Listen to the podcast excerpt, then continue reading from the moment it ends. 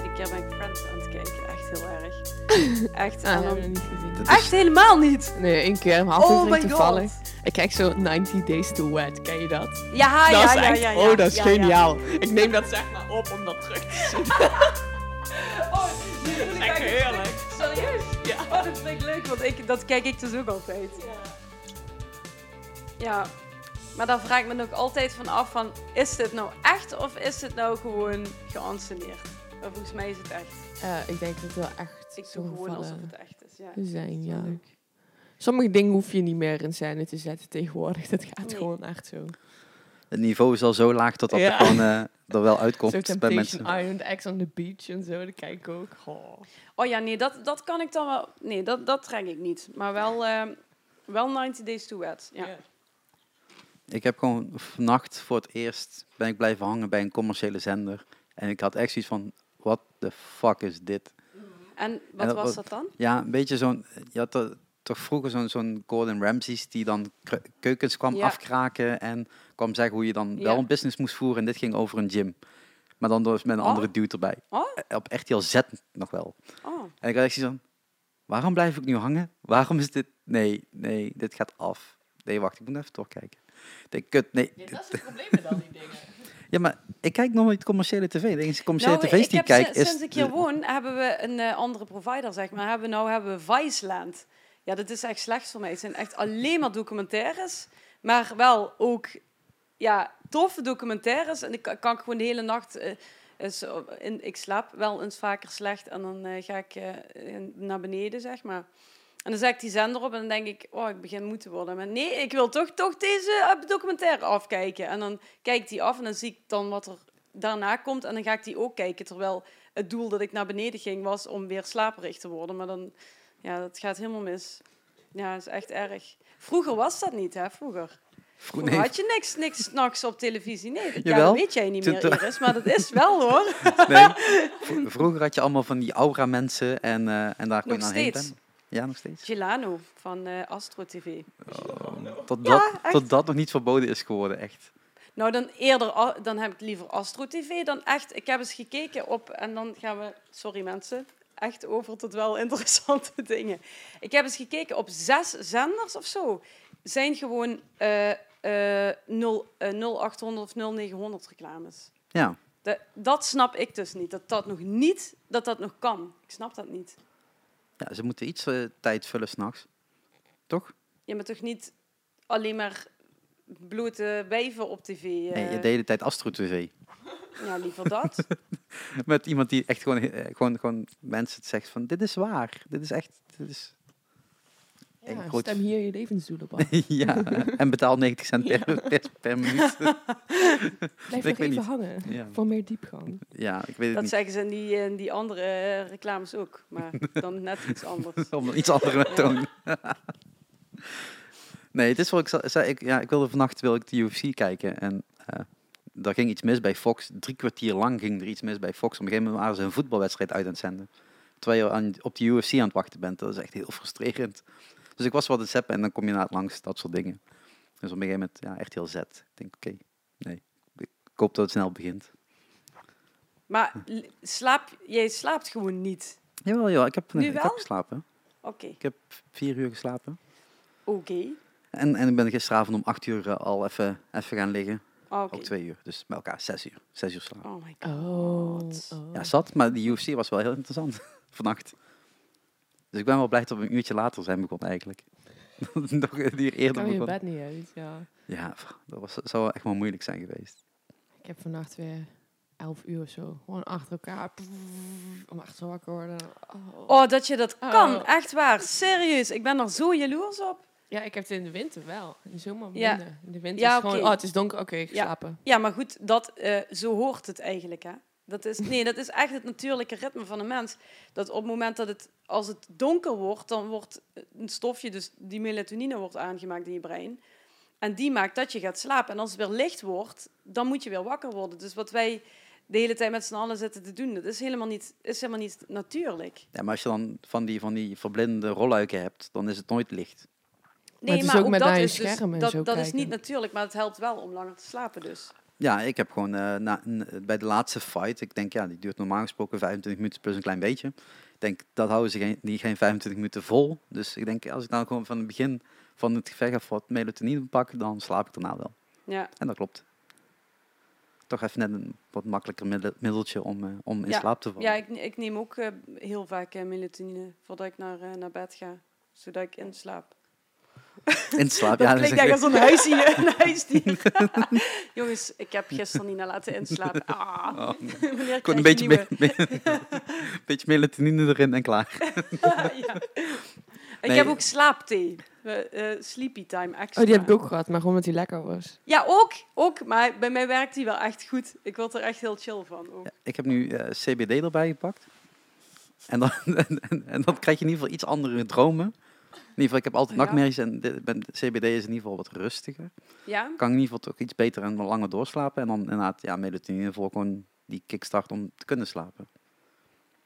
ja, ik durf dat niet zo goed aan, die CBD. Dan denk ik, hmm, Want? ja, ik ben bang dat ik dan eh, afhankelijk daarvan word of zo. Of dat ik denk, Is het verslavend? Ja, dat, ik weet het niet. Dat is nou heel erg een, in opkomst of zo. Maar het- ik, voor mij het lijkt gewoon een heel heftig middel of zo. Want, ja, ik, ik kan het overdag gebruiken of, sa of s'avonds. S'avonds merk ik inderdaad wel echt dat mijn dromen anders zijn. Maar overdag valt het wel mee. Zou- Positief, Sharik? Of, Ja, eh, positief. Ja, ja. ja, als ik, niet, Ja, als, ik niet, als ja. ik niet neem, dan zijn na- mijn nachtmerries nog echt een stuk oké, oké, ja, ja, ja. ja. Dus, eh, en ik heb nu gewoon zo'n vaporizer gekocht. En dat werkt tot nu toe. Ja. En het kost niet heel veel. 15 euro per tubetje. Dus ik weet niet hoeveel erin zit. Volgens mij kan ik er twee weken of zo ongeveer mee doen. Denk, ja, als ik voor 15 euro twee weken goed kan slapen, vind ja, ik dat het is wel waard. goed. Nee, maar Ja, dan- kijk, ik, ja, ik weet dat jij daar ook eh, last van had. Dus eh, dat is wel goed dat je gewoon wel beter Ik heb nog steeds last van. hoor. Als ik het een keer niet doe, dan merk ik het ook wel. Ja. Dus ja, dat is misschien die afhankelijkheid wat je zegt. Maar ik- hoe lang ben ik er nu aan het doen? Een maand of zo? Anderhalve maand? Dus Mm. het lijkt me toch dat je dan nog verslaafd kan zijn aan zoiets. Ik kan ook zonder slapen. Ik weet Ja, ja. alleen wat, wat de effecten zijn. Ja. Dus we gingen deze Jeetje, podcast ja. heel positief beginnen. Oh ja. Want, eh, Muziek, jongens. Zo. want we gingen, we gingen de, de, de, het, eh, Sorry. het jaar 2018 eens een keer eh, doorvliegen. Ja, want- ik heb ergens mijn aantekeningen liggen. Maar, oh shit, oh, ja, ja. moet die ergens pakken? ja, dat witte papiertje daar. Dit? Nee, dat zijn eigenlijk maar een paar, ja, een paar aantekeningen. Oh, kijk, nu, nu, nu, nu komt het, Ik nu dacht komt het dat goed. je zei speedbriefje. Toen dacht ik, dat is wel een heel groot envelopje. Maar nee. Want eh, eh, ja, Ja, we hebben, klopt. ja, iedereen kent mijn stem en jullie stemmen als het goed is ook. We kunnen in ieder geval meekijken, mensen. Dat hebben we nog helemaal niet gezegd. Iedereen die wilt meekijken. Want eh, in de, volgens mij was het de vijfde aflevering. Ja. Ja, Zat, eh, vijf, denk ik. za- zaten, zaten we lekker buiten. Ja, een zonnetje Oh. langs de Ja, dat was echt fijn, ja.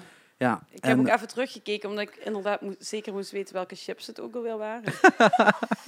Ehm, maar het is goed gekomen bij de Jan Lenders. Oeh, reclame. ja, dat mag. Albert Heijn. Uh-oh. Ja, ik Zegels, zie- ik zie- ik- V&D. Ik stuur de, ik stuur de factuur wel uit. Geen probleem. Ehm, nee, in de, vij- in de vijfde Shark Talk Ja. zat, zat, zaten we al eigenlijk met z'n drie uiteindelijk.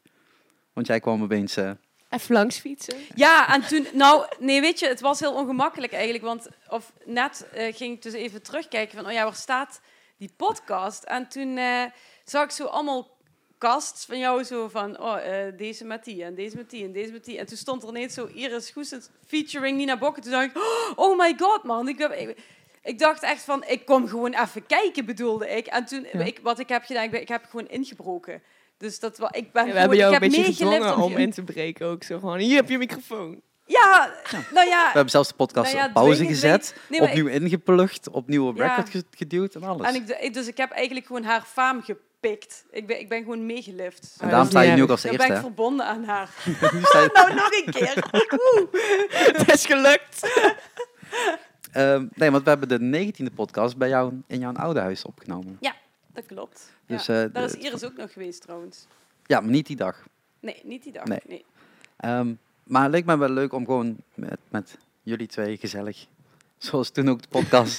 En Gewoon wat leek je daar dan precies leuk aan, Charlie? Daar ben ik toch wel benieuwd naar. nou, tot één. eh Limburgs is? Toch? Ja? Ja, Ja, Ja. je moet een beetje Limburg nog eens in de, in de nou, Beppie hebben Kraft hier ook kunnen zitten natuurlijk. Ja, dat had ook gekund, maar die ken ik niet.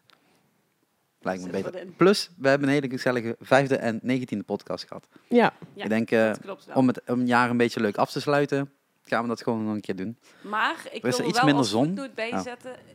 Toen was het zomer en nu is het winter. Dus we zijn allemaal heel depressief. Ja. En, eh, het Oh, jullie hebben ook last Nou, van? ik wel. Ja. Ja, ik merk ook wel dat ik down ben, maar Oh, over het ben algemeen ik ben niet ik de vaak- enige. Oké, laten we daarmee beginnen. Ja, Even kijken, want we hadden- winterdepressies. winterdepressies, die staan inderdaad op, eh, op een lijstje. Want, Ja, ik functioneer eigenlijk niet zonder zon, zeg maar. Dat is echt af en toe, eh, dan denk ik van, jezus man. Voor het verschil tussen zomer-Iris en winter-Iris is ja. gewoon een, bijna een compleet andere persoonlijkheid af en toe. Het is je echt ziet ook wel wat witjes. Ja, dat, dat sowieso. Ja. Misschien te veel foundation op. Oh, ik heb nog in de... oké, dit wordt een make-up tutorial. ja, precies. Oh, ja, corpse painting. ja. Eh, Nee, maar je zegt, je zegt dat je er wel last van hebt, maar is het dan niet gewoon handig om gewoon te gaan toeren in de winter? Ja, in nee. lekkere warme landen? Ja, ja, eigenlijk als het aan mij ligt wel. Maar ja, iedereen heeft natuurlijk ook eh, familie en eh, andere Ja, dingen te doen. Dan vlieg je ze over en dan eh kun je Ja, gezamenlijk ja. eh, kerst vieren in, wat zag ik, Epica laatst, Tunesië volgens mij. Waar Oh ja, ja, lekker, lekker, lekker. Kun Ja. je prima de kerst vieren volgens mij. Ja, bij ons is het ja, nu niet meer, want onze gitarist is gestopt, eentje, een van de twee. Dus eh, eerst zaten wij altijd in de schoolvakanties alleen maar te toeren en, eh, en al die dingen. Maar die is nu gestopt, dus misschien voor volgend jaar in de winter toeren. Boekingen kan via, Kan die, eh, eh, weet ik niet, geen idee. iris.spoilerengine.be. ja, Seaside eh, Touring. Ah, Seaside volgens Tour. mij. Ja. Nee, maar je Ja, zegt wel dat je daar last van hebt. Maar is dat dan echt gewoon zo'n... Als je dan op een gegeven moment naar buiten kijkt en de eerste keer tot het begint te regenen, is de switch al? Of Nee, het- dat gaat echt langzaam. Dus gewoon hoe, hoe minder zon er is vooral. Het maakt niet, de kou maakt me niet uit, maar gewoon dat grijs gewoon de hele tijd. Geen zon en gewoon de hele tijd. dat, eh, en die mensen lopen al met zo'n kop overal rond. En het is grijs en het regent dan ook nog. het regent dan ook nog een keer. Nee, dat, ja. Ja, maar regen hebben eigenlijk vrij weinig gehad. Tot nu toe. Ja, vergeleken met vorige winter. Ja, toch? Maar ook geen sneeuw. Dit is allemaal net niet, zeg Ja, jij Ja, kan het hier zien op de berg. Ja? Jij kan zo bij de berg zien als het sneeuwt. Ja, ja, zeker. Nou, we, oh, nee, dat is een stomme anekdote, want er had je bij moeten zijn geweest. Maar hier, we zitten inderdaad aan het begin van de, van de Sint-Pieter, zeg maar, aan de berg naar bergrust. En die is een keer twee jaar geleden zo bevroren geweest dat ik naar mijn auto moest lopen. oh, dat is helemaal niet leuk eigenlijk, want daar moet je bij zijn geweest. Maar toen was, de, zeg maar, die berg op. Die was helemaal, dat was één ijsbaan. Maar ik moest naar mijn auto, want ik, toen was ik hier, maar ik moest eigenlijk naar huis. En eh, toen probeerden wij die berg op te lopen, maar op je schoenen, ja, je gleed gewoon echt naar beneden. Toen ben ik gewoon op mijn sokken, ben ik gewoon naar boven gelopen, omdat ik gewoon echt die berg niet En opkwam. wel met je auto naar beneden gereden. Nou, nee, vervolgens dus niet meer. Want ik wilde dus persen. Ik dacht van, ja, ik moet toch naar huis. Of, eh, en op een gegeven moment keek ik om. Nou, was Jessica gewoon weg. Dacht ik, hè? Maar die was ook echt gewoon... Ik, ik vond het nogal geinig. Maar zij was echt zo van... Nee, man, ik, eh, ik val de hele tijd. Ik kan het niet. Op een gegeven moment keek ik zo, oké. waar is nou? Was ze gewoon weggegleden ergens? Onderaan zat ze ergens. En toen ehm, was ik bij mijn auto op mijn sokken. En dat plakt dan heel erg aan het ijs. En toen eh, zag ik een andere auto zeg maar weggaan. En die gleed echt met de zijkant zeg maar richting. en toen dacht ik, oké, nee, dit gaan we toch maar niet doen. Maar dat zijn wel de leuke dingen van de winter, ja. Maar ja, het gaat er natuurlijk om, ik denk dat waar jij last van hebt, is dat het min- minder aantal zonuren. Ja. En dan heb je dus ook minder, eh, eh, je maakt sowieso minder vitamine D heb je dan. En eh, de- sommige mensen zijn hier gevoelig voor, ik ook. Maar ik weet bijvoorbeeld mijn schoonmoeder ook extreem. Die heeft daar ook heel veel last van. En mensen kunnen daar gewoon echt depressief van worden. Maar ik, zoals de meeste mensen weten, sleek ik behoorlijk wat pillen inmiddels. Van alle verschillende nootropica's. En- Pardon? Ja, eh Nutrofit. Geen sponsor, maar koop alle shit daar. Ehm Natropica's. nootropica. Nutropica. Ja. Ken ik niet. Eh, nee, Is maar zijn nee, het zijn verschillende pillen die je kunt nemen met verschillende stofjes erin. Waaronder inderdaad dus die melatonine vandaan haal. Ehm, maar ik heb nu ook zo'n D12, denk ik, dat Ja. is. eh, erbij gepakt, omdat ik toch merk dat dat toch wel eh, invloed heeft op je moed, zou ik het zo zeggen. Op je positiviteit. Ik heb een keer in het begin heb ik volgens mij een totaal andere moedpil geprobeerd. Ecstasy. Nee, nee, nee, nee, nee, nee, nee, nee, nee. Het zijn allemaal legale eh, eh, middelen in Nederland. Ehm, Nou, ecstasy ook bijna, hè? Bijna, ik. ja. Dat was in het nieuws. Ja. ja, dat is alleen maar positief, toch? Hoe meer van dit soort dingen gewoon legaal geproduceerd kunnen worden, verkocht kunnen worden, BTW opgegeven kunnen worden, hoe minder staatsschuld we hebben, toch? Niet? Nou, ja, het, het, het komt dan van de zwarte markt af. Maar dan denk ik, ja, maakt volgens mij niet uit. Want als je het een verbiedt, komt het ander weer. Gaan ze weer eh, koper, heel veel kopers stelen. En wordt het, daar, wordt het daar weer heel gewelddadig en zo. Wat, wat je ook verbiedt, maakt niet uit. Eh, Maar je kunt in ieder geval wel beter regulieren. eh, reguleren. Je kan het wel beter reguleren, ja. en je weet ook wat erin zit en je kunt er BTW op heffen. Ja, daar, daar geloof ik wel in, ja. Dus het heeft wel allemaal positief dingen. En misschien tot het daardoor beter wordt en minder rotzooi in zit. Niet dat het voor mij uitmaakt, want ik gebruik het niet. Maar Nee. ik kan me wel voorstellen dat het op een ADE-feestje een iets ander effect kan geven. Ehm, nee, maar er, zijn verschillende eh, eh, mogelijkheden en verschillende soort pillen wat je daarvan kan pakken. En sommige inderdaad zijn heel erg voor de positiviteit en andere voor het slapen en andere weer voor energie.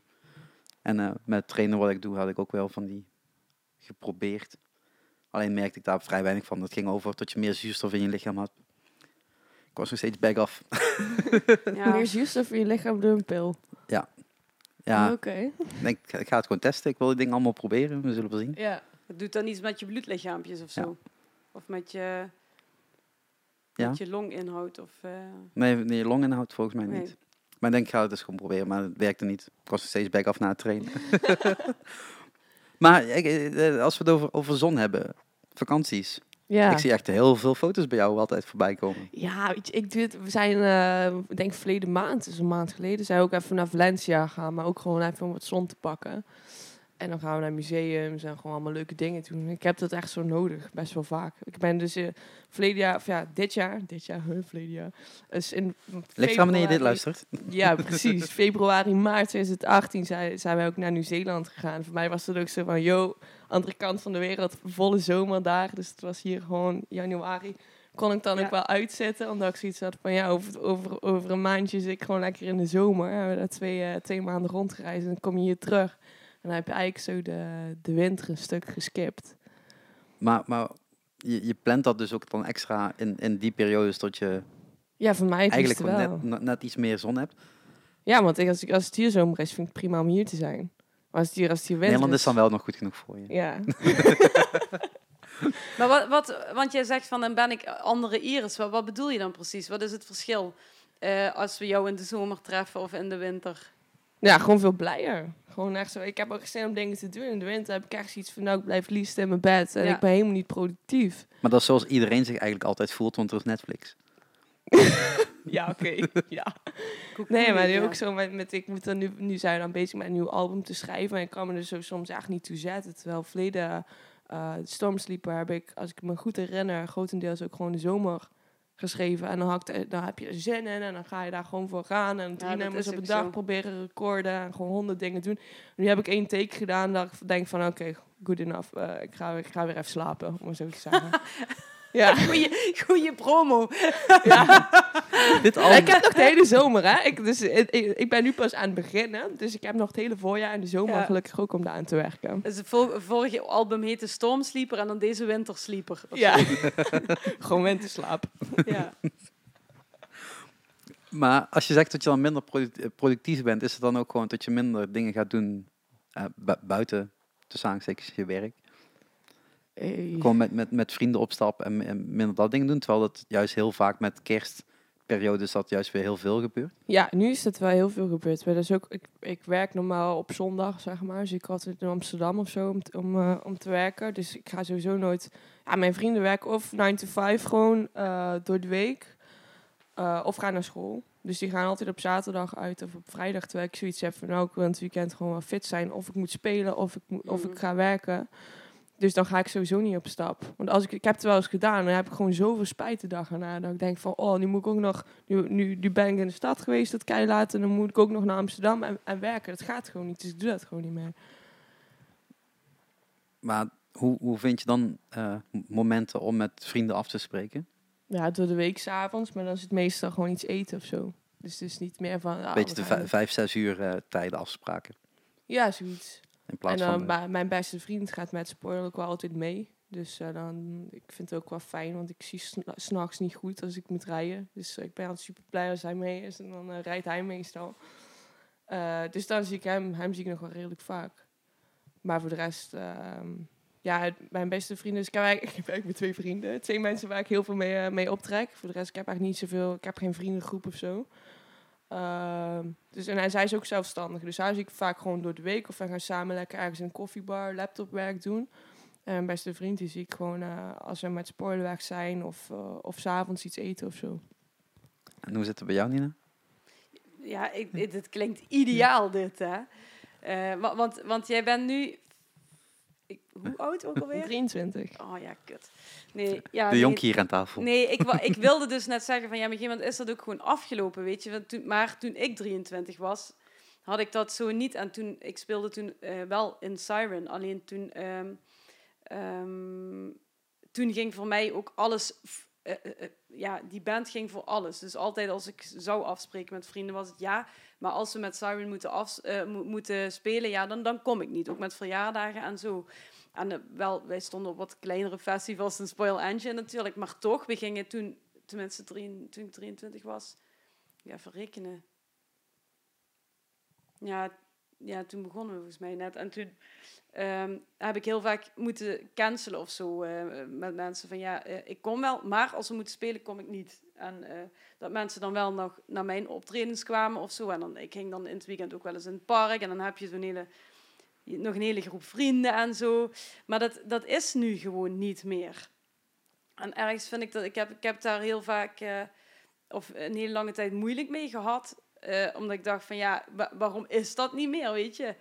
Maar je, ja, ik denk dat heeft ook gewoon met ouder worden te maken. En dat geldt dan voor jou even niet eh, zo. eh, bij jou heeft met andere dingen te maken. Maar bij mij heeft dat wel met ouder worden te maken. Want ik ga ook veel minder naar, naar shows toe en zo. Nu doe ik dat de afgelopen tijd weer wat meer. Maar het, ik heb er gewoon veel meer last van als ik, als ik wegga of uitga. En dan, ja, ik heb een hele moeilijke periode achter de rug. Daar hebben we het ook over Hebben gehad. voor? Dus ik ben eh, vorige ook podcast uit, uit, uit, uit een depressie aan het eh, kruipen. En dat is niet zomaar over, zeg maar. Dus dan, je krijgt gewoon terugvallen. En dat, dat merk ik ook in de winter. Is dat veel erger. Heb ik altijd gehad. Eh, en dan is er in, in, de, in de lente komt er een punt. En, en dat, dat hoeft maar één dag te zijn. En dan voel ik gewoon klik.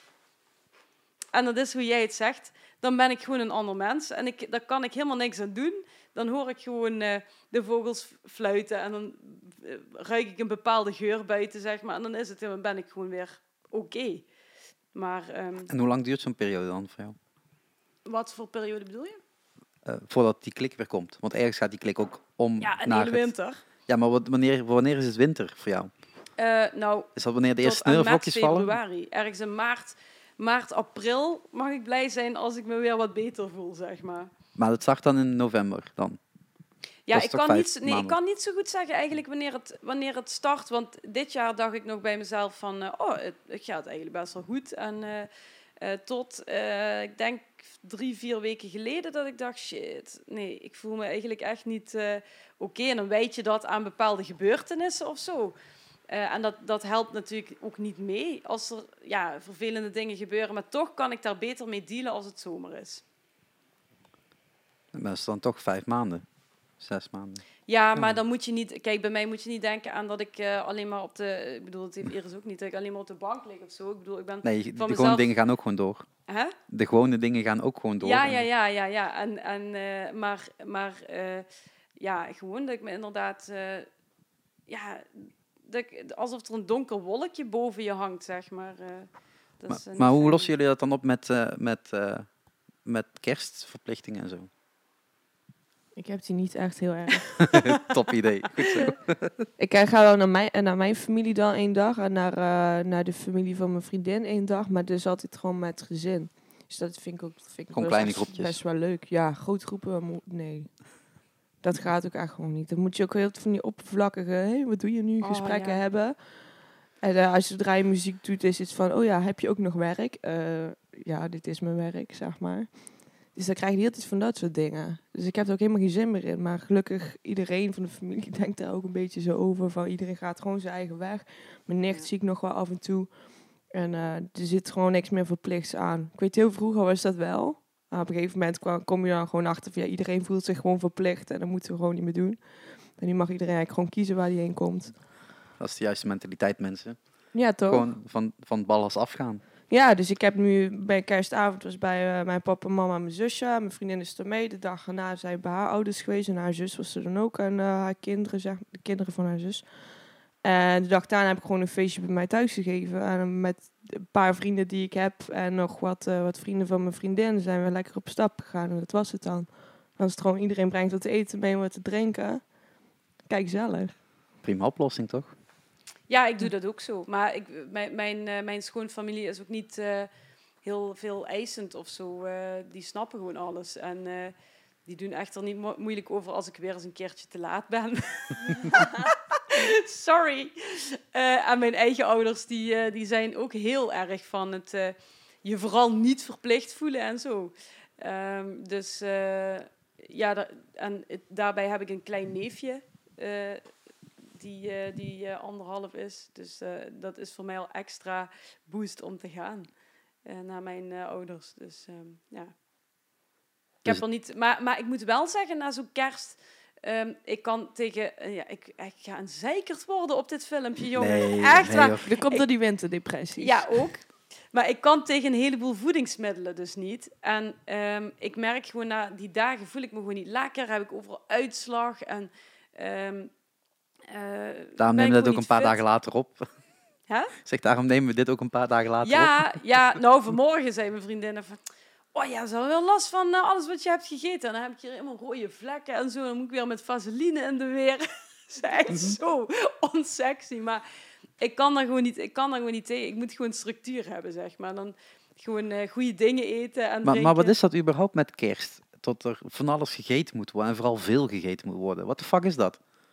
Ja, Ik vind het... eh, terwijl het zou eigenlijk andersom moeten zijn, vind ik. Maar goed. Je moet altijd veel eten en met kerst minder. Nou ja, je mag met kerst wel wat bewuster, eh, vind ik. eh. ja, ik had echt moeite met het feit, eh, eh, tot toch altijd zat er vlees. En als je geen vlees wilt, dan blijft er echt heel weinig over. Maar eet jij geen vlees meer dan? Nou, of ik heb eet- je Ik eet thuis geen vlees. Maar dat doe ik al, een hele tijd, denk twee of drie jaar. Mhm. En eh, met de vegetarische slager is dat gewoon top. Die, die, die leveren zoveel producten, die kunnen zoveel producten maken die gewoon goed smaken. Dat je het ook niet nodig hebt of zo, dat je nog vlees thuis eet. Het is wel wat duurder, dat is het enige nadeel. Ja. Maar ehm, aan een kerstdiner is het toch echt... ik- bij bij mijn ouders was het eh, eh, konijn. En dan denk is dat toch en- in Limburg, Ja, jongens? exact. Knieën in het zoer. en Gadverdamme, ik ik, dacht echt, zo vies. why? Wa- waarom? En dan kijk je wat er voor de rest staat en dan kan ik of boontjes eten of broccoli. En dan hield het ook wel ongeveer op. Verder zat er niks. Ik denk, ja, fuck. Nou, dus geen rekening of zo met jou. Nou, maar dat is het. Ik eet buitenshuis, doe ik niet moeilijk. Weet je, als er vlees staat, wil ik best vlees pakken. En ik pak wel minder vlees of dergelijke, maar ehm, ik ga niet een speciaal wensenlijstje insturen van je moet me dit maken, want anders kom ik niet. Nee, oké. Maar als ik dan, ik, ik merk dat steeds meer vrienden van mij eh, veggie en vega eten. En dan is het toch van, ja, wat, hoe heb jij dat dan opgelost met kerst? Ja, gewoon de boontjes eten en de broccoli en dan, en dat zitten denk ik, ja, maar waarom wordt er dan niet over nagedacht? Want heel veel mensen zijn gewoon niet, zijn er gewoon totaal niet mee bezig. Die zijn er niet bewust van tot Ja, je ook andere dingen kan, zou kunnen eten. Ik bedoel, je kunt met, met vegetarische dingen kun je echt hele lekkere maaltijden maken. Ik bedoel, daar hoeft echt geen vlees meer bij. En toch is dat met zo'n kerstmoment, wanneer je dus vaak bij anderen bent, is het een ding. is het, ja, Bij ons ook wel. We hadden twee, eh, een koppel, eh, dus vrienden van mijn vriendin, die waren ook tweede kerstdag bij mij. En die zijn ook vegan. Wij zijn daar al mee naar Parijs geweest en dan gaan we gewoon naar een vegan restaurant en zo. Ik heb ook gewoon, we hadden wat zo'n groepschat, zeg maar, tegen mijn vrienden gezegd van, joh, er zijn twee mensen vegan van onze groep. Dus als je, als je er rekening mee wil houden, als je naar, naar, ons, naar, naar mijn eten... Ik ben ook niet vegan of zo, hè. Ik, ik vind het eigenlijk super lekker. Soms vind ik dat lekkerder dan, dan gewoon eten, om maar zo te zeggen. Van ja, als je er rekening mee wil houden, zou het gewoon super tof zijn. En mijn beste vriend heeft zich echt uitgesloofd om, om gewoon vegan gerechten te maken die dag. Dus er was eigenlijk 50% was, was vegan. En de andere 50% was dan wel iets met, met vlees en zo. Maar ja. Maar er is ook niks mis mee uit als er gewoon vlees staat. Alleen, mij, ik verbaas me er iedere keer over. En zeker met kerst, hoeveel er dan staat. ja, veel te veel. Blijft Ja. altijd over. Ja. verspilling XXL.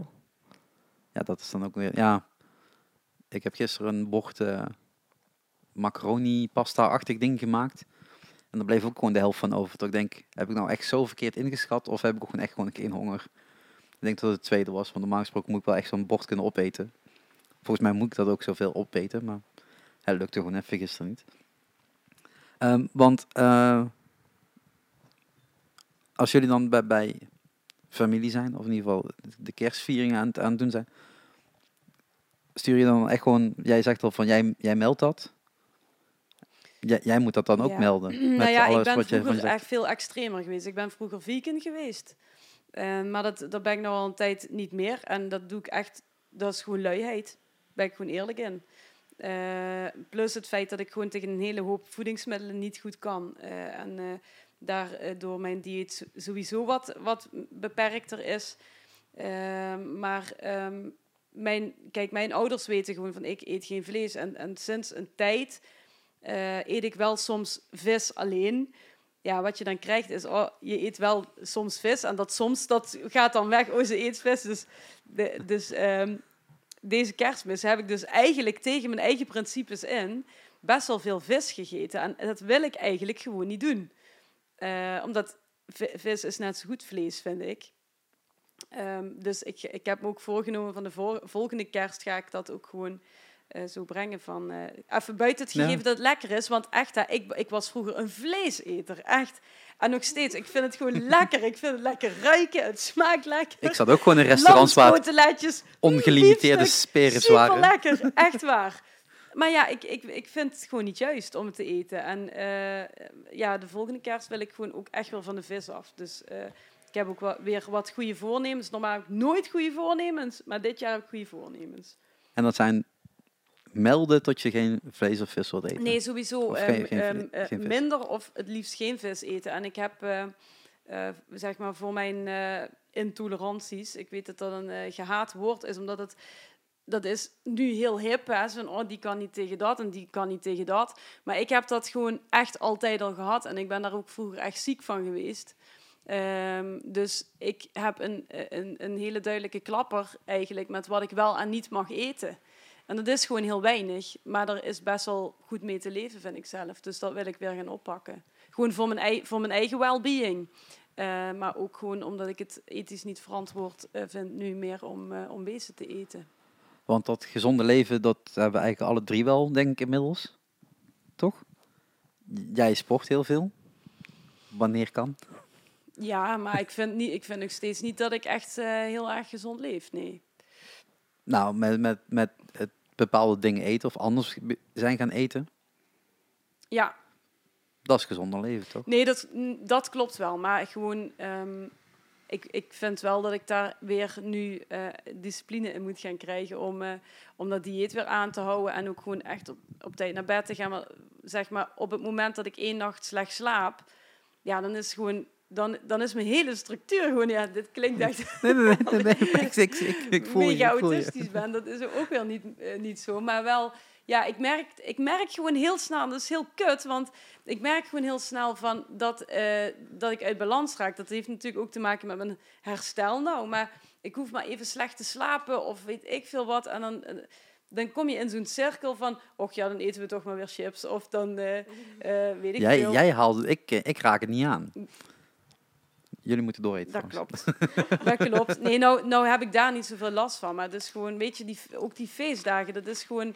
Ja, dan ben je weer zoveel naar binnen aan het werken waarvan ik merk van, ja, ik, eh, ik, ik slaap er ook weer slecht van. En eh, Ja, want je verandert je patroon. En dat patroon zorgt juist voor dat je juist... ondertussen neem ik nog een lekker chipje.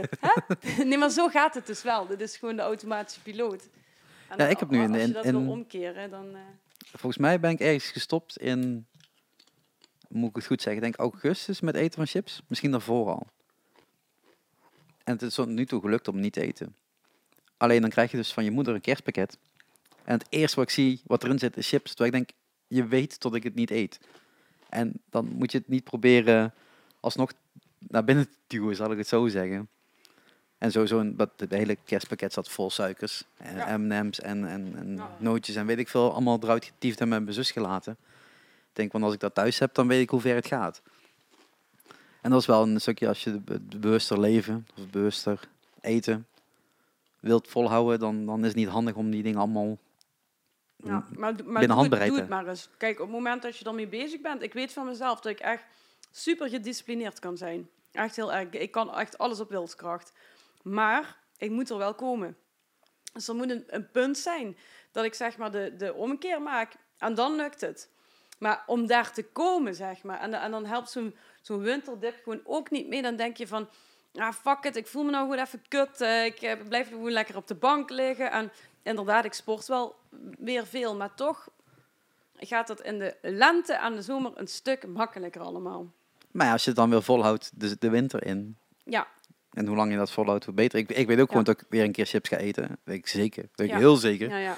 Maar eh, hoe langer ik dit kan uitstellen, hoe beter ja het gaat eigenlijk. om de intentie, zeg maar. Het gaat om de intentie die je hebt.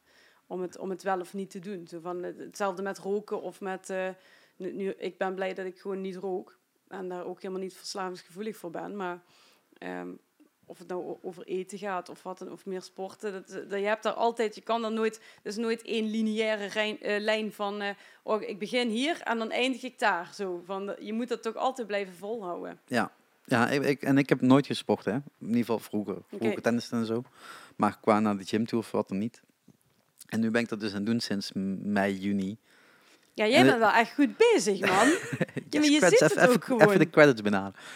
Nee, maar ja, je ziet inderdaad ook, omdat het gewoon nu... eh, ik heb dus, wat ik al zeg, eigenlijk nooit meer gesport sinds dat ik klein was. En dan ga je dat opeens nu anders doen. En dan ook nog eens een keer andere voeding erbij. En dan merk je gewoon dat je lichaam daarop begint te reageren. Ja. En dan zit je gisteren, ik wilde mijn handen vouwen. Dat ging dus gewoon niet. En ik weet niet waardoor het komt, maar alles Wou, verandert. wou je gaan bidden? Nee, nee, nee, maar ik, ik, ik, ik zat dus zo ongeveer. En dat, en dat voelde heel vreemd. Gewoon je hele lichaam verandert opeens. Ja. En je merkt dat pas bij bepaalde dingen. Nu, ik loop hier die trap op, zo'n 23 hoog, zonder, zonder lift. Niet waar.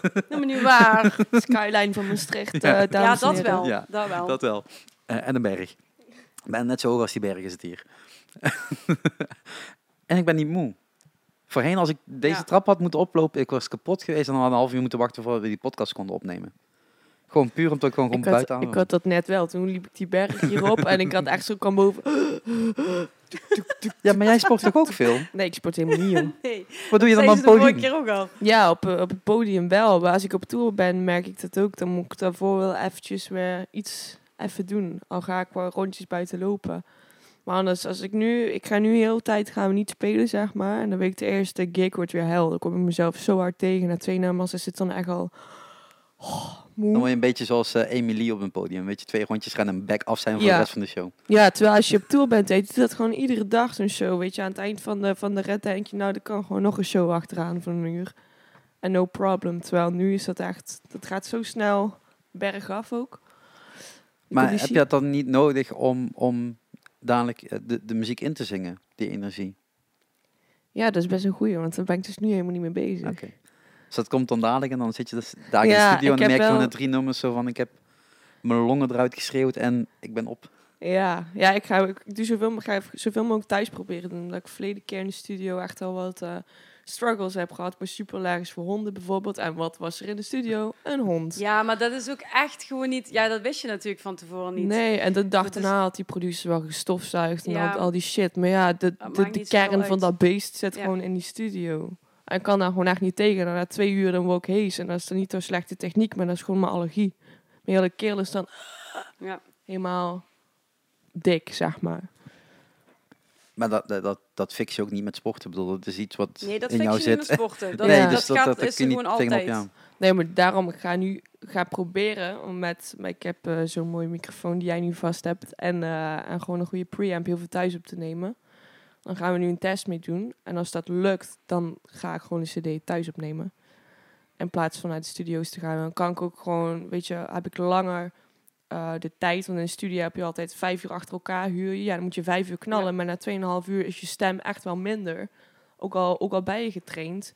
De, dan, de, dan de eerste twee uur is je goed en daarna wordt het gewoon minder.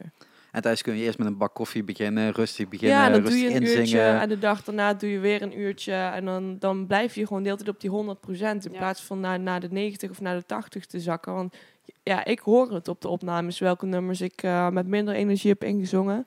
En welke ik net, eh, net wakker was en bam, vol erop kon gaan. En hoe zit dat dan met drummen? Ja, hetzelfde.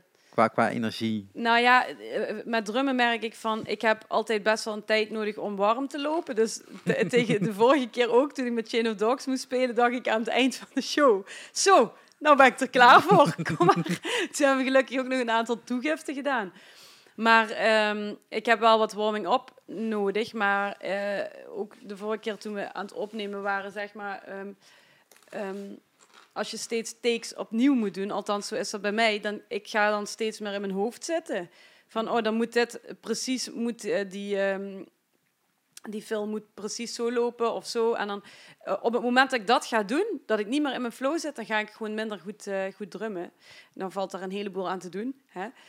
Eh, op opnames. Maar ehm, ja, als het dan even wat minder gaat, dan denk je wel van, kut, we hebben nog maar zoveel uur. En de drums nemen al vrij veel, of ja, vaak vrij veel ehm, eh, tijd in beslag. Dus het, ik vind het altijd wel een beetje een stresspuntje, ja. En als dan eh, in, in, die, in die muziek, eh, als we nu toch in die muziek zitten, zo moet ik het zeggen. ehm, jullie hebben alle twee dit jaar weer gespeeld. Bij jou is dat redelijk normaal, maar Bij mij is het ook nog, voor mijn leeftijd bedoel Nee. Hoe lang mijn je al niet gespeeld? nee, want je valt hebt heel erg mee. Ik heb, eh, nee, ik heb elk jaar gespeeld. Alleen, ehm, ik ben ehm, begin vorig jaar... Ja. Of- 2017 was of het dit 20? jaar? Nee, dat was dit jaar. Ben ik dit jaar uit de job gestapt. In, ja, in, ja, in januari. Of, of 3 januari ben ik eruit gestapt. Ja, ben ik uit, vol- volgens mij. Ja. Dat weet jij beter Oh, dan ik. erg. Ja, nee, maar er is, oh, er is zo, voor mij zoveel veranderd afgelopen eh, twee jaar. Dat ik gewoon even soms eh, kwijt ben van wanneer was nou dit of dat. Maar ehm, ik eh, heb een half jaar niks gedaan, denk ik. Ja. Nee, nog niet volgens mij. Nog niet een half jaar. En toen ben ik weer bij eh, Chain of Dogs terechtgekomen. Dus eh, ja, toen ben ik weer gaan spelen. En wel minder frequent, maar eh, nu zijn we wel weer bezig met een aantal shows. Hebben we ook weer wat opstaan. Afgelopen december. Ja, was het? Het is nu december. hè? Ja, ja, ja. Maar ik ben even denken of het nou november was of december. Oh, erg, ja. Ehm, toen hebben we nog in de Irish Pub gespeeld in Heerlen. Dat was echt superleuk. En in het nieuwe jaar staan ook weer shows op. En ga ik ook weer met One Night Stand spelen. Dus dat is wel vet in Dynamo.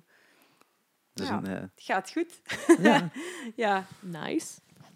En wat staat bij jou op? CD maken. Alleen dat. hè? En eh, ja, gewoon bij mijn eigen bedrijf en zo nog wat meer uitbreiden. Want, eh, want dat had je ook opgeschreven. Ik moet even zoeken waar het stond. Met dus, ik weet helemaal niet waar, waar het stond. Sorry. Eh, dat jij overal rondreist nu. Ja, precies. Ja, ja, Heavy Vocal, Voices Tour Vocal Center. Ja, dat hebben we toen heb ik samen met, met Robin, dus dat is de baas van Focus Center. Ehm, die heeft die, die, ja, de teammeeting. En hebben we gewoon even samen gezeten. En toen hebben we eigenlijk gewoon eenmalig bedacht van ja, je gaat gewoon een keer naar Amsterdam komen en daar ook lesgeven. En dat is eigenlijk een hele tour is dat uitgelopen. Dus toen ben ik helemaal rondje Nederland gedaan. En het zat best wel vol. Eigenlijk, ik denk dat, dat alleen Den Haag was niet uitverkocht. De rest was allemaal uitverkocht. Dus dan doe ik zo tien, tien uur achter elkaar eh, lesgeven. En toen was het ook, joh, je doet gewoon nog een rondje. En toen kwamen heel veel mensen terug. Dus ze dachten, nou, oké, ik blijf dit gewoon doen. En dus ik heb nu in Amsterdam zit ik eh, één keer per maand. Utrecht zit ik één keer per maand. Altijd op een zondag zijn mensen vrij. Eh, dus dan heb ik altijd gewoon lekker een volle dag. En hoeven die mensen ook niet helemaal naar Maastricht te reizen als ze les van mij willen. En toen dacht ik daarna, nou, we gaan nog een stapje verder. Ik ga het ook gewoon via Skype doen. Dus gewoon online lessen. Dus ik heb nu ook eh, wat mensen bijvoorbeeld uit Tilburg, die, in, of ja, nee, Eindhoven. Die kunnen dan wel naar Tilburg komen, maar die hebben geen eigen vervoer. En het is altijd lastig. Nou, oké, dan doe ik het via Skype. En dan kijk ik wel een keer, als ik ooit in Eindhoven ben, dan kunnen we altijd nog een keer afspreken. Maar dan heb je alvast de basics. Maar, maar hoe, hoe doe je dat dan via Skype? Want de kwali- audio-kwaliteit is toch minder, of niet? Valt dat tegenwoordig al mee? Het, het valt wel mee. Hè. Je moet gewoon zorgen dat je, dat je sowieso een internetkabel erin hebt. Op de wifi is het vaak eh, haper haper. Maar zodra ik gewoon een internetkabel erin heb, valt het reuze mee. En dan, eh, dan, dan luister je naar, naar ze, dan... Ja, Dan zij staan eigenlijk gewoon ze- voor de webcam. In het begin is dat een beetje awkward natuurlijk. En dan, eh, dan, doen zij, dan doen zij gewoon hun- hun ding. En dan kan ik al best wel veel uit horen. En ik stel hun ook heel veel vragen. Dus in, in real life kan ik natuurlijk veel meer zien dan via, via de camera. Dus ik vraag hen heel veel van... Oké, hoe voelt dit? Hoe is dit? Hoe is dit? En moet zij gewoon eerlijk antwoord geven. En dan kan ik daar weer feedback op geven. Dus het is wel... Ik moet veel meer vragen. Dat wel. En dan moeten ze gewoon eerlijk zijn. Als ze gewoon eerlijk zijn, dan kan ik hen heel goed helpen. Ook via Skype. Maar dat betekent dat je het ook internationaal kan doen. Ja, en soms heb ik ook mensen die, die vragen dan online les aan. Ik had laatst een meisje uit Frankrijk. Ja, Frankrijk. En toen, eh, toen hebben we even gechat. En toen was ze uiteindelijk was ze zo enthousiast dat ze naar Gent is gekomen. Dus die heeft drie uur heen gereisd. Twee uurtjes les, drie uur terug. Ik heb een jongen uit Duitsland en die, die, eh, eh, die, wil, die wil gewoon real life les. En die moet elke keer de zes uur rijden Oh, voor zijn, voor zijn les. En die, eh, voor hem is, is, is beginnen, hij is begin dit jaar begonnen. Is het echt een soort klik geweest om zijn hele leven om te gooien. Want die zat alleen maar thuis te gamen en voor de rest deed hij eigenlijk helemaal niks. En toen is hij eh, per ongeluk een keer bij een optreden van ons beland toen wij in Duitsland waren. Vond hij dat helemaal Daar geweldig. kom je ook per ongeluk terecht. Is ja, dat je weet je, moet, gewoon, moet kopen en binnen moet spontaan, eh, lopen. spontaan het- een ticket gekocht of zo. Ik, ik weet het niet. En eh, sindsdien is hij helemaal fan. En eh, ja, heeft hij ook les bij mij. En heeft hij zoiets eh, voor zichzelf gehad. Van oké, ik ga nu echt voor mezelf. Want anders verdoe ik mijn hele leven achter mijn eh, Playstation, zeg maar. En ik ga leren zingen. Ook al hebben honderd mensen gezegd dat ik dat niet moet doen. En ja, hebben heel veel mensen. Hè, dat, dat de omgeving soms zo'n negatieve impact op je kan hebben om iets maar niet te doen. Ook met andere dingen. Maar met zingen is dat helemaal zo van, ah, is vals, je moet niet zingen, weet je. Dat is echt heel makkelijk om mensen daarmee te dekselen. En nu is hij toch, eh, ja, hij is al een jaartje bij mij, komt hij keer per maand. En het gaat heel goed. Dus hij is super blij. Hij heeft zelfs nu een, een tattoo op zijn arm met eh, lyrics van, eh van Stormsleeper op. En Oh, met een dacht van een portret van jou. Nee, nee, nee. Zover gaat het toch niet. En dan een microfoon erbij en zo. En die voelt zich honderd keer beter. Heeft nu ook een vriendinnetje, omdat hij wat meer zichzelf durft te laten zien. Wat meer zelfvertrouwen gekregen. Dus dat is wel heel nice. Vooral, dat vind ik ook super leuk aan die coaching. Zo mensen gewoon ook niet alleen qua zang te zien veranderen, maar ook gewoon zelfvertrouwen. En gewoon zo van, hé, hey, oké, ik mag er ook zijn. Ja, als je beter in je vel zit, dan gaan dingen ook soepeler, toch? Ja, zeker. Dat is vaak het eerste stap. Je moet gewoon een beetje zelfvertrouwen krijgen en dan gaan werken. En dan, dat, dat, dat versterkt elkaar dan. Maar dat heb je dan ook zelf denk ik wel gehad. Want de eerste keer zo'n zo'n tour plannen, zo'n vocal tour, Ja, dan weet je ook niet hoeveel mensen daarop af gaan komen. En dan nee, gooi je ook jezelf verdiepen in. Ja, dat was ook maar een gok. Nu, ik, het voordeel is dat ik dan bij Focus Center zit en die hebben overal locaties. Dus ik kon gewoon de locaties aanklikken. Oké, Q-Factory boeken, de bands boeken. Al die locaties kon ik gewoon boeken. Alleen in, in Antwerpen en Gent heb ik dan zelf even iets gefixt. En gewoon open gegooid, ruim van tevoren. En dan gewoon, ja, heel veel op Facebook spammen. En ik denk Utrecht zat binnen twee dagen of zo vol. Toen dacht ik van, ja, oké, naar Amsterdam ging ook makkelijk. Want als mensen niet in Utrecht komen, willen ze vaak ook nog wel naar Amsterdam doorrijden. Dat zat gewoon allemaal vol uiteindelijk.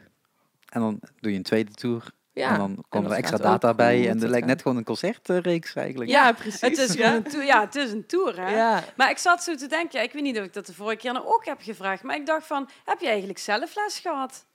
Zangles? Eh, heel vroeger op Cumulus. Maar Ja. daar heb ik wel iets geleerd. Dus vooral van mijn clean zang. Maar die grunts en al die metal Ja. dingen heb ik me gewoon zelf geleerd. Want ik, ik zit zo te denken van, ja, hoe, hoe eh, ontwikkel je dan een lesmethode of zo? Of hoe, hoe Ja. coach je... Ja, dat lijkt me best wel moeilijk als je dus zelf gewoon iets ontwikkeld hebt, om op basis daarvan eh, dan Nou ja, les te geven. Zo, eh Focus Center heeft dus eh, heeft een eigen methodiek. Dus ik ben vijf maanden bij hun in opleiding geweest in Utrecht. Oké, ja. Eh, om die methodiek voor clean zang eh, Ja. te leren. En ook om, om überhaupt te, leren om mensen les te geven. Want ik wist zelf ook eerst nooit wat ik deed.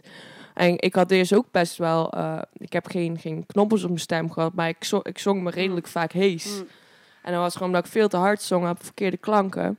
En met een vocal coach kan je dat helemaal uitzoeken. Ehm, dus voor mijzelf was het ook echt een eye-opener van... Ah, oké, want iedereen zegt altijd van ja, je wordt hees, dus het zijn niet grunts. Maar bij mij, ik wist zeker dat het niet mijn grunts waren. Het waren gewoon mijn cleans. Waar ik gewoon een paar mini-aanpassingen moet doen en je wordt gewoon niet meer hees. Ja. Dus dat is vooral in, in de metal en de rock scene zijn er gewoon super veel zangers die daarna gewoon niks meer over hebben. Dat ze eigenlijk gewoon moeten zwijgen een uur of uren daarna. En dat valt echt op te lossen. Dat is eigenlijk, eigenlijk zonde dat zo weinig mensen dat weten. Want vooral bij ons in de scene is het zo van ja, ik, ik doe het wel zelf en eh, gewoon, gewoon roepen. Maar als je gewoon een beetje techniek hebt, dan ben je niet meer hees. Want als je heel vaak hees wordt, uiteindelijk kap je ermee. Want het wordt steeds erger. Ja. Ja. En dan heb je er geen zin meer in. En dan denk je van ja, zo meteen verkloot ik mijn stem echt. Eh, en dan stoppen ze ermee. Terwijl, terwijl het hoeft niet. Het is gewoon echt puur techniek. Maar dat komt misschien ook wel vanwege het feit dat de de metal rol je niet in door een zangles als eerste. Ja, De eerste zanglessen ja. die, je, die, je, die je doet zijn de cleans en is de popje, pop sounds en dat soort dingen. Dat, dat wordt lesgegeven. Ja, Hè, als we het hebben over tien jaar geleden, zou ik het zo zeggen. En nu eh, gaan ook andere genres steeds meer zeggen van... hé, wij kunnen je ook lesgeven en dan krijg je andere technieken en Ja. andere mogelijkheden. Ja. En kun je dus veel beter eh, je werk doen, eigenlijk. Ja klopt. Er zijn, ook, er, zijn ook, er zijn nu sowieso niet zo heel veel zangdocenten in Nederland die die, die metal eh, dingen aanleren. Dus metal technieken. En sommigen zeggen ook van ja, je moet eerst leren clean zingen en dan kan je pas leren grunten. Ja, dus dat is de grootste bullshit en geldtrekkerij die je kan verkopen. Ik heb soms ook mensen die komen één keer naar mij en zeggen ja, ik wil leren grunten. En hoeveel lessen moet ik dan hebben? Ik zeg ja, kan je de basis kan je in één les leren. Terwijl ik zou kunnen zeggen nou, je moet tien lessen kopen. Ja, ja. Ja. En dan ga ik je eerst, eerst clean leren zingen. En dan eh, les 9 ga ik je leren grunten. Ja. En dan les 10 kan je het een beetje. Maar dan moet je toch nog een bundel kopen om, eh, om, beter, om nog beter te worden. Ja, Het zijn, het zijn veel zangdocenten die zo werken. Ja, maar dat is ook een stukje eh, eh, zakelijke insteek die zij dan denken nodig te hebben. Ja, Zij denken dat ze alleen maar op die manier klantenbinding kunnen doen. Ja maar ja, dit is, dat, is, ja, dat gaat gewoon tegen mijn principe in, denk ik dan. Nou, dat zijn wij bij Focus Center sowieso. Daarom zit ik er ook bij. Je kan gewoon losse lessen boeken. En je leert gewoon wat je wil leren. En niet al die bullshit eromheen. Maar bij meer lessen is gewoon een discount en eh, Ja, kom je kan. net iets beter kan. uit. Als je, de, als je de 10 wil nemen, dan krijg je inderdaad gewoon... eh zijn de lessen iets goedkoper. Ja, maar dat is dan weer ook gewoon de inzet die je zelf wilt hebben. Kijk, in één les leer je iets, Ja. maar leer je niet de, de, de details, zou ik het zo zeggen. Nee, je, leert, je kan gewoon de basis van het grunten leren. En als dat alles is wat je, wat je wil. Sommige mensen willen het ook gewoon, gewoon uit nieuwsgierigheid een keer kunnen. En that's it. Die gaan er sowieso niet mee in een podium op of zo. En anderen weer wel. Of die willen een set voorbereiden. Ik had laatst een jongen die, die eh, deed mee aan een wedstrijd in, in Duitsland. En hij hebben gewoon elke week echt met zijn gitaar en gewoon zijn, zijn performance eh Oh, daar heb ik iets over gelezen. Ja, het is, nog, eh, het is nog een beetje raar afgelopen Ja. met hem. Niet tussen mij en hem, maar eh, met de wedstrijd, zeg maar. Ehm, dus er gewoon zijn gitaarsound ook naar gekeken. Ik weet er niet super veel van, maar ik kan wel een beetje zeggen van... nou, je moet geen eh, honderd knopjes deeltijd zitten indrukken... want je bent alleen maar knopjes aan het indrukken. En het, je performance gaat er gewoon van achteruit. Eh, en dan techniek. En die jongen is echt binnen een paar weken van hier. En hij had eerst klassieke zangles van hier naar hier gegaan. Dat ook het publiek merkt van, joh, wat, wat ben je aan het doen? En dat is gewoon en weer zelfvertrouwen en techniek. Zullen we een bruggetje maken naar eh, concerten dan? Ja. Naar optredens? Eh, want we hadden een aantal dingen voorbereid, mensen. We doen nooit voorbereidingen. Maar dit leek me toch wel... Ja, pak je speedblaadje er maar bij. Nee, ik had eigenlijk maar over één eh, topic natuurlijk weer. Welke? Over dat er eh, zo weinig eh, vrouwelijke Oh, dan gaan we die toch eerst doen. Jawel, ja, nee, nee, nee, Nee, maar ik, ook over eh, die 3%. Waar, dat heb ik jou niet gezegd. Nee, inderdaad. We hebben nog steeds over wat de ging. 3%. Maar dat kan Iris misschien beter, beter... Wat is deze? Wat is dit? Eh, dat kan Iris misschien beter uitleggen. Nee? De 3 procent. Oh, ik, ben, ik moet even terugdenken hoor. Dat is zo even geleden. Iris was in de Vesta geweest, nee. Ehm, Vertel. Nee, het, het ging... Nee, eh, zij deel- jij deelde dat toch, of niet? Of nee, Oh, nee, jij reageerde. Jij reageerde we hebben een hele groep chat mensen en er staan van allerlei dingen in. Ja. Nee, ik had, nee, ik had gereageerd op eh, Lords of Metal eh, had een eh, artikel gedeeld en daar had ik op gereageerd en daar je, had jij weer op gereageerd. ja, klopt. Ja. En het ging over, ehm, over, over ja, een, een, een dame die dus claimde van dat ze best wel vaak was lastiggevallen in de metal scene, maar ook door haar eigen band en bla bla bla. En volgens mij kregen we het er toen over van ja, oh ja, ik, dat ik dat ook niet echt herken als specifiek voor de metal of zo. En toen jij zei van dat er zoveel procent vrouwen in de metal zaten, of was het ook Nee, het alweer? stond denk ik in het artikel dat maar 3% of zo en, eh, Dat was het. van de hele... Volgens mij was het, was het wel van bandleden gezien. Dat Ja. met 3% eh vrouw is in de metal Ja. meer. Ik heb het niet geverifieerd overigens. Of dat, eh, Heb je niet allemaal geteld? Nee, ik heb ze niet tegen. allemaal geteld. Maar toen dacht ik, poeh, dat is wel heel, als het waar is, is het wel heel erg weinig. Maar Maar goed, ja, het- als je- Of is metal scene zo groot tot 3% heel veel is? nee, ik dat, denk dat, er- je dat niet zeggen. Als je, als je gewoon kijkt naar, naar de... Je hebt dan natuurlijk naar de gitaristen en zo. Dat, dat is sowieso bijna alleen maar mannen. Ja, dat is echt uitzonderlijk dat je een vrouw ziet. Nu, de front willen ze nogal graag een vrouw zetten tegenwoordig. Dus het zijn er al meer geworden, lijkt mij, dan jaren terug. Ik vond juist minder geworden, want eh, de, Minder? de, de female fronted metal, wat je niet zo mag noemen, is juist gewoon dying. De- Dat is gewoon veel minder. Oké.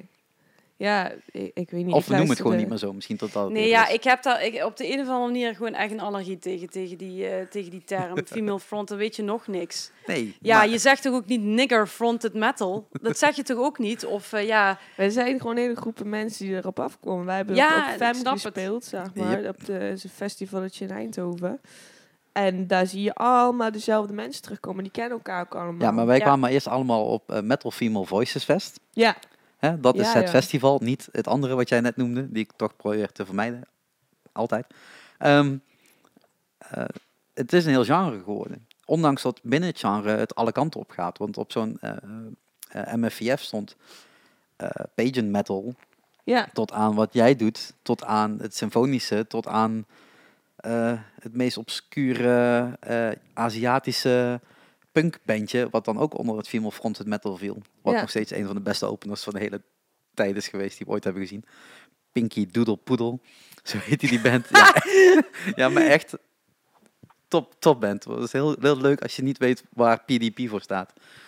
Ehm, ja, dat, dat, dat genre is gewoon dat, dat, dat genre is er niet meer, omdat we het niet meer zo noemen misschien. Nee, ja, ik, ik, ik, maar goed, dan gaan we weer terug naar de vorige podcast. Heb ik dit precies Luister die, hetzelfde. luister die maar. Ik vind, het, ik vind het gewoon geen genre. Het is geen genre. Nee, ik bedoel, female fronted is gewoon... Alles. Oh, Ja, ik wou net zeggen. Dus, dus wat zegt dat over muziek? Ik snap ook jouw ding wel, want commercieel gezien Het werkt. kun je wel een in. insteek. En Ja. ik bedoel, daar hebben we het toen ook over gehad. Dat hadden we toen met Siren ook, bla bla. Maar ehm, ja, op zich eh, vond ik het wel eh, een item, omdat inderdaad die eh, Ronald Molendijk daar ook al over begon. Ja, maar die, dacht, die had het over het feit dat er gewoon minder vrouwen in de muziekindustrie waren. Dat Ja, punt klopt. true. Ja, in theorie klopt, dat. Alleen toen maakte hij een paar opmerkingen waarvan je dacht, nee, dat had je niet hoeven te doen. Als jij gewoon zegt, er staan minder vrouwen in de interpretatie. Dat is gewoon een interpretatie. Er staan minder vrouwen in de top 2000. Ja, dat klopt. Feit. Daar, daar hoor je ook niemand over. Ja. Maar niet omdat ze minder goed zijn of dat ze minder lang een, carrière zou kunnen volhouden. Of, weet je, dat is niet waar. Nou ja, dat weet je niet of dat niet waar is. Maar het is ook zeker niet wel waar, want het is niet getoetst. En, en daarbij, kijk, er spelen meerdere dingen een rol. En dat wou ik toch even aanvinken. Sorry hoor, ik ben, even, ik ben een verveelzak vandaag. Maar ik heb een, eh, een artikel gelezen ehm, van eh, eh, een instantie, zeg maar, die elk jaar, zeg maar, kijkt naar alle data van hoe, hoeveel eh, podia zijn er en zo. En is jammer, want ik heb er screenshots, screenshots van gemaakt. Zolang je niet dicht bij de microfoon gaat houden, vind ik het prima. Ja. Ehm, nee, maar dat vond ik wel interessant, want het gaat er natuurlijk ook, het ging ook over radio. Hè? En Ja. het, ehm, Tot er maar ongeveer een kwart eh, vrouw was die op de radio gespeeld werd. ja, maar ehm, even kijken. Er was één. Ah ja, dat bij poppodia, dat in de directie eh 84% mannen zitten en 16% vrouwen. Ik lees het even van het schermpje. Ja. En ook bij de, maar ook bij de programmeurs, zeg maar, dat 77% man is. En dan kom je bij een jury eh, van een niet nader te noemen eh, finale contest in Limburg. En er waren er nul. Ja, maar dat is, ja. Ja, dat kan toch niet? Nou ja, jij zei dat tegen mij en het is een tendens, want ik heb daar eerder al een eh, column over geschreven bij Zef magazine. Eh, dat vanaf 1986, toen eh, bijvoorbeeld Nu of Nooit begon, dat, en ik geloof dat die column twee jaar oud, oud is, of drie jaar, dat van de toen 21 winnende bands of zo, dat er daar vier bands waren waar een vrouw in zat. Eh, waarvan ook nog vaak dezelfde vrouw in de band zat. Kiki heeft Eh, maar maar- één keer gewonnen, toch? Met Jack Monroe? Eh, ja, nee, volgens mij was Cooler Than Jesus. was, ik ben even haar naam kwijt. maar doet er ook niet toe. Maar ehm, ja, en in de jury zitten dan inderdaad wel... met- Dan denk ik, ja, ik, ik, ik snap wel wie ze in de jury zetten. Ik snap het heel goed. Maar het kan niet bestaan dat er geen vrouwen te vinden zijn met vergelijkbare of dergelijke achtergrond. En als dat al zo niet zo is, dan denk ik, ja, dan moet je misschien eens zoeken naar andere em, vrouwen met andere achtergrond, wel in de muziek. Maar ik vind het, ik vind het gewoon een kwalijke zaak dat er zo weinig aandacht aan eh, wordt besteed. En ik heb er de afgelopen tijd weer een paar artikelen over gelezen. Ik dacht, ja, Het is op te lossen. hè? opvallend. Het is gewoon vragen. Wil, je, wil jij in de jury? Punt. Toch? Meer dan dat is ja, ik snap de overwegingen ook niet zo, zo goed. Nou zegt men heel vaak van, ja, maar het gaat me niet om de kwaliteit, het gaat me eh, niet om eh, of je man of vrouw bent, het gaat om je kwaliteit. Eh, maar als je kijkt hoe, hoe dezelfde prestaties van mannen en vrouwen worden neergezet in bijvoorbeeld de media, dan zie je dat daar een heel verschil tussen zit, alleen maar omwille van het geslacht, zeg maar. Ehm, daar heb ik een aantal voorbeelden over gelezen, eh, die ik overigens heb ik ook inderdaad, dat wil ik toch even noemen. toch even noemen, even lekker boos zijn. Ja man, ik ga dat er allemaal niet uitknippen Oh eh, tot je allemaal zo hard schreeuwt. Nee, sorry. Oh, is het, eh, ja, het is een verkeerde techniek, moet ik wel zeggen hoor. Daarom zing ik ook niet meer bij Boekenlesje. Rave Digger. In één Ja, moet ik- op. Ja, moet ik sowieso doen, want toen ik een Rave Digger zong, dat was echt superleuk altijd. Maar op een gegeven moment dacht ik ook, ik kon de dag daarna gewoon niet meer praten. Dus ja, denk ik, ja, dat is met mijn werk niet zo... eh, Niet zo handig. Nou, in een artikel, en dat wilde ik toch eventjes, eh, zeg maar, ehm, voordragen. Eh, daar stond bijvoorbeeld, hè, dan gaat het over hoe, hoe dezelfde prestaties of dezelfde gebeurtenissen of dezelfde, weet ik veel, eh, van mannen en vrouwen worden neergezet. Kijk naar Pete Doherty en Amy Winehouse. Twee Britse popsterren van dezelfde generatie, allebei drugsverslaafd. Terwijl Doherty werd geportretteer- geportretteerd als held- heldhaftig. Jongens toch, mijn vocabulaire. Terwijl Doherty werd geportretteerd als heldhaftig, werd Winehouse weggezet als tragisch. En dat gebeurt dus ook heel vaak, vind ik. Op het moment dat vrouwen hun mening veranderen, hè, voor, voor eh, eh, zo'n bijspeel, eh, wordt er gezegd, ja, vrouwen zijn wispelturig. Terwijl als een man dat doet, dan, dan, dan is een man opportunistisch. Dus ik, ik vind dat verschil gewoon veel verder gaan dan dat wij dat doorhebben. Nou, maar dat is misschien ook wel weer het, het, het feit dat degenen die dit schrijven over het algemeen, of die daar een mening over hebben, ehm, zijn er nog niet mee opgegroeid dat je er ook anders over zou kunnen nadenken. Zo'n gevoel heb ik daarover. Als ik in de klas zit en ik moet een stuk schrijven, dan merk ik dat mijn leerkracht, die toch een paar jaar ouder is dan mij, heel anders een blik op de wereld heeft dan dat ik heb. En laat staan de tien jaar jongere mensen van de rest van de klas. En als je dan iets wilt veranderen, dan kan dat niet. Want het moet wel via zijn richtlijnen zijn.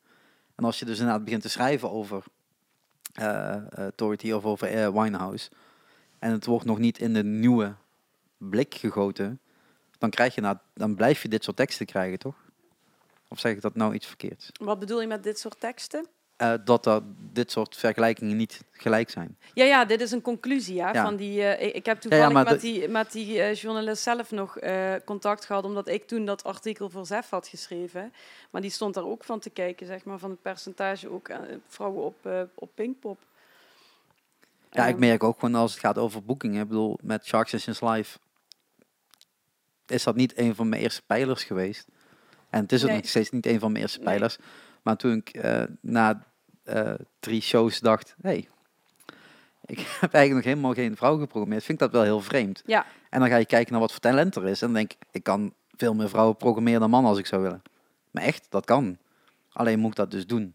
En dat is wel iets waarvan ik richting 2019 nadenk over hoe ik, hoe ik hiermee verder ga. Ik wil wel een, een balans in vinden. En de eerste paar zijn dus ook al geboekt daarvoor. Ja, het, Dat kan ook wel. Ik, ik, ik, ik blijf het een moeilijk iets vinden. Hè? Want toen ik dit ik, toen ik dacht van, oh ja, hier gaan we het over hebben, dacht ik ja. Maar als ik kijk naar de bands die ik luister, dan zijn dat allemaal bands met een eh mail... ehm, Mailfronted. Ja, fronted. Toen dacht ik, ja, kut, weet je, dat kan eigenlijk niet. hoe moet ik dat nou verantwoorden? Maar zo diep zit het dus. Dat, dat, Ja, maar dat jij ik, bent ook eh, ik opgegroeid bedoel, met ik- tot gewoon veel meer mannen te horen waren op de radio. En tot er veel minder vrouwen waren die in het genre zichtbaar waren. Ja, Dat is pas later gekomen. En nu zitten we op een punt dat dat gewoon eens een keer duidelijker gesteld mag worden. En tot daar niet minder over gedaan moet worden zoals het in het verleden is gedaan. Of door zo'n eh, ja. mensen op tv vaak wordt geportretteerd. Of wat zei je nou net? Geportretteerd. ja maar dit, dit, blijft nog, dit blijft nog heel lang bestaan Ja, ja. natuurlijk. Maar datzelfde geldt voor racisme. Dat blijft ook nog voorlopig bestaan. Omdat gewoon nog steeds een hele grote groep nog niet mee is. En dat is een kwestie van tijd. Ja. Maar als we nu niet beginnen, wordt het ook nooit veranderd. En dat is inderdaad in het verleden wel bewezen tot hoe langer je dingen buitensluit en niet iets over zegt, hoe langer het duurt voordat het verandert. En de verandering is niet altijd even goed. En het duurt ook even voordat de verandering daar is waar je zou willen tot het is. Maar dat is dan wel vanuit één iemand of vanuit een groep bekeken waar die willen zijn. En dan kunnen we wel even de hele Zwarte Pieten discussie beginnen, maar laten we dat niet doen. Want zoveel tijd hadden we niet. En we wilden van alles over eh, de muziek ook nog zeggen, toch? Ja, Mag ik dat jij had nu een maken? heleboel. Ja, jij had een heleboel. Ik was even aan de tijd aan het kijken. Ja, jij had een Ja, we hebben nog toch? Ja, we hebben nog. Ja, we hebben nog. Eh, want ehm, eh, wat we ongeveer onder andere hadden opgeschreven. En ik kwam eigenlijk niet verder dan dat bands of act die gestopt zijn in 2018. Ja. En jij kwam er mee. Ja, maar ik, ik heb er superveel zeg maar, op mijn tijdlijn zo zien van die zijn gestopt, die zijn gestopt. Maar ik heb vanochtend nog even gekeken en kon niet veel, veel terugvinden. Behalve de Charm Charm Fury. En Diablo Ja. Boulevard Oh ja. uit Ja. België. Oh ja, die zijn laatst gestopt. Soundgarden stond er ook bij. Ja, Wat? Ja, Soundgarden. Maar er waren er een hele. Er waren, ja, wa- nee, er waren er meer eh, eh, ehm, eh, ontstaan dan gestopt. Dat dan wel wel. Maar dan binnen de. Binnen de Ja, want dat is dan wel maar- ons, ons wereldje waar we dan in kijken. Maar de Charm dat ze gestopt zijn is wel heel erg spijtig. ja, want Want dat, waarom was dat? Ja, dat is niet eh, disclosed, hè? nee, volgens mij, zo, zover ik het snapte, ging het over het feit tot, eh, eh, tot ze niet allemaal meer dezelfde richting op wilden rennen en tot daar een financieel plaatje bij hing. ja. En dat kan ik me ook wel voorstellen, want als je nou bij Arising, eh, Arising Empire zit en je wilt doorgroeien naar Nuclear Blast, dan zul je een hele andere stap moeten maken dan tot ze dat tot nu toe hebben gedaan. Zaten ze niet bij Nuclear? Nou, ze zaten bij Amerika Nuclear, maar ze hadden getekend in Europa bij Arising Ah. Empire. Ja, En omdat. Arising niet zoveel in Amerika doet, zitten ze daar bij Nuclear, want Nuclear is het moederbedrijf van Arising Empire. Ja. Ehm, en uh, Nuclear Blast is zeg maar het, het grote moederbedrijf. En Arising is de talentenpool waar je Ja. in kan zitten. En ja, als je dan naar het door wilt groeien, zul je naar het andere stappen moeten maken. En zul je dus dan naar het andere keuzes moeten maken. Om eh, misschien, nog, misschien niet zozeer nog meer te doen, maar naar het andere, andere paden moeten bewandelen om, eh, om je band te, neer te zetten. En dat zal Ja. niet iedereen even blij mee zijn. Kan ik me ook wel voorstellen. Maar dat is wel heel jammer, want de, de Charm was een uithangbord van Nederland eh, binnen de metal scene. ja, precies. En wij hebben nog bij... op Wakken speelden we op hetzelfde podium. Zij speelden voor ons. Jullie speelden nog op hetzelfde podium in, de, in Amsterdam, in de Q. Ja, ook. Ja, toen waren wij hun voorprogramma. En daarna Ja. zijn zij bij ons voorprogramma geweest in België. Dus dat was ook wel tof. En op Wakken speelden zij op hetzelfde podium als ons. Nou ja, op Wakken heb je twee podiums, zo naast elkaar. Hè? In die Ja. tent, ik weet niet of je er wel eens bent geweest. Nee, maar ik weet hoe het eruit ziet. Twee naast elkaar. En zij speelden de- dus links. En dan zat er één act tussen, denk ik. En wij speelden toen op rechts. Dus toen hebben we ook nog eventjes eh, met hun gewoon lekker biertjes gedronken en zo. Dat doen we altijd als we elkaar zien.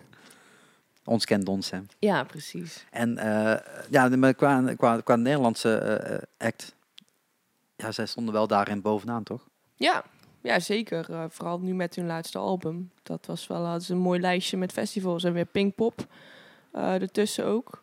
En daarvoor, ja, daarvoor was John Coffee, of was dat twee jaar van Ja. tevoren? Nee, ja, 2016. Ja, want John Coffee is ook het jaar daarna gestopt. Ja, Ja. Pinkpop. En dus dat vond ik wel zo van, oh, Overigens, For I Am King is ook goed bezig, hè, nu. ja zeker. Eh, ik denk dat dat toch de volgende...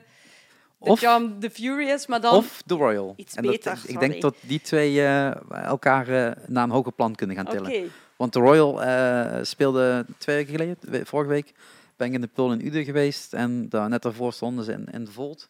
Samen met Foreign King trouwens. Nee, niet, met een andere band volgens mij. Nieuwe nog trouwens. En ehm, ja, die komen ook met een nieuw album uit volgend jaar. En de eerste track is al, eh, is al uit. En die klinkt echt gewoon heel stevig. Zonder dat die hard klinkt. Gewoon een of andere hele goede, goede lijn erin. Wat catchy is. Cool. Wat lekker eh, meespringen is. Dus, dat doen ook goed. Maar Foreign King heeft inderdaad net dat nieuwe album uit. En daar hebben we ook een podcast mee. eh, Ja, zag want staan die niet ook op, op Wakken dit jaar? Of volgend jaar? Of... ja, en op Eurosonic staan ze ook nog. Dus ja. dat is qua Ja, promotie weet je wat leuk helemaal is? top. Dat, eh, Alma ken ik nog. Ja, zij mij, dat weet ik niet. Want ik zit... zat Alma, vro- Alma. Alma! Alma! Nee, Alma zat vroeger bij eh, With Pride. En dat was een, eh, een hardcore band. En in de tijd dat With Pride eh, veel speelde... eh, speelde Siren ook heel veel. En ook in de contrée van eh, eh, Rotterdam en Eindhoven ook wel vaker. En toen hebben we wel vaker met hun gespeeld. Dus eh, ik, vond, ik vond wel tof, zeg maar, dat, eh, dat zij gewoon eh, ook nog steeds dat volhoudt, zeg maar. Dat je toch nog mensen tegenkomt die eh, gewoon die ambitie doordrijven. En ehm, En met, dat je met, elkaar na eh, tien jaar toch nog... in, in, in de podcast van Forum King hebben we ook inderdaad over gehad hoeveel ze er wel niet voor doen Ja, om een goede plaat te maken. ja, ja. En er komt inderdaad heel bij- veel bij kijken. En zeker als je dan niet al te veel geld hebt als band zijnde, hoe je dat Ja. dan toch optimaal zou kunnen gebruiken en, en, en kunnen produceren. En ja, helaas kon Alma op dat moment even niet, niet, niet erbij aansluiten bij die podcastopname. Oké. Maar we gaan nog wel een keer een losse podcastopname maken, heeft ze gezegd. Dus daar hou ik je aan. 2019 gaan we dat nog wel een keer doen. Ehm, Wij Maar- hebben trouwens met de job hebben we eh, onze EP opgenomen met de, voor, ja, de gitarist die nu overigens niet meer eh, bij eh, For I Am King zit. Maar dat was ook echt gewoon, die was daar zo goed in en die deed toen ook van alles voor de band. Dus eh, dat, dat helpt wel mee als je goede technici eh, wat dat betreft in huis hebt. En ik was toen ook super blij met die EP eh, die, die hij heeft geproduceerd en gemasterd. Dus ja, je kunt inderdaad heel veel stappen maken als, als, als band zijn. Alleen inderdaad, ja, ik weet niet hoe dat bij, bij jullie zit. Eh Spoiler Engine bestaat al een, een langere tijd. Ja. voordat jij er al bij kwam. Ehm, maar ja, het lijkt wel, of nee, het is gewoon zo. Je moet in het buitenland doorbreken, wil het zinvol gaan worden, financieel gezien. Alleen maar in Nederland een rondje doen als een metalband zijn, nee, dat werkt niet. daar, daar red je het niet mee. Nee, dus je bent sowieso heel veel tijd als je al een buitenland gaat toeren. Dan, sta je, dan moet je soms zes uur reizen en dan sta je voor zaaltjes van 30 man, uiteindelijk. Terwijl dat verwachten de meeste bands misschien niet. Maar wij hebben dit ook gehad in onze eerste tour. Dan kom je in Duitsland en denk je, ah, Duitsland, ah, oké. Dan staat er 30 man, dan heb je, heb je negen uur in je bus gezeten. Denk je dat ik in de oefenbunker ook kunnen doen? Ja. ja, maar je moet het wel doen, Ja. want alleen daardoor kom je dan weer heel langzaam stapjes verder. Het is eigenlijk bijna kruipen, om maar zo te zeggen. Ehm, maar ja, je moet het doen. Het, Ja, je ja, kan niet anders. Nee, maar je, je begint in Nederland ook zo. Je begint ook met die 13 ja, maar als je terugkomt, als wij bijvoorbeeld, wij zaten- waren net terug van China en, eh, en van de Europese tour en we kondigden even, we hadden zoiets van, nou, we gaan gewoon een showtje in België aankondigen, gewoon een klein kot in Roeselare, zeg maar. Ik denk dat er 300 man in paste. Ehm, en dat was binnen twee dagen uitverkocht. Terwijl als wij niet naar het buitenland waren geweest, dan was dat niet zo snel. Want Nee, maar het is natuurlijk een verhaal wat je meeneemt. ja, En- het en is gewoon die hype. Wij Ja. waren op, op VTM en zo geweest eh, in België. Dus iedereen... Oh ja, dat weet ik helemaal niet. Ja, omdat we Oh, op grappig. China op dat eh, Oh, grote ja, ja, ja. hebben gestaan. Dat, dat filmpje deed het heel goed. eh, Ja, dat ging echt, eh, dat ging echt super hard. Ja. Maar wij hebben, hebben dat ook heel bewust gedaan. Want we hebben die show gespeeld. En vijf minuten daarna zaten we al met onze GoPro's bij de laptop te editen. Om dat zo snel mogelijk naar het Belgische nieuws te krijgen. Want Ja, als je ja. een paar uur te laat bent, dan, dan is dat niet meer inter- interessant. ja, dat is inderdaad het, het, het, het punt van nieuws natuurlijk. Het gaat Ja. allemaal heel snel. Ja, en dan moet je het maar zelf maken op zo'n moment. En daar de volle promo. En dat is, dat is heel goed gelukt. Onze gitarist en de drummer zijn eigenlijk nog het meeste mee bezig geweest. eh, op dat moment. Ik was gewoon over het zand aan het eh, lopen, als ik heel Een eerlijk beetje ben. drinken. Ja, precies. Eh, maar die hebben dat toen heel snel opgepakt en gewoon hup, hup, hup doorgestuurd. En daardoor dan krijg je in je thuisland ook een soort hype. En daar moet je dan even gebruik van maken als je terugkomt. Wij, wij stoppen nu heel bewust ook even met spelen. Want nu gaat het voor ons weer, oké, we gaan even niet naar het buitenland. Dan gaat het weer naar beneden en dat moet je niet hebben. Dus wij stoppen nu met spelen. We gaan gewoon puur een plaat maken. En met een nieuwe plaat proberen we dan weer een stap verder te komen. Eh, maar, je, maar je zei in het begin al, dat is eh, 2019 opnemen. Is dat dan ook al twe- 2019 lanceren? Ja, november. Oeh, Hey, hard deadlines. Hard deadlines. Dus dat betekent voor de zomer af. Ja, in eh, juni gaan we weer naar Zweden. Dus dan eh, wordt het weer gemixt en gemasterd. En dat is weer... eh, dat is niet helemaal dezelfde studio waar, ehm, waar, we, waar we terug gaan. Maar dat is bij een van de techniekers die daar zaten, zeg maar. En die heeft ook architects gedaan en al die ehm, ja, grotere bands. Dus dat is, eh, dat is wel tof. Dus dan om juni moet het eigenlijk al af zijn. Dus er is best wel wat pressure nu, eh, klopt. Het wordt tijd voor zon. wordt tijd voor zon. Tijd voor zon, inderdaad. Dat er weer Nee, drie maar ik ga, ook, ik ga ook gewoon naar België hoor. Eh, als ik Want daar is wel zon, wil je zeggen. Nee, Lekker naar Blankenbergen, hoppakee, het strand. nee, maar gewoon om, om elkaar weer wat vaker te zien. Want dat is de valkuil als je zo ver uit elkaar Ja. woont als ons. Van, dat je elkaar uit het oog verliest. En dat, dat iedereen thuis op zijn eilandje gaat zitten. En dan, daar krijg je geen goede muziek van. Want jij bent niet verder met andere bands bezig daarnaast. Met andere projecten, nee. Nee, ik heb nu laatst wel bijvoorbeeld doe ik af en toe guestoptredens. Ehm, en ja, dat vind ik gewoon wel leuk om te doen bij kleinere bandjes die dan een keer, eh, of ja, die wil dan gewoon ook eens bij Als praten. jingle bells willen grunten of wat. Ja, nee, ik ben nu laatst bij Terra Down geweest. Dat is een band uit, uit Breda. En die hadden mij gevraagd, en dat is dan ook zo'n zo'n zo'n bandtraject, zeg maar. eh, Breda's Most Wanted. En dan ben ik twee nummertjes met hun mee gaan doen. Maar ik ben niet, eh, ik ben niet bezig met een, een nieuwe band of zo Nee. opzetten. Daar heb ik ook geen tijd voor. Of ja, dat- dan verlies je je focus. Ja, Kan wel, ja. want ik, ik, ik, heb, ik heb op zich best wel zo'n interesse om meer...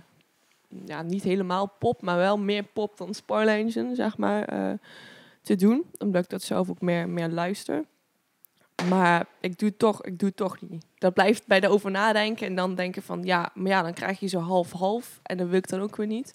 Maar dan zul je ook een totaal andere imago bijna moeten neerzetten. Want iedereen kent je van dit. En als je dan echt een pop-pop sound gaat maken. Ja, Dan raken ja, mensen ook wel in de war, denk ik. pop, maar gewoon een soort van... Iets wat daar tussenin zit. Poprock. Een commer- commerciële, ja. Poprock. Ik begreep dat de Backstreet Boys trouwens een nieuw album gaan Ja, uitbrengen. zeker wel. Misschien is dat wat Misschien voor je dan. ja.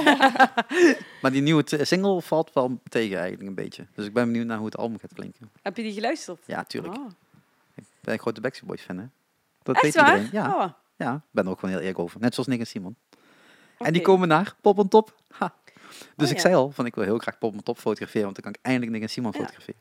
Dat is sowieso wel een leuke programmering, eh, geloof ik, hè? Ik ben nog niet uit die laatste nieuwe namen die ze niet hebben bekendgemaakt, maar wel een filmpje van online hebben gezet. Oké. Die hebben allemaal van die hele leuke hints. Eh, Heel leuk bedacht. Maar ik kom er niet uit. Sommige dingen denk je, ja, ja, bluff of zo zal wel komen. Dat stond vind met dat die, zout en eh, of bu- zo. Ja, buiten het feit dat het niet in mijn straatje is, vind ik dat, het, dat die eh, programmering echt wel tof is altijd. Ja, maar Pop en Top heeft het, het, het, eh, het voordeel tot ze ehm, net niet in het seizoen vallen. Dus inderdaad ook gewoon veel namen kunnen krijgen. En ehm, tot ze het ook niet boeit. Klinkt het wel. Niet negatief bedoeld, want ik hou van jullie. Maar gewoon het feit dat ze... eh, ze durven het allemaal te programmeren. En de, het financieel komt het wel goed. Hm. Terwijl heel veel andere festivals kunnen het niet programmeren... omdat ze gewoon de financiën daar niet voor hebben omdat ze niet weten hoeveel mensen op de, over de vloer krijgen. En Pop en Top verkoopt de afgelopen jaren volgens mij iedere keer wel uit, of in ieder geval goed uit. Eh, waardoor het ook gewoon financieel haalbaar is om het festival draaiend te kunnen houden, zover ik het heb kunnen zien. En ze hebben nu afgelopen jaren het podium net iets verdraaid. Het andere podium weer iets ne- eh, richting de achterkant iets anders neergezet. Waardoor er ook gewoon betere zichtlijnen zijn. Dus mensen kunnen nog net iets meer genieten dan dat ze voorheen deden van, eh, van de bands. Alleen stond er een hele grote, mega grote spinningwielrad van, eh hoe heet die, eh, eh, die, ik weet even niet hoe heet, Casino. Oh, ja. Holland Casino of zo is daar Ja. een van, van de sponsors. En er stond recht langs het podium, wat echt wel heel groot was. En wel heel erg opviel. Wat goed is voor de sponsor, maar dat, dat kwam voor het kijken naar het podium wel wat vervelend uit, vond ik. Maar dat is meer mijn, mijn blik richting een festival. Ja, jij weet v- heel veel van festivals. Hè? Jij gaat naar meer festivals dan ik, dus... Ja, maar ja, jij speelt op meer festivals. Ja, ik ben ook eigenlijk niet meer naar festivals geweest buiten de festivals waar ik op heb gespeeld eigenlijk de laatste twee jaar, denk ik. Ja, maar als je er veel Ja, komt omdat je aan het spelen bent, zie ja je ze natuurlijk ook wel. En Ja. ik kijk inderdaad echt vanuit een fotografenblik. Dus inderdaad, hoe ziet iets uit en hoe Ja. vind ik dat iets anders eh, eruit, eruit zou mogen zien. En ehm, wat we ook hadden opgeschreven, maar daar heeft eigenlijk niemand van jullie op gereageerd, dus ik ben wel benieuwd. de vetste festivals die jullie dit jaar dan hebben gezien. Afgelopen jaar. Ja, dit, dit jaar, dus 2018, daar hebben we het over, nog steeds. Ja. Ja, voor Ja. jou is China dan, of wat? Ja, China. Ik denk China zelfs nog boven Wakken. Wakken is gewoon super chill als artiest. Weet je, alles is verzorgd en weet ik veel hoeveel. Alles is gratis en je wordt helemaal verwend. Maar China was gewoon bizar dat daar gewoon zo'n massa's mensen staat met, met metal vlaggen te zwaaien en zo. Dan, dan voel je zo'n soort arch enemy. en ik kon daar niet lopen zonder vier, eh, vier security guards om je heen. Ja, dat is gewoon, dat is gewoon zo'n rare ervaring om mee te maken. Dat ik denk van ja, dat is dan wel mijn, mijn top. En als artiest behandeld zijn is dan Wakken de top. En Zwart Cross vond ik ook super leuk. Dat is echt zo'n leuk festival, hè? Ja. Ja, dat is inderdaad echt... eh, ik ben er maar twee keer geweest of zo, maar ik vind dat echt een van de leukste festivals eh, die, er, eh, die er zijn in Nederland. ja Misschien ook wel omdat ze uit, uit, de juiste manier zijn ont, ont- ontsprongen. Hoe moet je het zeggen? Zij zijn met een hele andere insteek aan die bandjes begonnen. Niet zo van die bandjes zijn die hoofdprogrammering. Maar hè, het crossen was de hoofdprogrammering en daarvoor Ja. kwam je daarheen. En er stonden Ja. toevallig bandjes bij. Ja, En nu is dat die shift wel aan het maken tot dat veel meer richting de bandjes toe gaat. En dus ook steeds belangrijker worden voor het festival. ik ben ook nog even aan het denken, hè? Is dat festival Bemoeid Mojo zich daarmee niet, toch? Of wel? Eh, dat durf ik niet te zeggen. Inmiddels. Oh, ik dacht niet... Ik kan me voorstellen dat het niet is.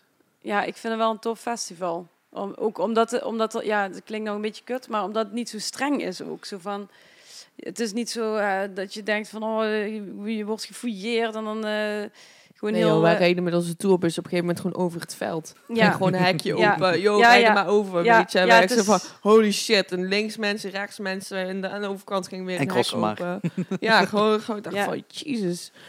Maar Ja, dat, vind dat dat kan alles nog inderdaad. Ja, klopt. En ergens houdt dat dan ook eens een keer op, denk ik. Maar eh, Maar als je gaat kijken naar Nederland, waar natuurlijk de afgelopen twee jaar eigenlijk heel erg over geklaagd wordt, is gewoon, er zijn te veel festivals. Er is te veel te doen, waardoor er een te grote concurrentie komt, waardoor er een te hoge prijs gevraagd moet worden om het nog eh, betaalbaar te houden. Eh, ieder dorp wil zijn eigen festivalletje organiseren, wat goed is voor bands, want daardoor kun je natuurlijk op heel veel plekken spelen. ja. Maar de kwaliteit gaat daar niet altijd op Ja, vooruit. precies. En wij hebben het ook vooral in België dan. En daar is het echt, ieder dorp heeft zijn eigen Yep. festival. ja, dat is En op een helemaal, gegeven ja. moment, ik was er eigenlijk wel klaar mee. Dat ik ook tegen de band zei van, ja, superleuk, super gezellig. Maar die mensen zijn zo stront zat, die herinneren ons morgen toch niet meer, bij wijze van spreken. Wa- wa- wat zijn we nog aan het doen elke keer naar de... Dan ben je wel hoofdact, oké, dan krijg je goed betaald. Maar als artiest is het wel een beetje zo van, ja, oké, weer zo'n tent. Ja, je kunt beter om ja. vier uur staan wanneer ze nog niet zo dronken zijn dan Ja. om tien uur staan en tot ze na het, eh, de, de, de vaten al leeg hebben. Ja, want wij, hebben- in België zijn we dan meestal op zo'n festival zijn wij main act. Ja, dan zijn, is er niks meer over van die mensen hoor. ja, dat is wel jammer. Ja, dat is wel, dat is wel weet je, ze, ze mosje en ze, ze, gaan, ze gaan los, maar het is, ja, ik weet niet. Kan ook gewoon aan mij liggen hoor. Ja, of misschien heb je het te vaak gedaan. Ik weet nog de keer dat ik in, in België eh, moest optreden en trouwens nog steeds. Ik vind het publiek daar gewoon veel leuker. Is ook. Eh, eh, gewoon die, die mensen zijn enthousiast, veel minder eh, bevooroordeeld. En eh, die gaan er nog gewoon echt voor. Terwijl in Nederland is het allemaal een beetje zo... Ja, maar in Nederland heb je gewoon, wat ik al zeg, je hebt overal de mogelijkheid om iedereen te zien. Ja, ik weet niet of het daarmee te maken heeft, hoor. Het is ook denk ik, als wij in de, in de poppodia spelen in Nederland ook, het is meer, die staan daar inderdaad een beetje met hun armen over elkaar gewoon echt naar je te kijken. En, en in België komen de mensen meer om echt om te feesten. En die, dan vinden ze je sowieso wel leuk. Ja. samen. Ze zijn veel minder kritisch in principe. En Nederland is, is gewoon kritisch. Maar ja, dat is ook met, met alle uitvindingen en andere dingen die worden gedaan. Als het in Nederland werkt, dan werkt het op andere plekken sowieso, weet je. Vaak wel, ja. Eh, misschien totdat dat, die hoge standaard dan, dan wel weer goed is. Maar het, eh, het overal beschikbaar zijn, hetgeen wat jullie dus nu ook zeggen, we gaan nu ook niet spelen, want we gaan focussen. Ja. eh, zorgt weer tot er straks weer meer vraag naar is, waarschijnlijk. Ja. ja. Ehm, en hopelijk vooral. Ehm, maar in Nederland inderdaad, ja, als je gaat kijken naar hoeveel festivals ik nu al ingepland heb voor, voor komend jaar, waarvan ik al weet, ja, daar ga ik sowieso standaard wel heen. Ehm, maar als je dan gaat kijken naar welke vest, vest, vetste festivals zijn, zijn het voor mij toch wel altijd de kleine festivals. ja, Dat vind ik nog steeds het tofst, met toch wel wat apartere namen, toch wel wat, eh, wat uitdagingen af en toe, ook voor de fotografie kant zijn. Dat je ook weet dat je niet altijd gewoon het goede shot hebt. Kijk, Pop on Top is heerlijk om te fotograferen. is altijd goed belicht. Je hebt de hele dag heb je ook zon tot de laatste band. Dus tot dan gaat het ook altijd goed. Dan kun je op het hoofdpodium doen wat je wilt, maar de foto's lukken. Uh, maar soms is het ook wel gewoon fijn om in de Spaanse kraag in de, op Breda Bars te staan. En dat je weet, fuck, ze hebben twee lampjes opgehangen en ze staan fout. Ja. maar ja, ja oké, dat is vanuit het perspectief van de fotograaf natuurlijk. Ja, maar dan krijg je ook wel weer een bandje dat gewoon zich helemaal uit de naad weten is om gewoon een goede show neer te zetten. Ehm, die het, het, het, hekje wat er stond, nou dat hekje stond er uh, twee minuten na het begin van de show al niet meer. En de act staat gewoon bijna volledig gewoon in het publiek te spelen in plaats van op het podium. Ja, dat geeft natuurlijk ook wel een bepaalde charme. Ja. Dat kun je op Pinkpop eigenlijk niet flikken. Maar, maar ik denk, kijk, zo zijn een heleboel grote festivals wel ook begonnen. Hè. Bijvoorbeeld uh, Paaspop is nou natuurlijk nog, niet, nog steeds geen mega festival. Maar toen... Uh, in de tijd dat ik uh, naar Paaspop ging. Toen hadden ze twee podia. 2001 of zo, 2002. Toen, nee, maar weet je, toen stonden daar gewoon ook bands als Terror en Dropkick Murphys. En stonden ze nog steeds? Ja, weet ik. Maar, ze hebben alleen geen metal stage meer. Maar, maar. toen... Nee, maar toen ja. toen was het gewoon... En toen 3FM moeide zich daar nog helemaal niet mee. En nu is het echt zo van superveel mainstream. Er komen nog steeds wel vette bands. Maar toen was het echt zo van, je hebt best wel grote bands zonder heel veel regels of commercialiteit eronder, uh, er doorheen. maar dat, heeft te maken met het feit dat je geld moet maken om dat festival betaalbaar te houden. en dat is iets waar wij natuurlijk nu, ik even vanuit, vanuit het bevrijdingsfestival, mee te maken hebben. Je hebt gewoon geld nodig om volgend jaar weer te kunnen bestaan. En hoe kun je geld maken ja, als een groot festival zijn en je moet steeds je ex steeds meer geld betalen, ja, dan wordt het wel moeilijk. Ja. Uh, of je moet kiezen om weer kleiner te gaan, wat ook natuurlijk kan. Maar ehm, ja, als je dan pop en top heet, ja, je wilt de Nick en, Nick en Simons en de Bluffs binnenhalen, ja, dan zul je daar inderdaad ook wel voor moeten neerleggen. Ja. En ja, Paaspop hetzelfde door. Ik bedoel, ze hadden nu Rhythm Temptation aangekondigd. Het zal niet de duurste act zijn die er staat. Maar toch wel eentje die, die wel voor betaald wordt om daar ja, te en, spelen. en, en acts hoeven het al heel lang niet meer te doen voor uh, cd-verkoop en zo. Hè? Dus uh, dat, nee, je dat zult ergens je geld moeten halen. Ja. Je zult ergens je geld moeten halen als Ja, daarom. Kijk, je snapt het ergens ook wel, want daar verdien je gewoon helemaal niks meer mee. Maar uh, ja, goed, ik ben zelf sowieso een beetje nu van de minder grote festivals. Uh, waar het overigens, dat wilde ik even nog benoemen, het was niet 30, maar 20 jaar um, of ja, anniversary, de Among the Angels Fest in Maastricht. Dat vind ik dan toch wel tof dat dat soort dingen weer uh, worden georganiseerd, weet je, in de muziekgieterij. Uh, met ja, Right Direction, Backfire en een hele hoop andere No Redeeming Social Value bijvoorbeeld. Ik vind het wel tof dat gewoon 20 jaar nadat dat echt helemaal hier booming business was, of booming business, dat het gewoon nu weer terugkomt. En dat zie je ook nu in Maastricht weer, dat er ook steeds meer initiatieven voor kleine... Of ja, in Maastricht moet nog een beetje aantrekken, maar bijvoorbeeld uh, in Geleen eh, zie je dat Coma Bookings dat nou ook wel doet. Dus vind ik wel tof dat dat, dat dat ook nog steeds bestaat. Maar heeft dat ook niet te maken met feit, dat is alleen maar positiviteit, hè? Geen, geen negatief woord daarover, uh, tot er steeds meer uh, verschil komt tussen het poppodium en de overige zaaltjes? Ja, want de poppodia's gaan dit steeds minder programmeren. Zij hadden voorheen hè, de 300 tot 600 capaciteiten. Maar nu vul je daar geen 2000 capaciteit meer mee. Nou, gieterij gaat wel naar meer, hè, nu weer. Maar goed, die programmeren dit soort dingen meestal ook niet. Maar, nee. maar in Geleen heb je gewoon met, met uh, um, de verschillende zaaltjes die ze daar hebben, genoeg plek om dit soort bands natuurlijk neer te zetten. Ja. Die te klein zijn om nog naar nog een kleiner zaaltje te gaan. Ja.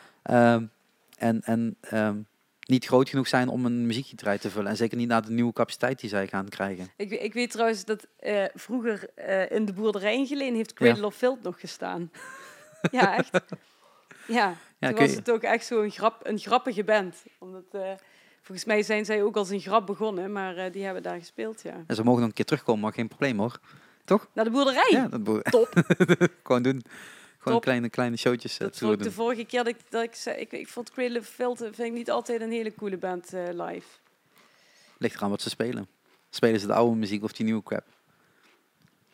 Ja, de, eigenlijk is het al heel lang geleden dat ik uh, naar een optreden ben geweest. Maar ik had wel trouwens naar Dimo Borg hier gewild, afgelopen uh, december. Met orkest?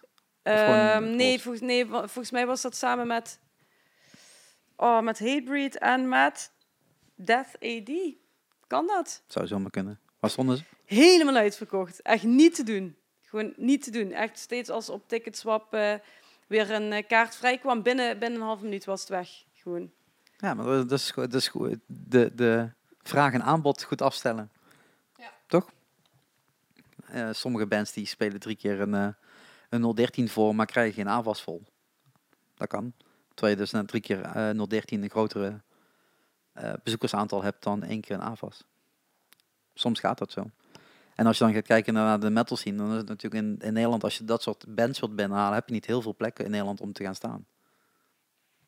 Je moet of naar het grote AVAS toe, of Ja. de 013, misschien de Tivoli. Ja.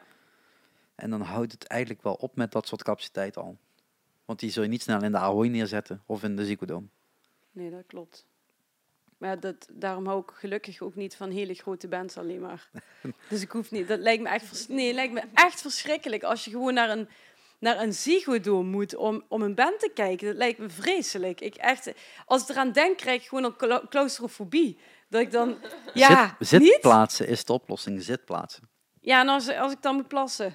Dan kun je, dan kun je, op, dan kun je, dan kun je opstaan en naar de wc gaan. vreselijk. Ja, maar dat lijkt me echt niks aan. Maar misschien, ja, ik moet dat misschien eens een Nee, ik had het voorheen ook echt gewoon van het feit, dan, dan had je staan eh, eh, kaarten voor Nightwish of zo. En toch meestal band die grote zalen kon vullen. Ja, staan plek, plekken doe je één keer. Of Film Temptation destijds nog, toen was ik fan, maar heel, heel lang geleden. Ehm, op een gegeven moment ben ik gewoon alleen maar zitplaatsen gaan kopen. En als je dan in sommige zalen kun je zelfs aanklikken welke zitplaats je wilt hebben. Dat is helemaal ideaal. Ehm, en dan pak je er eentje aan een zijpad. het is Ja. echt top. Doe ik in theater ook altijd, ja. Ja, ja. de meest ideale. En dan, kun je, na- dan heb je dus niet die drukte waar je in komt te zitten. En ja, je moet af en toe opstaan voor iemand door te laten. Maar ja, als wij naar, eh, naar de arena toe gaan voor, voor Ajax, dan kun je geen zitplaats, eh, kun je zitplaatsen kiezen. Maar al die zijn natuurlijk al meteen bezet, omdat je pas later tickets mag kopen. Ja, Ga je wel eens naar Ajax dan? ja. Oh, we zijn echt zo, aan het afwijken van het programma trouwens. hè. mensen, mensen kijken op de... Zo, niet wat gaan we tippen voor het volgend jaar? Oh, wil je de- de- Ajax! Ajax, Feyenoord.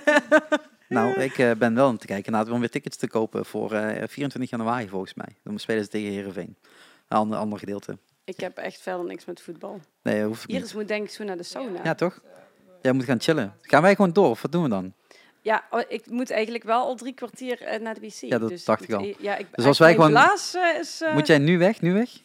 Ja, ik ben mijn vriendin proberen te contacteren. Maar Oh, die is al gewoon alleen naar de sauna. Ja, Die denkt gewoon, ik mag nu Het is twee wel een keer. hele chille sauna, de Veluwe Bron. Echt, vind ik ben echt... geweest, maar zij is er ook eens geweest met haar ex. Zij is vandaag, dus ze zei ja, dat is echt de beste. Ja, is, is ook echt. Ja. Maar als, wij nu gewoon, als jij nu gewoon in je hand klapt, dan stoppen we daar de opname. En dan gaan we dan gewoon even door. ja, vinden mensen het dan interessant? Oké. Ja, je- en we zijn weer terug. Ja, Nina is net weg. Die hebben we uit haar eigen huis gestuurd. Nou ben ik de nieuwe Iris. Met pet en met shirt. En dan klopt het weer helemaal natuurlijk. Ja, En ik ben gewoon een half meter wel opgeschoven. veel ouder en verlepter. Nou, nou, nou, nou, En nou. met een vele hogere stem. Eh, want we gaan roddelen over Iris, dus daarom nemen we nog een tweede gedeelte op. Iris, die is naar de sauna. ja, dat Ja. moet ook gebeuren. Dat moet zeker gebeuren. Ik Ja, ben nog nooit geweest in mijn hele leven, maar Nee. Nee. Nee? Nee. Ja, ik, ben, ik vind het echt fantastische sauna. Ik, eh, ik zou het niet weten. Ik zou het Nee. echt niet weten. Ik weet ook niet wat ik daar zou Nou, moeten Volgende podcast doen. in een in sauna. de sauna. Nee, denk ik niet. Ik denk het niet. Ja, ik weet eigenlijk niet hoe de setup een beetje goed gaat, maar ik denk dat als het zo laten staan, dat het wel goed komt. Ja, ik Denk denk, ik. het wel. Ja, want eh, eh, vorige keer kwam jij de podcast binnenlopen en daarna ging je weer weg. En toen zag ik met Iris gewoon een tijdje alleen. Ja. En nu eh, eh, is Iris weer weg en dan zit ik weer een tijdje met jou alleen. Ook al hebben we dat vorige keer in podcast 19 ook al gedaan. Maar mensen, we zijn in ieder geval weer terug, want ja, we waren eigenlijk nog niet klaar met ons lijstje. En met dingen showen en zo. Ja. Dus eh, ik denk, dan gaan we dat toch nog gewoon even doen. Kijken wat er gebeurt, toch? Ja, zeker kijken wat er gebeurt. Want Sharik heeft zich veel beter voorbereid dan, eh, Dan, dan ooit deze- tevoren. Dan ooit tevoren überhaupt. Ik schrok me echt werkelijk kapot gisteravond toen je zei... Kijk nog even naar het document. dacht ik, oh shit, had ik iets moeten doen? Eh, ja. Ja, had niet. Had niet per se hoeven. Jawel. Het kan. Het is niet verplicht. Nee, dat klopt. Want wa- waar waren we gebleven? We waren ergens met live shows bezig. Met het Tosse Festival. Had jij je Tosse Festival genoemd? Ehm, nee, maar ik vind het ook niet eerlijk als ik dat wel ga doen. Want Oh. ik ben eigenlijk... eh, kijk, normaal gesproken ga ik in een, eh, in een jaar eh, nou, iets van vier festivals... Of ja, in ieder geval vaak twee meerdaagse festivals. En, Pinkpop is één. Ja, Pinkpop is één, maar dat is, ja, dat is toch een soort van guilty pleasure. En ook mijn eerste, ja, daar ben ik als eerste naartoe gegaan ooit. En toen stonden nog, ja, daar ga ik weer, Sepultura, Rage Against the Machine, Oslo Posse. Toen stonden Ah, nog voor echte popbands. Ja, voor mij blijft dat toch gewoon een ding, zo van, ja, als ik er dan niet heen ga, dat, dat, dat ja, dan het idee heb dat ik toch iets mis. Plus mijn vriendin, die, eh, die vindt dat erg leuk, eh, altijd, Pinkpop. Eh, ik kan wel noemen wat ik het allerslechtste optreden vond. Laat mij dat lekker even doen. Doe ik, dat. pessimist. Het optreden van Ronnie Flex op Pinkpop. Oh my god, wat was dat Waarom was dat slecht? slecht? Ehm, ik vond het ongeïnspireerd. Ik vond het, ja, dat ik dacht, oké, misschien is het de naam dat hij op main stage staat, maar ik, ik voelde gewoon helemaal geen headliner of zo daarin. Eh, geen, ehm, Hij was ook geen headliner. Nee, maar even, hij, hij stond wel op, Mainstage. op main stage. En hè, toch eh, eh, ook ja, midden op de dag. En eh, kwam best wel veel publiek op af. En ja, hij, hij versprak zich ook een paar ja, keer over... Op een gegeven moment zei hij van, eh, give it up, Lowlands of zo. En dan denk ik, oké, je kan, tuurlijk, je kan fouten maken. Maar ja, maar niet zo'n fout. was, ja, het was de Als je optelsom... Pharrell Williams heet, kun je misschien die fout maken. Nou ja, het was de, op, de optelsom eh, eh, waarvan ik dacht van dit kan gewoon niet.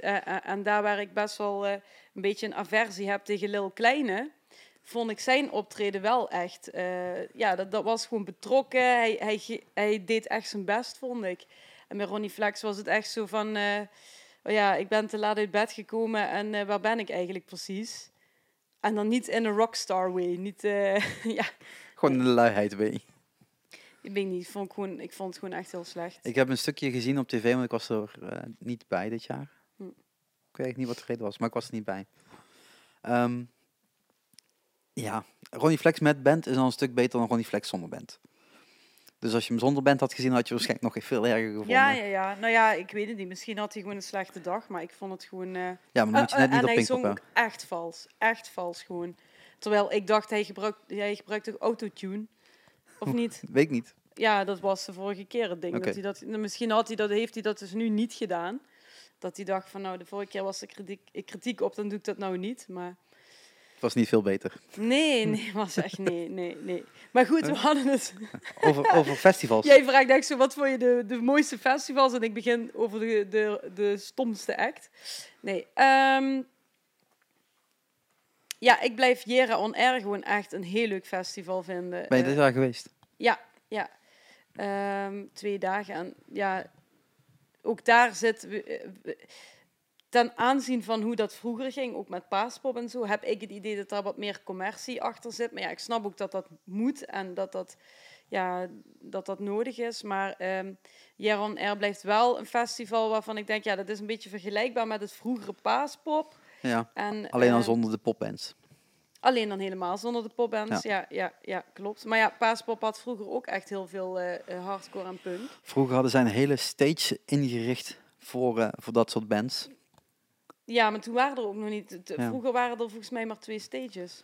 Ja, toen had je de, de, de, ja, ik noem het gewoon de metal stage rechts van de, van de main stage. En toen werd het de Phoenix stage. En toen werd het opeens de rock stage. En het werd steeds softer, softer en softer. Ja, En nu staan er gewoon ja. pop-rock bandjes. Op een gegeven moment stond Mr. en Mississippi in de metal stage. Dus dat zegt Oh. misschien wel genoeg over het grote verschil tussen... Misschien hadden ze les gehad van Iris. dat weet ik niet. Denk het niet. Maar eh, nee, ik vind het wel echt een vet festival. Ik denk dat dat gebeurt gewoon hier in Noord-Limburg. Ja. En eh, daar worden echt grote namen geboekt. En eh, er komen echt veel, veel Duitsers ook op af. En, ehm, en, volgens mij een heel internationaal, internationaal Ja. festival. Ja. Omdat het ook gewoon zo handig gelegen ligt. En je niet eerst helemaal naar Amsterdam hoeft te rijden om daar te raken. Je kunt gewoon Limburg inrijden en je bent er. Ja, En vanuit heel veel landen is dat toch redelijk... wel even rijden, maar Ja, maar vanuit, vanuit eh, ja, vanuit Duitsland, is- ben je sneller in Limburg dan in Amsterdam. nee, klopt. Eh scheelt je toch weer twee uur eh, extra reistijd bijna. Maar wat ik, het, ik vind Jera een, een prachtig festival. Ik heb er een aantal keer mogen zijn. Meestal valt hij net verkeerd voor mij, waardoor het net niet past in mijn schema.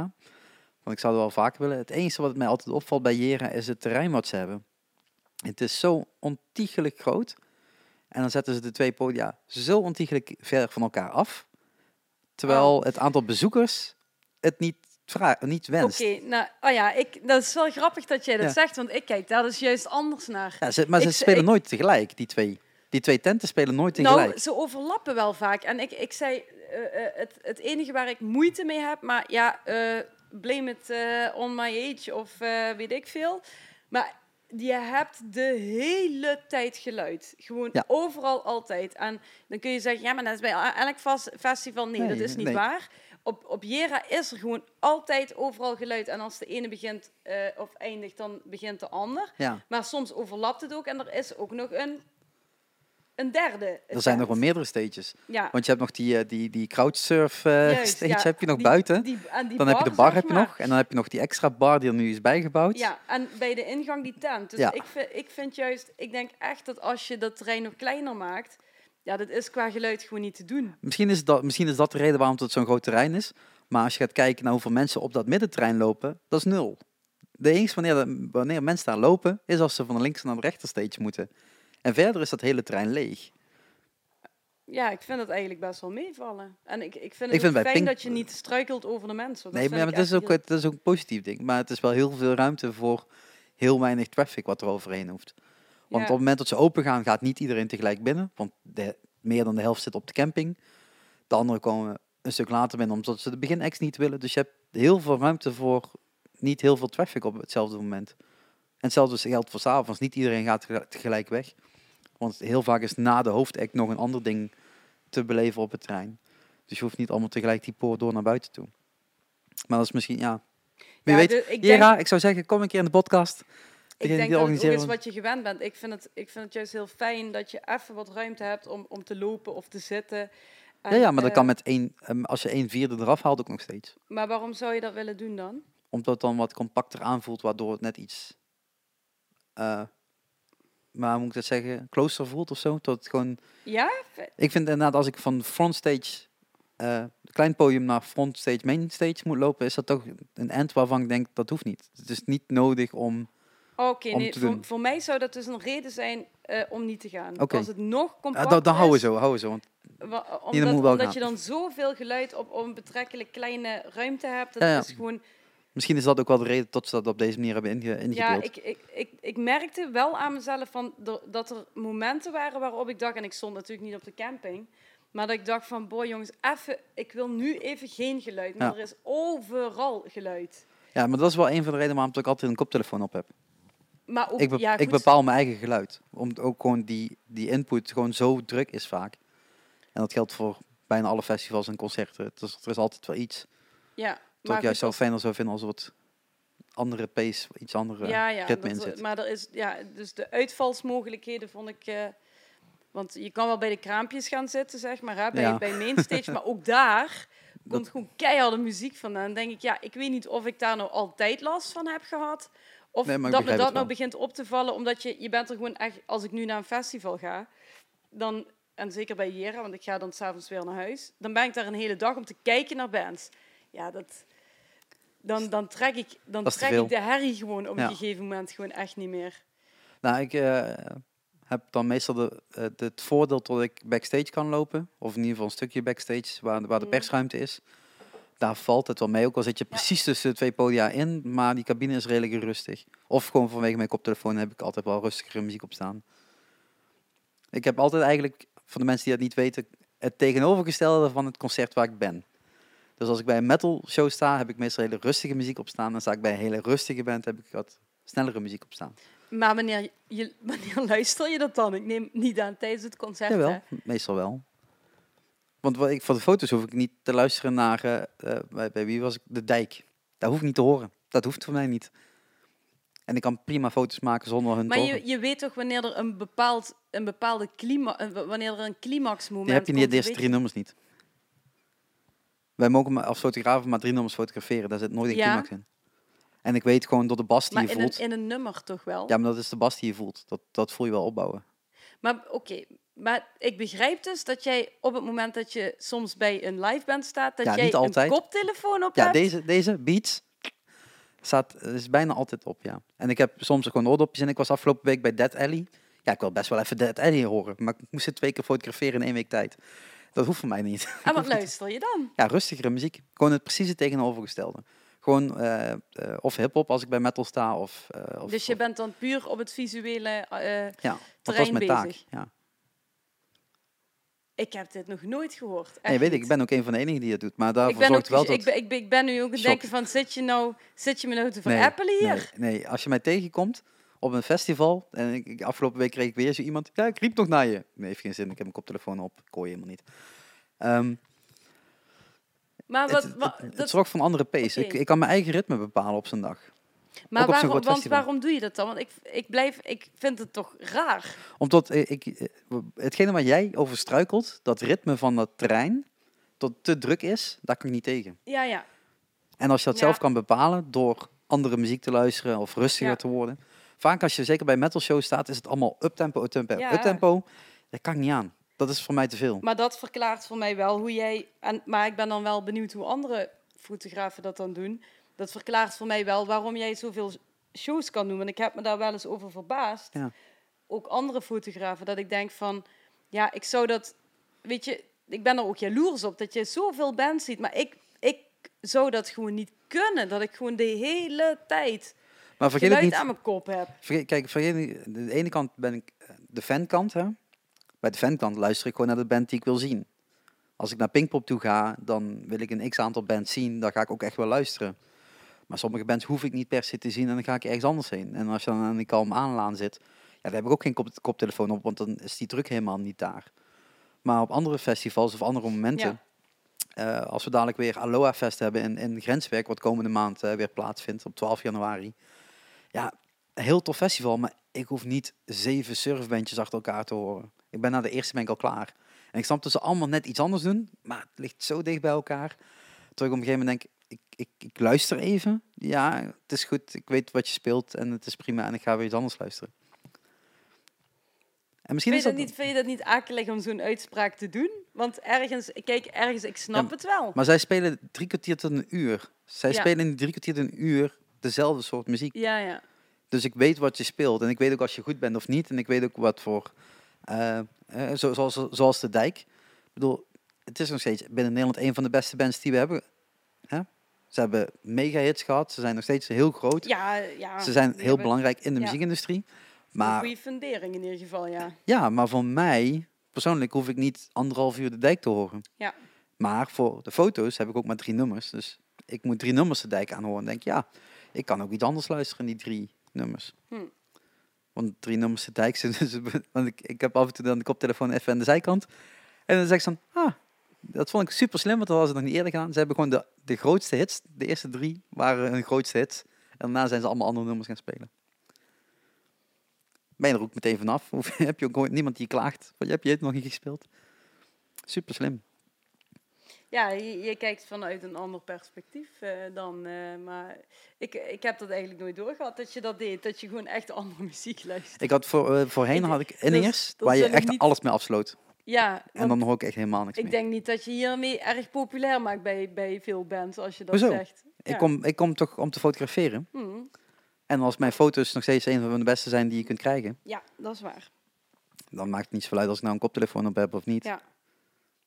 En als ik van je muziek kan genieten, zul je dat ook zien. Maar dan kan het steeds zijn dat ik de koptelefoon op heb, maar dan staat hij uit. Maar dat zie je niet. Dus dat is een beetje twijfel. Spannend. ja. Nu kunnen we kunnen alle Limburgse bands gewoon zo van als we Sharik zien, dan kunnen we gewoon eh, een eh, weddenschap doen van heeft hij muziek op? Ja, je kunt ook gewoon Niet? vragen. je kunt ook gewoon vragen. Nee, ja, som, ik bedoel, afgelopen, was het volgens mij afgelopen week of twee weken daarvoor, was ik dus bij, bij Star the Revolution, The Royal en... nou, ik blind, nog iets zeggen? Eh Blindside. Oh ja. Ja, die stond in de, in, in de Ja. in Uden. En dan mocht, ik- Oh. mocht, ik- mocht ik bij zijn. Ik heb de hele avond geen koptelefoon op gehad. Ik kan dat prima trekken, die drie bandjes. Dat, dat, dat verschilde ook qua, qua tijd. Ze speelden allemaal ongeveer een half uurtje en Blindside wat, wat langer. Ja, dat, dat trok ik wel. Dat ging ook wel. Maar ik heb niet allemaal altijd die dagen totdat het me goed Nee, valt. dat snap ik. En zeker Nee. op de weg heen en op de weg terug heb ik ook echt geen metal geluisterd. Gewoon zorgen van laag energieniveau. Zorgen dat ik rustiger word, want anders zit ik opgefokt in de auto. En Ja, het is wel een beetje waar. dat is voor de ja. boetes niet handig. Ja. Nee, het klopt, het klopt wel. Ik heb, er, ik heb daar zelf gewoon ook vaak last van op, op festivals, zeg maar. Vroeger had ik dat gewoon helemaal niet, heb ik het idee. Maar nu, eh, dat ik soms denk, oh, even gewoon... Ja, maar dan zit je op een heel ander energieniveau. En dat energieniveau kan ik niet aanhouden. Als ik de hele dag op Pinkpop sta, heb je de hele tijd andere soort muziek. Dus dan krijg je Ja. iedere keer een andere snelheid.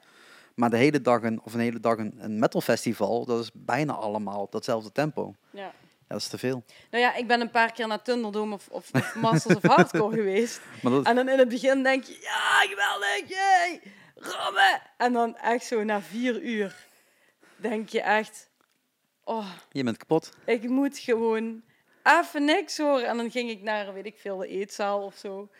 Maar dan was het daar ook, je hoort er gewoon de hele tijd boe, boe, boe, Ja. boe. En op een gegeven moment, ja, ben je dat gewoon moe, zeg maar. Ja, maar ik kan me dat wel voorstellen, maar de, de, de, huidige festivals houden daar niet altijd rekening mee. Nee, het is gewoon eh, overprikkeling ten top, hè. Je- de- in alles vind ik dat. Gewoon, je In, bent, in, in merchandise dat je kan kopen, de, de kraampjes die er staan, de foodtrucks die ook allemaal geluid Ja. moeten maken. En eh, overal verschillende warmtes, ook nog zoiets. Eh, als je ergens binnenloopt is het koel, de andere moment is het warm. En, Ja, ja. Ja, helpt je allemaal hebt niet gewoon om een constante feed aan. eh, dit heb je niet alleen op social media, denk ik, maar ook gewoon nu in de maatschappij zoals die is. Continu input, input, Ja. input. En dan is het mag nooit eens een keertje even saai zijn. Terwijl op een festival denk ik vaak van ja, ik, ik zou het wel fijn vinden als ik gewoon even een eh, stil plekje kon, eh, kon opzoeken. Gewoon waar ik even. Even gaan rusten, Even ja. tien minuten en dan weer ja. terug. Daarom, ben ik, ik- daarom vind ik het ook fijn als ik bijvoorbeeld zelf moet optreden en er is een backstage, dan, eh, dan kan ik me gewoon ook even terugtrekken op het moment dat ik dat nodig heb. Ja. En als ik publiek ben, dan, dan gaat dat niet. Dus dat vind ik Nee, ja, dus later binnenkomen. Of eerder weggaan. Een van de twee. Ik heb eh, de meeste shows die ik doe, kijk ik ook niet uit. Tot ik bij Blindside Ja. tot het eind ben gebleven, is omdat ik een toffe band vind. Ja, ik, want ik, eh, ik heb ze helemaal niet meer gezien, maar... eh, ze stonden laatst in de Nieuwe Nog en ze Ja. stonden nu in de Pul en eh was het 2019. Ja, ja, zeker. Ja, toch? Alleen, het is natuurlijk zo, Blindside is natuurlijk niet uit hetgene waar ik ben opgegroeid. Dus het is voor The Royal en de Start, Start Revolution ligt dichter bij mij dan tot Blindside doet. En ehm, wat, wat, wat de band doet, is nog steeds heel classic. En redelijk weinig nieuw. En misschien tot ze met, met nieuwe muziek daar wat meer een transitie in gaan maken. Maar het, het staat als een huis. En dat is iets wat, wat, wat dit soort bands gewoon heel sterk maakt. Ja. Ze, ze weten wat ze spelen. Ze weten al lang hoe ze dat moeten spelen. En ze weten ook hoe dat op het podium goed moet eruit zien. Dat komt wel goed. Dan hoef je niet... niet, niet... Ik baal dat ik ze nou eh, toch eh, gemist heb, eh, maar ja, Je kunt de foto's terugkijken op mcshark.nl. ga ik doen. Eh nee, maar dat is natuurlijk wel een beetje van... van eh, je zegt inderdaad van je doet heel veel shows. Ik heb dit jaar een- heel veel minder shows gedaan dan ik normaal doe. Normaal zou ik boven de 175 tot 200 shows per jaar. En nu zit ik rond de 150, denk ik, ook uiteindelijk ben uitgekomen van dit jaar. Maar dan komt er ook een aantal andere projecten aan doen men. Dus ik weet gewoon dat ik met, met minder shows eh, ook richting het komend jaar ga zitten. En dat is op zich nog niet erg. Ik maak steeds vaker de keuze, ik blijf even thuis op de bank zitten. Gisteravond, we nemen dit op, eh, ik weet niet, welke dag is vandaag? De 30ste? ik weet niet meer welke dag het is. Ik weet het niet. De, de weet 30ste? het is tussen kerst en nieuwjaar en ik snap het niet meer. Dat. Ik heb vakantie, mensen. Niet dat ik echt vakantie heb, maar ik heb vakantie van school. Ehm, ik heb ook vakantie. eh, gisteravond was er een, een, een, ehm, eh, de Pitbull Theater. Ja. Was er een showtje en eh, ik, ze, ze wilden mijn foto daarvoor gebruiken. Lotte Walda stond op die poster en die wilde een foto hebben. Dus die zeiden van ja, kom maar langs, weet je, kun je gewoon, eh, kun je gewoon binnen. En toen heb ik gisterochtend, of eigenlijk gisternacht getekst. Ehm, ik weet nog niet als ik ga komen, want ik moet nog best veel doen. En uiteindelijk klopte dat om acht uur lag ik plat. Ja. En als ik dus, na, dus nog naar een show had moeten gaan, dan was, het, dan was dit nu niet mogelijk geweest, dat weet ik Ja. zeker. Nou, en dit had je natuurlijk niet willen missen. En dit was een afspraak Met die, alle tips van 2019. die we nog steeds niet genoemd hebben. Komen nog, komen nog. Iris die naar de sauna is nu. Nou ja, ja, Ja. maar de, de enige tip die tot nu toe de Backstreet Boys album, dat, daar, daar waren we al over. Ja, nee, maar ik vind het moeilijk. Want jij zei toen van, of ja, eh, goh, eh, welke tips heb je voor 2019? Poeh. gaan, we, gaan we al naar 2019 of gaan we gewoon Weet ik 2018 eerst af, af, afronden? Ja, dat kan. eh, alleen ik voelde me een beetje beperkt daarin. Dat ik dacht, oh, ja, ik mis toch wel een hele hoop. Want eh, ik luister een hele hoop muziek. Maar ehm, toen dacht ik, ik heb, ik, heb er, ik heb helemaal niet gekeken wie er per se een nieuw album heeft uitgebracht of zo. Ehm, Ik heb iTunes geopend, datum aangeklikt en toen begin met scrollen. En toen Ja, kwam ja. er op een paar uit. Ja, ja, nou ja, ik, ja, ik heb dat met Diesel gedaan dan, zeg maar. En toen zag ik, oh, ik heb wel, eh, zeg maar, eh, een aantal... eh, bijvoorbeeld Dimo Borgir, Ja. eh, die heeft een aantal eh, nieuwe dingen uitgebracht waar ik echt super... Ja, ik vind het echt super gaaf. Ehm, en Slipknot heeft een, die gaat een nieuw album uitbrengen. En dat is echt mijn guilty pleasure, want... Ja, Er is niks guilty aan. Ik bedoel, het is gewoon Ja. pleasure. Puur pleasure. Ja, ja, ja. Ja. Nou, het is een beetje de happy hardcore van de, van de, van de, van de, van de nu metal, zeg maar, hè, van vroeger. Maar ik, ik, ik, dat ik dacht, oh, die, ik was op een gegeven moment die track aan het luisteren, omdat ik een bepaalde playlist had opgezet. En ik denk, wat is een vette track, even kijken van wie die is. En toen zag ik dus pas dat het van Slipknot was. En ik zo, oh, oké. Ehm, ja, dus dat vond ik wel, eh, wel gaaf.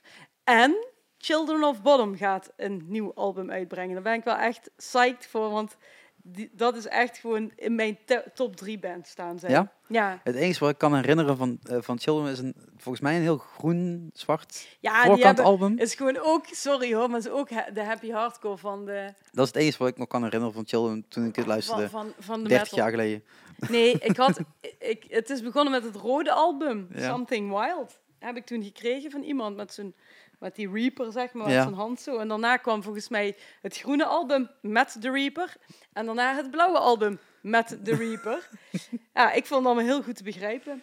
Lekker eh, leuke kleurtjes, alles hetzelfde. nee, maar ik, nee, ik, ik eh, en sinds, sindsdien heb ik ze eigenlijk niet meer, ben ik ze een beetje uit het oog verloren. Maar nu, eh, de laatste tijd, luister ik het weer heel veel en heb ik een nieuwe track, of de nieuwe track van het nieuwe album geluisterd. En toen dacht ik, ja man, vet. Ik denk dat Echt, 2019 sowieso een heel tof metaljaar kan gaan worden. Buiten Spoil Engine natuurlijk, hè, mensen die allemaal gaan kopen in november. Eh, maar maar eh, er zijn heel veel bands dit jaar heel rustig geweest. Heel veel bands die alles door hebben geschoven naar 2019. Zoals, want ik heb... Ja, zoals, zoals Slipknot en Children of Bottom, maar Ja, ook ja. eh, The Royal die in between eh, albums zaten. Form King die dan net nu de nieuwe plaat uit heeft. Ja, ja, is allemaal-. Er zaten een aantal heel vroeg afgelopen jaar. En toen heel lang niks, voor mijn gevoel. En nu, eh Off the Cross heeft natuurlijk een nieuwe plaat. Daar hebben we ook een podcast mee opgenomen. Ehm Diabolus Sorry, de? Off the Cross Oh, uit, eh, uit België. ik verstond echt iets compleet anders. ja, dat kan gebeuren. De koors. De, de koors. De hebben we ook. Maar ik weet niet of die met een plaat komen eigenlijk. Dat, zou zomaar kunnen. Dat kunnen we Brian vragen. Brian, als je het weet, reageer even in de comments. Welke Brian? Eh, Brian van Haar hebben we ook een podcast mee opgenomen over fandoism. Over, eh, eh, over alle gekke, maffe dingen die hij allemaal doet om, om bandjes te zien. Want hij was wel bij van alle shows van O'Gene geweest. Geen idee waarom dat je dat zou doen, maar Brian weet dat. Ehm, ja, Ja, en, Dus het en volgens mij heeft, heeft, ik denk ook trouwens dat Machine Head afgelopen jaar het laatste album heeft uitgebracht. Of volg jij zij, eh, Nee, volg je ze nee. niet echt? Ah, Oké, ja, dat is ook zo. Ja, ik ben heel erg van wat ik in de jaren 90 heel veel heb geluisterd en begin 2000, dat luister ik nog steeds. Heel Ja. conservatief. maar je hebt natuurlijk ook tickets gekocht voor Charlie en Mental Tio in de Ziggo dan. Nee, nee, nee, nee, want daar ben ik nooit echt fan eh, van geweest. Nee, wel van Scooter en eh, die heb ik dus gemist. Heb je die nee, je hebt die wel gezien op Solar. Maar dat ja, op Solar dat- heb ik dat ze gezien. daarvoor. Was verschrikkelijk, maar dus ook heel erg leuk. Stonden we samen op zo'n zijkant dek. Oh, dat was, ja, inderdaad, ja, inderdaad. En toen BNN er tussendoor Ja. kwam, mogen we hier staan? Ja, dag. We Ja. staan hier al uren voor scooter. Ja, ja, maar we moeten opnemen. Ja, Ja, dat is leuk en ik je. moet kijken, ja. Eh, nee, klopt. Nee, de- nee ik heb... ehm, ik heb, ik heb voor komend jaar ook niet concertkaartjes al. Ik zou eigenlijk wel naar de Heideroosjes gaan met iemand, was uitverkocht. En Ik, zou, ik wilde nog naar Ghost. Maar je gaat naar Jeren komend jaar. Weet ik niet. Ja, ik denk Jawel, het. want er staan heideroosjes. Ja, als ik, als ik kan, ga ik sowieso. Ja, want dan kun je de heideroosjes zien. En anders moet je naar Ja. Paaspop staan ze ook. Ja. En toch denk ik nog steeds, ik weet zeker dat ze nog steeds super vet zijn, maar echt in de Hanenhof vroeger in Geleen denk ik dat het echt het leukste was gewoon. Ja, dat, dat gaan ze niet meer overtreffen misschien. Nee, ik heb nog, ik heb nog dat gele t-shirt waarop staat tering tyfus takkentrut, zeg maar. eh, ja, toen, toen nog, eh, nog toegankelijk en, eh, en tof was. was mijn eerste keer mosje en stage diven trouwens. Was in eh 1996, denk ik. Of 97. Dat kan. Toen was ik eh, Ja. tien of elf. Oh! Ja. Ja. Maar ik heb nooit gestagedived. Ga ook niet Nee, meer, de mensen. laatste keer dat ik dat heb gedaan, eh, was ook de laatste keer. Mijn knie kraakt nog steeds, moet ik niet meer doen. Ja, Nee, als ik, als ik naar de albums kijk van, van afgelopen jaar, dan, dan moet ik Mayen even noemen. Ik kan nog steeds de naam niet uitspreken. De Di- Dinah of zo, Diana. Iets in die trend, met de Mayen plaat. Maar dat is natuurlijk ook gewoon eh, support. Ik bedoel, die plaat is zo goed geproduceerd weer. En, eh, ja jij Iedereen zegt het. zit. Ik, ik ken het dus gewoon nee, niet. dat ja, dacht ik al. Maar dan kom ik bij de volgende, die ken je al helemaal niet. Elevation Worship, Nee, nee, de christelijke nee. plaat. sorry. Met een christelijke plaat? Ja, Elevation Worship. Wat denk jij als je die naam, eh naam nou ja, ik luisterde vroeger naar Amorphis, dus dat is Ah, ja. een beetje hetzelfde. Nee, maar dit is, dit is gewoon poprock eh, muziek. eh, heel, heel mooi, oh smooth nee, smaak. dat, nee, nee, nee. Eh Rand Collective met Good News. Ook een, een, een, een, christelijke plaat. Noordwoord van, van Floor Jansen. Oh, oké. Ja. Ja. Die kwam ook dit jaar uit. En Winnen, de, de hiphopplaat van Winnen, Oprecht door Zee. Ook erg goed. Dat waren eigenlijk mijn ding, beste albums van dit jaar. Oké, ja, dat is eh, net iets anders dan, eh, dan wat jij zou kiezen. dan die van mij. eh. Ja, ik Nou, was, ik was heel zoeken naar metalplaten, maar ik kwam eigenlijk niet verder dan mee in. En dat zal wel Nou, aan ik mij denk dat liggen. ze er wel zijn, maar ik moet eerlijk, ja, ik moet eerlijk zeggen. En dan, Daar kan voor een king zullen dan wel zeggen, ja, maar- waarom kijken we dan naar deze podcast? Maar ik, mijn focus heeft even op, op ook andere dingen Ja. moeten liggen. Dus ik heb ook niet, ik weet zeker dat er ook lokaal dingen zijn uitgekomen die gewoon goed. goed Meen je is lokaal, hè? Gewoon even nog credits in Reuver stoppen, hè? Oh! Ja. Sorry, dat wist ik niet. Nee, wist ik echt niet. En Floor is natuurlijk ook in Limburg, hè? Ja, dat, dat sowieso. staan Ja, ja. twee in mijn Ja. top. Maar ook Dat in al heel lang niet meer, maar toch. Maar in, in, eh, in hardcore wereld eh, is ook weer van alles in beweging. Dus dat, eh, Ja, maar ook wel allemaal richting 2019. Het is allemaal nu een beetje begonnen en er komt Ja. nu weer allemaal een beetje op. En daar in 2019 is het weer... Ja, ja wij met Chain of Dogs, al is dat niet echt hardcore, maar gaan, we hebben ook... rustige, rustige pop, poprockmuziek. ja, denk ik ook. Eh, nee, wij willen ook weer opnieuw eh, gaan Ja? opnemen in 2019, ja. Dus eh, ik, ik weet niet of ik dit mag zeggen. Sorry Tim en Olaf en Samana en We Remy. knippen dit niet eruit. Oké, we knippen niet. Maar wij willen wel eh, Iets gaan doen. weer iets gaan, eh, gaan opnemen, ja. Dat is wel tof. Ja, dat is zeker tof. Ja, ik, mij lukt het ook gewoon niet om, om ja, stil te zitten, of hoe zou ik het Letterlijk zeggen? niet. Dat ik dan denk van, eh, nee, letterlijk niet, sorry. Dat, eh, Krijg je met die drummers. Ja, dat is wel waar. Maar ehm, dan denk ik, oh ja, ik wil toch weer spelen, weet je wel. En, eh, maar je, ja, ik realiseer me dan nooit van dat, dat daar ook echt, daar komt gewoon heel veel investering bij kijken, zeg maar. Voor Ja. Iris is het deels werk, maar voor mij is het gewoon echt, ja, hobby. En er is een tijd geweest dat ik, dit, eh, dat ik mijn werk heb afgestemd op mijn eh, bandleven. Ja, toen- toen kon ik er ook al niet van leven. Dus ja, dat is gewoon nu dat, dat, dat ik denk, ja, ik weet niet, het blijft hobby. Je verdient er echt eh, geen zak mee. En, Nee, ja, is- soms, soms wel trouwens, ligt eraan wie je speelt. Maar dat is natuurlijk inderdaad zoeken van, van, van wat wil je. En op het moment dat je nu zegt van we gaan nu een cd maken, of je maakt een EP of je maakt Ja, een single, maar zijn wel drie totaal verschillende investeringen. Ja, Met misschien wel dezelfde resultaten. ja nee, dat, eh, dat, dat klopt ook. En niemand zegt dat je het verplicht moet doen, natuurlijk. Nee, Kijk, bij Spoiler Engine weet je gewoon, er moet een opvolger komen van een hele succesvolle vorige plaat. nou ja, dat Dus, daar, ook daar- dus, niet. hè. dus daar kom je niet met een singeltje weg. nee, Die nee, moeten ook met een plaat komen. Die moeten daarin een volgende stap maken. Ja. En dat is ook alleen maar goed. Maar de- ik denk dat het ook, ja, soms heeft het ook, ik bedoel, Iris die staat denk ik ook nog gewoon helemaal in het begin, die zit helemaal in de bloei van haar leven of zo. En Ja, maar de rest van eh, de, van de bandleden zijn niet zo jong als haar. Hè? Nee, dat Dus, klopt. eh, Nee, er dat, zit ook nee, wel een dat, beetje verschil nee, in. dat klopt. Ja, dat klopt. Ja, ja. Maar ik, ik merk zelf nu, zeg maar, dat ik het fijn vind als, er, als ik naar een doel kan toewerken. Van bijvoorbeeld One Night Stand. Ik ben gewoon super trots dat ik ben gevraagd om nog bij die band te spelen. Eh, in de afterparty van Among, eh, Amongst the Angels Fest. Among the Angels Fest. Gaat Ja. goed met mijn, met Ja. mijn articulatie vandaag. Het, eh, Ehm, tot ik steeds vroeger vandaag, dus dat scheelt. Ja. Maar dan weet ik van, je werkt ergens naartoe, je werkt naar die show toe. Het zijn zoveel repetities en dit is wat we gaan doen. Ja, En, zo, letterlijk zoveel minuten spelen en dat is waar je voor voorbereidt. Ja, ja, ja. En ik bedoel, de, de weg er naartoe is natuurlijk ook super, is super belangrijk. En als die leuk is, dan, eh, dan is dat eh, heel voordelig. En dat, maar ja, ergens, ik denk dat dat het moeilijke is met het spelen in een band. Van ja, welke doel, wel, wa- wat voor doel heb je? En, en dat is voor iedereen vaak anders. Ja, misschien Ja, dat we dan even een bruggetje kunnen maken naar Phoenix Ashes. Ja, als Ja. we nog over Limburgse eh, trots eh, hebben. Ja, Eh, binnen heel Limburg eh, zijn niet heel veel mensen die daar naar de shows toe gaan. Maar we stonden eerder dit jaar in Indonesië ja, met een tour.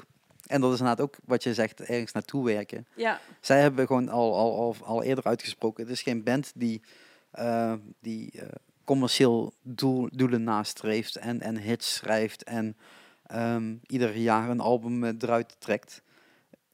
Dit- ze hebben een heel ander doel neergezet en zij willen toffe, toffe dingen doen. ja. En nu kwam het toffe ding toevallig op het pad om naar Indonesië te gaan. En dan ga je daar opeens, eh, volgens mij hebben ze zeven, acht shows eh, daar gespeeld. Ja, dat publiek is totaal anders dan, dan in. In, in, in Nederland. Hele andere manier van, van, een, van een show beleven. En dan helemaal binnen de metal scene. We hebben op plekken gestaan waar gewoon ook letterlijk gezegd werd...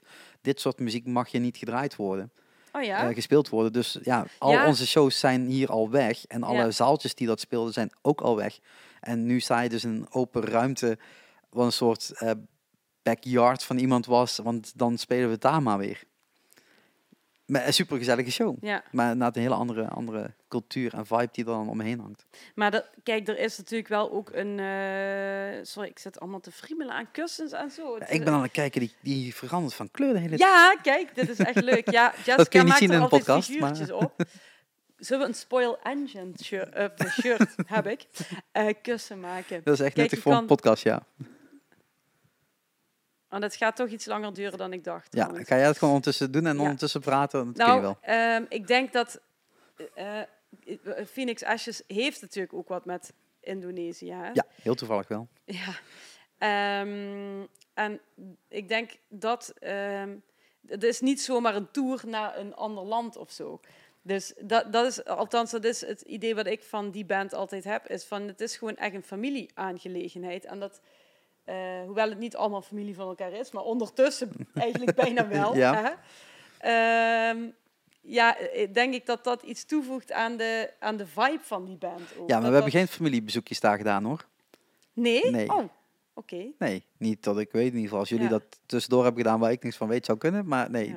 het was echt toeren. Het was echt gewoon shows Ja. spelen, eh, veel reizen, heel veel reizen, heel veel in auto zitten. Maar dan kun je ook allemaal weer terug horen in de podcast die ik nog met ze heb Ja. opgenomen na de tour. Om dat toch eens even te bespreken. Hoe het allemaal is gegaan om, eh, om zo'n tour eh, neer te zetten in een totaal ander land. Maar zo- zo'n, zulke bands heb je dus gewoon, die dan ja, meer zijn dan een band of zo. Die, die zijn meer, dat is gewoon meer familie of zo. En dat, ja, dat idee heb ik bij die bands. Van, dat is echt een soort van, ja, ik vind het wel tof. Die hebben iets met elkaar, waar, de- waar denk ik dus ook die band zo lang door kan bestaan. Je kan niet, denk ik, op puur zakelijk eh, ge- ge- gebied of puur voor de muziek eh, bij elkaar blijven. Er zijn vast bands die dat wel kunnen, maar Ja. ik denk echt dat de kans heel klein is dat, dat je dat lukt. En als je dat hebt, wat bijvoorbeeld Phoenix Ashes heeft, of Circle of Silence, denk ik ook, Mhm. waar trouwens ook leden van Phoenix Ashes in zitten, ja, dan heb je wel een, eh, een, ehm, een goed eh, recept om, om lang te bestaan als een band. Ja, alleen inderdaad, het financiële kader is dan heel anders. Je bent niet, eh, niet Ja. eh, ervan aan het leven. Ehm, Dat is niet van toepassing bij Spo- helemaal niet? Nee. Oké. De, Ja. de gages zijn nog zo laag dat iedereen kan zijn boeken voor komend jaar. Alleen ze zijn Ja. niet overal beschikbaar. Want dat is natuurlijk de andere kant van het, van het gedeelte. Hetgene wat jij net ook zegt. Stel je je werk in, in dienst van, van het spelen of andersom. Ja. En eh, ja, je maakt andere keuzes. En zo'n band als eh, Ja. Phoenix Ashes kan gewoon een hele toffe Indonesië-tour doen. Omdat ze gewoon allemaal tegelijk even vrij nemen. Ja, Ehm, ja. Maar dat betekent dat je op andere momenten geen vrij kan nemen. ja, dat betekent een bepaalde eh, opoffering die je, ik denk ik, alleen kan doen eh, als je A, allemaal dezelfde ja, prioriteit hebt. Dat, Mhm. is al, dat klinkt misschien heel simpel, maar dat is het echt niet. Ik bedoel, dat heb je in een gewoon bedrijf al niet. Nee. Eh, en toch een soort van eh, loyaliteit naar elkaar hebt, die, die bijna, ja, die toch wel familiair is of zo. Dus, ehm, en ik denk dat, dat, dat zij dat hebben. Ik vind het ook heel knap dat dat, dat dan lukt om met elkaar een tour te plannen. Eh, en iedereen, zeg maar, ja, is, is Het is heel wat werk geweest, ja.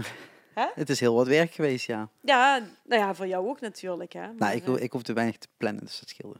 ja, Ik hoefde alleen maar mee, vooral. En dan daar dingen doen. Maar, maar nou, op voorhand viel het nog wel mee wat mijn eh, dingen waren. Maar het is tof om, om erbij te zijn en, en, en, en een blik te krijgen in, in hoe dat ook kan gaan. Ja. Een totaal andere manier van werken. ja, Wat misschien bij mij wat meer ligt dan alleen maar het zakelijke gedeelte natuurlijk doen. ja. Nou, ik, even om die brug te maken. Toen jij eh, zei van, eh, nou, ook even kijken naar de, weet ik veel, bands die, die uit elkaar zijn gegaan of, of, of eh, nieuwe albums gaan uitbrengen, kwam ik op een site terecht. En eh, toen ging ik eens kijken van, oh, wie, wie hebben er inderdaad allemaal nieuwe albums uitgebracht en wie is er opnieuw bij elkaar gekomen? En toen dacht ik, wat de hel? Er zijn gewoon bijvoorbeeld Lacuna Coil. Ja. Ik dacht, hè, bestaan die nog? Ja, zeker bestaan die Static X is weer bij elkaar gekomen. Ik dacht, Oeh. oké. Nog steeds met die hoge punkharen? Ja, geen idee. Oh, ik dus ik was niet mega fan, maar de, de, dat zijn niet eens super oude bands, maar ook bijvoorbeeld ehm, Suicidal Tendencies, die Ja. weer een nieuw album heeft uitgebracht. Ik denk, oké. Eh, ja, zo kan het dus ook. Dus dat, dat eh, bands, er waren geruchten dat Minor Threat weer bij elkaar zou komen, maar die zijn er al heel vaak geweest. Ik dacht van, oh, oh, dat eh, blijkbaar het bestaat dus. Dus bepaalde bands blijven gewoon super lang bestaan, terwijl het zijn niet... eh zoals Nou, Lacuna Coil, ja, die hebben wel, die hebben wel op op grote festivals gestaan, maar is nooit eh, een, een machine head of zo geweest. Nee, Dus- wat bij Lacuna Coil wel speelt, is dat ze zich heel erg zijn blijven innoveren in de muziek. Iedere keer verandert er wel heel veel. Het is af. Voor de mensen die meekijken op het beeld. De spoiler engine kussen is af. En één keer eroverheen strijken en het is weer weg. One Zo- Day Fly. Nee, zo. grapje, grapje, Iris. Grapje. Ehm, Ik zet hem hier. nee, maar dat is de, de, de, ehm, eh, spoiler engine. eh, spoiler engine. eh, Lacuna Coil. ja, spoiler engine. Gaat goed. Lacuna Coil. Eh, Lacuna Coil heeft ehm, eh, hele, zet nog steeds hele toffe shows neer. Maar je ziet gewoon iedere keer als ze toeren, spelen ze in een kleinere zaal. En dat is echt gewoon downhill. Ik weet niet waar ze gaan stoppen. En dat is misschien wel een beetje sneu. Ja, nou vraag ik me dus af, is dat sneu? Weet je hoe oud die band is? Ja, ik weet hoe oud die band is, want ik ben er ongeveer mee opgegroeid. Ja, Maar het is eh, financieel sneu. Om te, hoe ga je dat dan, hoe blijf je dat doen? Want je, je, je kan steeds minder verdienen. En dat is goed als het dan zo'n hechte club is en je kunt dat gewoon haalbaar maken. Of je blijft dat haalbaar maken. Maar zij hebben natuurlijk ook nooit miljoenen verdiend. nee, maar ja. zij moeten blijven nee. spelen om te overleven. Ja, letterlijk. Ja, En dat is natuurlijk op een gegeven moment ook misschien een frustratie van jonge bands. Van oké, ja, we spelen nu al eh 100 shows en ik, ik heb op mijn bankrekening niks staan. Ik moet Ja. langs blijven werken. En ja, Nou, en je bent er ook gewoon ja, geld aan kwijt dan, denk ik. Hè? Ja. Of ja, nou zeg ik niet dat dat met die band zo is, Nee. maar ik moet voor mezelf soms dat ik dan denk van, kijk, ik, eh, eh, in al die jaren heb ik ook gewoon, wat Iris net al zei, hè, van een Mhm. reisje gewoon naar Oost-Duitsland. En dan eh, sta je daar, ja, toevallig was dat die show die ik nou in mijn hoofd heb, was 95 wel een hele vette, vette show, daar ging het dak eraf. Maar ja, er is inderdaad ook wel eens dat je, ja, er staan er 15 mensen. En dan, en dan ja, zo van, oh. En als je dat heel veel jaren doet, dan, ehm, dan, dan het moet ergens wel compenseren, zeg maar. En ik merk nu dat als ik nu met band speel en, en het is weer zo dat er maar heel weinig publiek is, dan, dan is voor mij het proces wel heel belangrijk Mhm. en het product minder. Want dan denk ik, het moet, het moet wel ook leuk blijven. Ja. Maar dat is een bepaalde insteek. En daarom heb ik ook gezegd met zo'n Lacuna Coil. Ik vraag me af hoe lang ze dat leuk blijven vinden als ze in steeds kleinere zaaltjes spelen. Terwijl ze echt heel grote zalen hebben gestaan. En misschien tot het alleen voor Nederland geldt. Hè, tot ze gewoon nog steeds in Italië gewoon de, de, Ja, de en mega's dit, eh, spelen. Dit geldt maar, denk ik trouwens ook voor elke eh nu of nooit winnaar. ja, maar dan ben je aan het begin van je carrière in plaats van al verder Ja, op. ja, maar goed, dan heb je wel meteen eh, het, het vetste optreden achter de rug. En dan Oh, zo bedoel je met een, Pinkpop, eh, ja. Ja, maar is die discussie is natuurlijk al heel lang eh, gaande. Van inderdaad, moet Pinkpop wel onderdeel zijn van zo'n winnaarscontest? Omdat je dan meteen inderdaad heel groot, hoog instapt. Terwijl ik bij Pinkpop persoonlijk denk, en dat is dus geen aanval op, eh, op, op degene die dit organiseren. Maar je zou dat ook kunnen laten openen op stage 4 tegenwoordig. In plaats van de tent. Iets kleiner, iets intiemer. Ik denk ook dat ze dat in de toekomst gaan doen. Maar dat, Ik eh, ik hoop niet. het voor ze. totaal. eh, Omdat je dan guessing. misschien wel iets beter eruit komt eh, als band zijnde. Ja, Want soms sta je ook gewoon van half lege tent en dat is ook niet leuk. Ja, maar van, ja, maar voor van een de andere kant staat is het ook vol. wel weer een, vind ik het ook wel weer een mooie... Mooie prijs, ja, mooie waardering. prijs, ja. Ja. En ook wel Maar voor een beginnend bandje die pas drie keer heeft opgetreden, is dat misschien een hele hoge. Ja, maar bandjes die drie keer hebben... eh, wel- Welke bandjes die drie keer hebben opgetreden, hebben wel eens gewonnen dan? Weet ik niet, maar stond, eh, Oost Ja. stond in de finale met Ja, en twee de optredens. Hebben, hebben- zijn ook in negen maanden ontstaan. Hè? Of ja, iedereen ontstaat ongeveer in negen maanden. Maar you know what I mean. Ja, Ja. maar inderdaad, ja, je hebt hele jonge bands die met, met vrij weinig eh bandervaring in deze setting inderdaad die prijs winnen. En nu natuurlijk Mount Atlas die wint, is natuurlijk ook geen band die al jaren bestaat. Stilte. Stilte in de podcast nee, altijd maar, goed. nee, maar ja... Maar ze hebben wel nee, heel veel speelervaring. zeggen, met, ja, met- dat maar is- als band zijnde, als deze band naam zijnde, eh, wat jonger.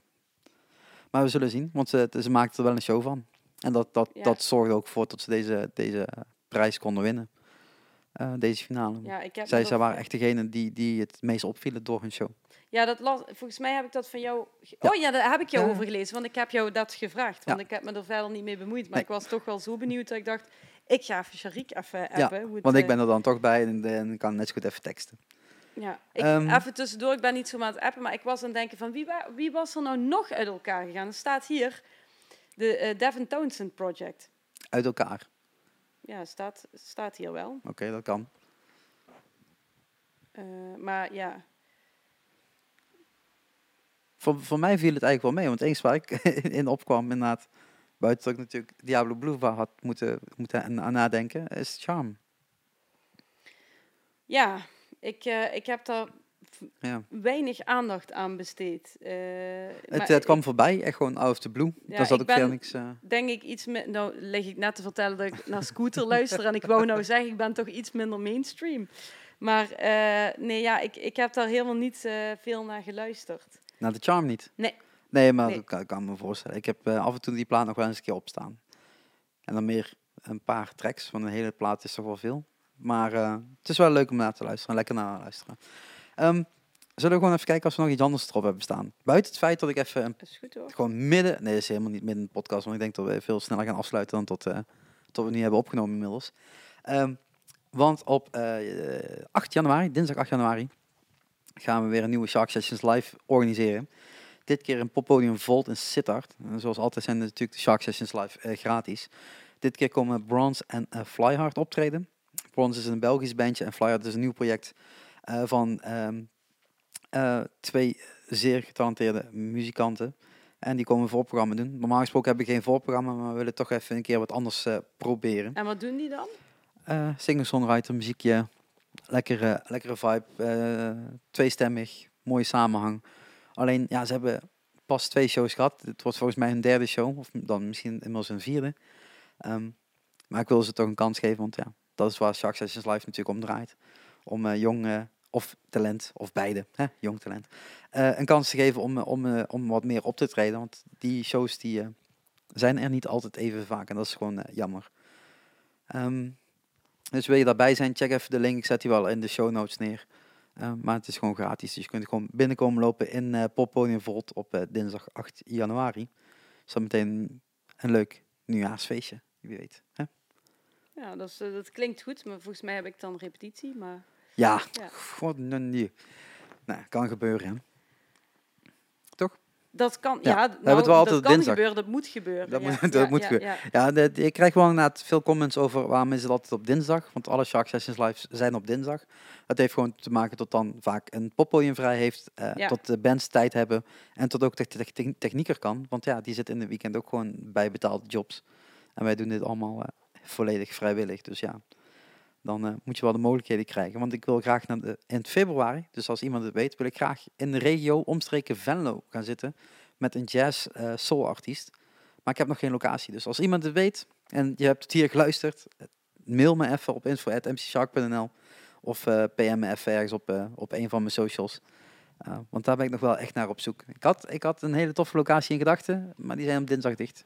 Dus In ja, Venlo. In Venlo, ja. Oh, dan ben ik toch benieuwd. Wat? Ja, dan, eh, eh, dan ben ik benieuwd waar. Oh, de klep. De klep is op maandag en dinsdag dicht. En die hebben interesse, daar moet ik nog mee gaan zitten. Dus ik kom nog een keer bij jullie langs. Eh, maar die wil dat dan eventueel op zondag en dat gaat gewoon niet lukken. Oké. Dus de artiest heeft al akkoord gegeven of voor een bepaalde datum. Dus ik zoek nu op die datum een locatie. Maar ja, En de artiest ga je niet noemen? Of, nee, dat doen wij op 8 januari. Oké. Ja, dat doen wij altijd, Oké. Altijd tijdens de show. Of in ieder geval, dan komt de post online over eh, welke volgende show we gepland hebben. De datum kan ik wel vast zeggen, want ja, dat maakt op zich niet zo uit. Dat is 12 februari. Dus eh, voor die datum zoeken we dus een locatie in regio Venlo die een beetje aansluiting heeft bij jazz. Dat klinkt goed. Ja. Ja. Klinkt Het is ook heel goed. Ik kijk- kijk er nu al naar uit, maar ik moet wel even eerst concentreren op de achtste. Want ik moet over, dan moet ik toch weer op mijn horloge kijken, over drie dagen toch wel wat flyertjes in de brievenbus gaan doen in Sittard. Die liggen al in mijn auto. Maar, Echt, we- en dat je nog tijd hebt voor andere dingen. Ik voel me echt lui. Ik voel me gewoon ha- echt lui naast jou. Ik eh, ga dadelijk als ik thuis kom, ga ik deze podcast editen, ga ik online smijten. En de Ik zou hele er gewoon één avond... minuut van maken. nee, maar dan moet ik veel meer knippen. Dat is veel moeilijker. Dat aan elkaar plakken gaat veel sneller. Eh eh, oh, het smijt ik het online en de rest van de avond ga ik ook niks meer doen. Ik heb gisteren al mijn schoolopdrachten ongeveer afgemaakt. Oh, dat is fijn. En als ik geen commentaar meer krijg vandaag van anderen, dan eh, zal het ongeveer wel kloppen. Denk ik. En dan is het alweer 31ste. En dan kunnen we al gaan vooruitblikken. Bruggetje naar 2019. Ja, vooruitblikken. Tenzij je nog echt eh, wilt hebben over Richie Backfire. Nou ja, hallo, dat is vooruitblikken. Oké, nou dan, dan, Ja. dan, dan, dan, laten we daarmee beginnen. Ja, nou ja, dat, eh, dat ehm, nou, nou moet ik, volgens mij is het de 23ste toch? Ja, 23ste ehm, maart. Shit man, ik ga wel echt eh, door de mand vallen als het nou de 24ste is, maar als het goed is, is het de 23ste. Ik moet even, want Dit er was ook, er, nou er was ook iets met de tickets was er even mis. Oh? Gegaan, ja, er stond een verkeerde datum op, maar dat is inmiddels hersteld, maar daarom ben ik dus even in de war. Want Among the Angels Fest, maar dat is dus al gewoon hartstikke uitverkocht in de Oh, muziekgieterij. oké. Ja, even kijken. Ja, dat is al uitverkocht. maar ik denk dat het ook gewoon een... eh Allee, dan nu jongens. Ja, de 23e. Yes, ik had gelijk. 23 maart, ja. Ja, ja je kunt natuurlijk nog altijd eh, kijken of er tickets vrij zijn. Maar ehm, ehm, dat is, eh, dan is het ehm, eh, 20 jaar geleden dat Richard Bruyne overleed. Dus, ehm, de originele drummer van eh Right Direction, maar ook Backfire. En One Night Stand ook. Ehm, nou, en daaromheen is een, is een, is een show georganiseerd. Die echt, nou, ik, ik weet niet of ik nou iets raars zeg, maar volgens mij was het echt binnen een halve dag gewoon pff, Hier alle staat, kaarten weg. hier staat dat the party sold out a year in advance. Ja, ja, ja, ja, ja. Nou ja, het is echt heel snel gegaan. Maar dit is dus gewoon de glorie die eh, Maastricht ooit, eh, ooit had. Zeg maar eind jaren negentig. Eh, die, ja, die flakkert dan nou weer op. En er zijn een heleboel toffe bands geboekt. Overigens wel ook echt... Wat ik leuk vind, is dat, eh, dat ze ook bands hebben geboekt die niet zo heel erg voor de hand liggen. Zoals bijvoorbeeld Ploegendienst en zo. Dat is niet Ja. per se zo vanuit, uit deze regio ook. Maar, ehm, Fleddy is ook niet uit deze regio. Nee, klopt. eh Vladdy Melkley. En er is een wedstrijd geweest eh, waar ik toevallig in de jury heb gezeten en ook heb gepresenteerd die Ja. avond. Veel mensen zullen zich dat herinneren. ik iets minder. Was niet, grappig, maar niet succesvol voor mezelf. Maar ehm, toen heeft Hometown Crew uit Weert heeft toen gewonnen. Dat dacht ik ook al wel een beetje, dat dat zou gaan eh, gebeuren. En die, die spelen daar dan ook. En Newborn Lunatics. Ja, en de Young Ones. En de Young en de Young Ones, uiteraard. Die ook eh, een nieuwe EP uit hebben. En t-shirts. Vooral kopen. Echt heel tof. Ja, dat ligt net eh, iets buiten, ehm, ja, de, de, eh, net iets. Het ligt gewoon buiten de mainstream. Ja. En het, ja, dat wordt wel eens over het hoofd gezien, maar binnen de subgenres en in de eh, underground eh, wel. Maar dat wordt gewoon echt wel een heel... Ik hoop ook echt dat daar wat media-aandacht voor gaat zijn. Want ik denk dat het een heel vet festival gaat worden. Wat een heel klein beetje wel out of the box thinking Ja. is geweest. Wel uitverkocht. En de dag erna is er nog een afterparty in de Dynamo in Eindhoven. En dan moet ik spelen met eh Maar, je, maar je zegt de dag daarna, dus iedereen moet even goed uitrusten en bijkomen Ja, van die hele eh, ik, eh, tripervaring. ik vond het En ook dan heel pas kunnen ze een, een afterparty houden. Nou, ik vond het ook. Ja, maar het, ja, maar het is. Ik vond, het, ik vond dit al heel dapper, hè? Want ik dacht echt van ja, Dave Reumers die moeten zingen met eh Right Direction. Nou, nou is die natuurlijk wel een heleboel gewend met alle tours en al. Ja. Maar toch eh, moet hij dan eerst eh, eh, het podium op die, die avond. Ik weet gewoon, dat wordt een gekkenhuis, weet ik gewoon zeker. Blijf en dan de dag daarna, ja, de dag daarna, in de middag, het is een matinee, moeten we dan met One Night Stand spelen. Maar dan speelt ook Excel. Die spelen maar twee shows in, in Nederland. En, en ehm, No Redeeming Social Value, waar- waarmee ik ook op tour ben geweest in ehm, 2007. Samen met Right Direction en Siren. Eh, dus dat wordt wel echt eh, gezellig. En daar zijn nog niet alle tickets voor weg, maar wel al een heleboel. Dus kom je niet naar Among the Angels Fest, kom dan gewoon 24 maart naar eh, de Dynamo. En dan ga je lekker naar Excel kijken, One Night Stand, No Redeeming Social Value. Wordt ouderwets gezellig. Kijk heel erg naar uit ook. En dat is in die Dynamo, zoals je al zei. Dus gewoon Ja. even naar Eindhoven. Ja. Ja, vlakbij. Maar Among the Angels Fest is in de muziekgieterij. Ja. Ja. Tickets daarvoor helaas. Ja, helaas. Maar je, ik zou gewoon proberen om er nog aan te komen. Trouwens, de muziekgieterij wordt ook, eh, is eh, flink aan het verbouwen. Hè? Ja, klopt. Ik dacht van, eh, ik heb dat even niet meer helemaal gevolgd. Maar ik, nou heb ik een filmpje gekeken. dacht ik, oeh, die gaan naar een capaciteit van... Twee. 2000. Oh, ik dacht 1100. Of één zaal... Nee, de Nieuwe Elf. Noord gaat volgens mij naar eh, 11. Oh, oké. Ja. Zoiets was het. Ehm, ja, het kan zijn inderdaad dat de kleinere zaal wordt uitgebreid. Maar ze zijn nu eerst eens volgens mij in de zaal aan het bouwen van twee. Klopt, ja. Ehm, ja, iedereen is een beetje aan het verbouwen geweest. Ja, viel mij ook al eh, op. Dat ik dacht, Ik bedoel, eh, de goh, Poppenval en Grenswerk zijn inmiddels al een tijdje open. ja, Eh, die lopen al een paar jaar eh, in grotere capaciteit rond. Ehm, de Bosel heeft nog niet echt op die manier verbouwd. Ze hebben wel aan, kleine aanpassingen aan het gebouw gedaan. Waardoor eh, de entree bijvoorbeeld is veranderd en zo. Daar hebben we het ook gehad in de podcast live in Limburg. Dus als je daar meer over wilt weten, check die podcast even. zou ik Ehm. doen. Ik zal je nou niet meer vragen, wat vind je ervan? Want eh, ja, oké. Hoezo, wat vind je van, van welke verbouwing? Nou, van alle, want ehm, Oh. dat, wa dat was een tijd geleden de discussie van, ja, een heleboel popzalen die redelijk dicht bij elkaar in de buurt eh, liggen, zijn heel erg ehm, aan het groeien of eh, Ja. capaciteit aan het uitbouwen. En dat, ja, eh, was Ik wil heel graag werken bij heel veel verschillende poppodia's, mensen. Dus vanaf komend jaar ben ik gewoon op de markt en ben afgestudeerd, soort van afgestudeerd. Dus ik zoek een baan. Maar over de Limburgse muziekindustrie, we zitten inderdaad heel dicht op elkaar. En we zitten ook met heel veel verschillende zaaltjes in een soortzelfde soort pool te vissen. En in Nederland hebben we gewoon niet zoveel talent om heel veel verschillende zalen met 2000 capaciteit te vullen. En ehm, nee, dat is gewoon zo. Ja, Heel, ja, veel, heel, veel, heel veel bands vullen geen is, ja. ja, heel veel eh, bands zullen geen 2000 capaciteit vullen. Ehm, en de zaaltjes van 100, 150 tot 300 worden steeds minder. En zo'n zaaltje als de Oefenbunker is perfect voor jong talent. Alleen vaak worden de grotere zalen echt alleen nog maar groter, groter. En laten de kleinere momenten liggen. En dan krijg je hetzelfde als in Tilburg, daar zegt de 013. Ja. Alle kleine shows gaan maar lekker de cafés in. Ja, de cafés zijn niet de ideale plek voor jong talent om eh, een goede PA te hebben, om goede sound te kunnen creëren, om door te groeien naar het volgende stapje. En als er dus inderdaad niks tussen ligt, tussen de 150 en de 2000, hebben we een probleem. Dus ik zou zeggen, als je kijkt naar de Limburgse scene, zeker groei gewoon door. Ga gewoon kijken wat mogelijk is. Hè? Want als je daar een 2000 zaal leeg hebt liggen, is het ook niet goed geweest. Want vaak gebeurt dat toch ook met eh, financiële middelen die niet vanuit alleen de, za- de zaal komen, maar ook vanuit andere instanties, Ja. onder andere gemeenten of provincies. Ehm, maar investeer in het jonge talent. Ga kijken hoe je met jong talent een combinatie kan vormen richting de, de grotere bands uit Nederland. Denk bijvoorbeeld aan wat de nieuwe Noord nu aan het doen is. Ze hebben een resident uh, artist uh, aangesteld, Elle Hollis. Oh, Oké. Super tof initiatief.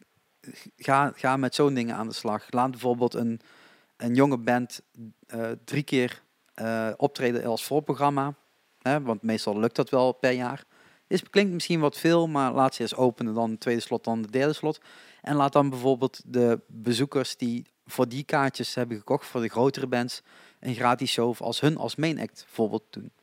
Dan krijg je toch wat meer... Ideeën zat, hè? Dat ja, het staat allemaal in mijn sheet. Het is een open sollicitatie van Sharik. Ja, exact. En ik weet dat ik daar bezig mee moet zijn. Maar ik heb ja. een, een, hele sheet met, met, mogelijke ideeën. Maar ik denk dat, je ook, dat het ook heel erg uh, eraan ligt welke gemeente. Want nou vind ik, ja... Uh, zonder uh, iemand. We moeten uit provincie gaan kijken en minder naar gemeentes. Sorry. Ja, oké, okay, maar ik, ik, zie toch ook wel een heel groot verschil zeg maar, tussen bijvoorbeeld hoe Heerlen en Maastricht het dan aanpakken. Dan denk ik, ja, ja, vind ik jammer. Ja, maar dat is natuurlijk een keuze inderdaad ook uh, vanuit een financieel uh, politiek vlak. Wat, wat vaak uh, een, een heel ander spel is wat gespeeld wordt. Ja. En ook waar bijvoorbeeld de gemeente Heerlen heel erg investeert in de culturele sector ja. met heel veel evenementen.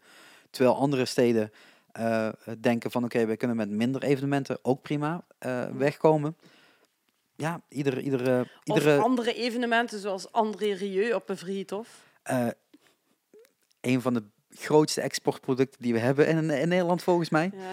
En daar mogen we trots op zijn. En tot hij dan ook nog eens een keer 37 miljoen keer op het Vrijtofveld komen spelen, is helemaal top. Zorgt voor heel veel bezoekers. Ja. Die ook niet allemaal uit Maastricht komen, maar ook van ja. andere regio's die ook blijven slapen, eten, drinken en alles wat erbij komt. Ja, want ja, dat ik- is de rekensom die een stad Die- natuurlijk... die tot gemeente- negen- Die gemeente maakt, wat hoor ik nou?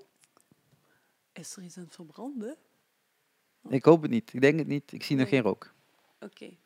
Maar nee, ik, ik snap ook wel dat dat. Ik, ik snap het ook wel, maar het is de, ik mis een beetje de balans.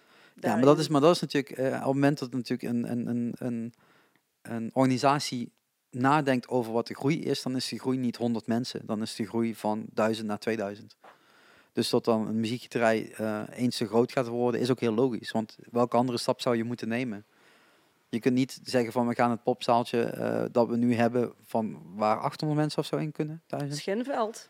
Nee, nee, maar in, in de, in, de in de Nee, gieterij bedoel ik. grapje. In Ja. de muziekgieterij is volgens mij 800 of 1000 mensen die erin kunnen. We gaan Ja. het niet vergroten met 250 mensen, want dan maak je die stap niet die je zou willen maken Nee, de toekomst. nee, nee, nee, nee. Dus het is ook heel logisch dat, dat, dat er een professionaliseringsslag is geweest de afgelopen Maar jaren. dat, dat ik bedoel, nee, ik bedoel, ik heb het nog niet eens over de, ik heb het niet over de muziekgieterij, want ik vind het nee, goed dat dat gebeurt, maar het is meer, nee, ja, maar er moet wel eigenlijk iets terugkomen aversie. om dat kleinere zaaltje in te vullen.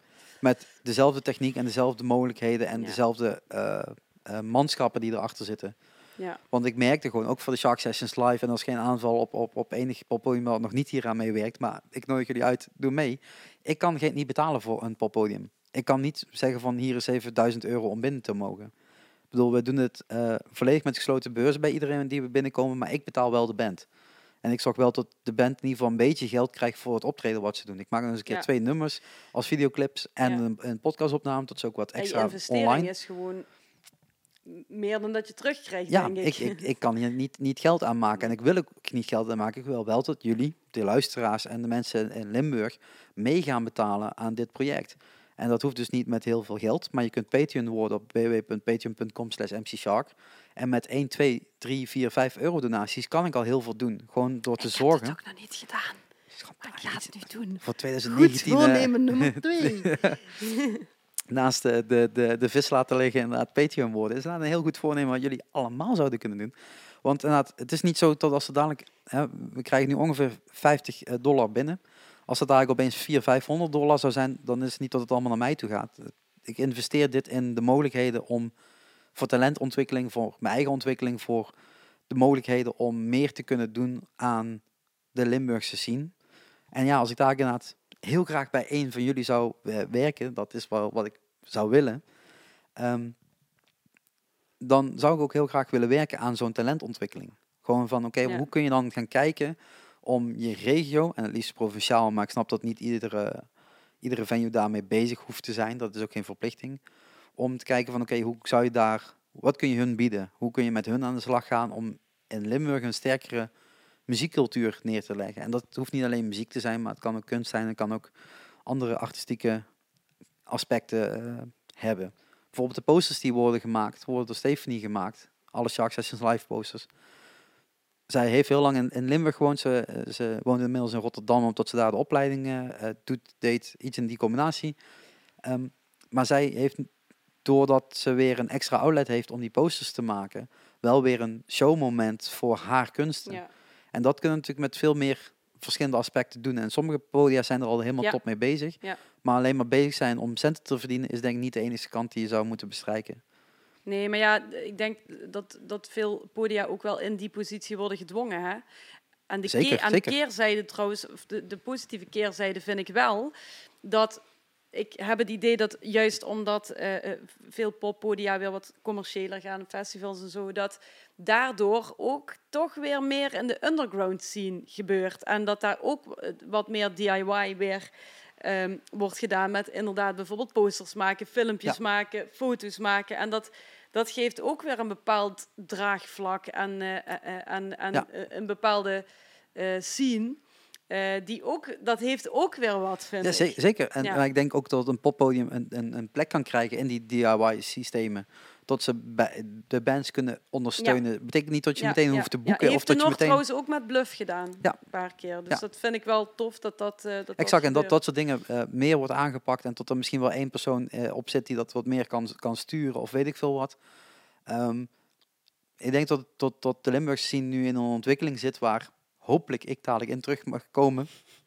het blijft gewoon een grote je moet niet voor mij. graag willen. Je moet niet Oh, je te graag moet- willen. Hij kan het ook allemaal alleen hoor. Ja, ik kan het ook allemaal alleen, maar Zo. dan moet iedereen beter van worden. Dan kan ik het ook helemaal alleen doen. Ehm, nee, maar dat is natuurlijk wel inderdaad van, ehm, we moeten dit samen doen. Dat klinkt allemaal heel stom, maar we kunnen, we, we- in de Limburgse scene is het op di- dit moment heel veel, eh, heel veel mensen gaan ook weg uit Limburg. Heel veel jongeren gaan ook weg uit Limburg. Heel veel Ja. bands Ja, stoppen ermee omdat ze in, uit Limburg niet door kunnen groeien. Maar dus niet die stap krijgen naar een volgende eh, provincie. Ja. En ik denk dat dat ook wel gewoon een ondersteuning eh, vereist die we op dit moment niet, nog niet hebben. En dat is misschien heel veel praten en heel weinig inkomsten en heel veel nog meer praten en meehelpen. Ehm, maar daardoor wel mogelijkheden gaat bieden richting een toekomst naar een stabielere, sterkere provincie als het gaat over het culturele vlak. En we hebben al heel veel mooie dingen, maar daar nog een beetje extra gaan doen zou niet erg zijn, denk ik. Ik heb daar trouwens, nou niet pas geleden, maar ik denk vorig jaar een artikel over geschreven eh, voor Zef Magazine. Eh, het Calimero-complex. Over de Limburgse muziekscene. Ja, was een beetje, heb je het gelezen? ja, Ja, ja. het was een beetje omstreden. Of nee, nou omstreden, omstreden. Er waren mensen die het er helemaal niet mee eens waren. En mensen die ook, ook niet iedereen durfde, want ik heb daar mensen voor ge- geïnterviewd, zeg maar, bevraagd. En niet iedereen durfde daar eerlijk antwoord op te geven. Maar eh, daarom is het wel interessant om het hierover te hebben. Ja, en ik denk dat als we dat gesprek met z'n allen aangaan en Limburg aangaan en, eh, en gaan kijken naar het, hoe kunnen we eh, de talenten van hier, maar ook andere talenten die nooit hierheen komen, want dat vind ik ook een, echt een issue. Ehm, Zoals? Wie- nou, zo, zoals bijvoorbeeld, ehm, ik, heb dat, dat, ik heb er een aantal eh, podia's in getekst. Lucy Spraggan. Staat ook op mijn lijstje voor eh, eh, een van de concerten waar ik heel erg naar uitkijk voor komend jaar. Ze speelt in Rotterdam. Lucy's pregnant? Spraggan. Oh, Spraggan. Spraggan, Spraggan, Spraggan. Uit, uit de UK. Ze is al heel lang een talent. Ze is al heel veel, heel veel platen gemaakt. Maar als ze naar Nederland komt, komt ze naar Amsterdam. En Ja. ze komt ook toevallig ja, nu naar Rotterdam. Maar Limburg niet. Ik heb tickets gekocht voor Keulen. De showdatum van Rotterdam en Keulen zit een vrije dag tussen. Zij moet ergens overnachten. Zij moet ergens heen reizen. Het is een, een dag, een day off, wat voor een muzikant niet handig is, want je verdient geen geld. Waarom is er geen Limburgs poppodium dat zegt, ja, Keulen, dat ligt hier om de hoek. We hebben er toch geen overlap van mensen uit Keulen gaan niet naar een Limburgse show en de Limburgers gaan niet naar Keulen toe, behalve ik. Ehm, waarom bieden we haar niet hier een plek aan? Ja, maar als je zo iemand niet in het vizier hebt, ik bedoel, er is zo'n overload aan artiesten.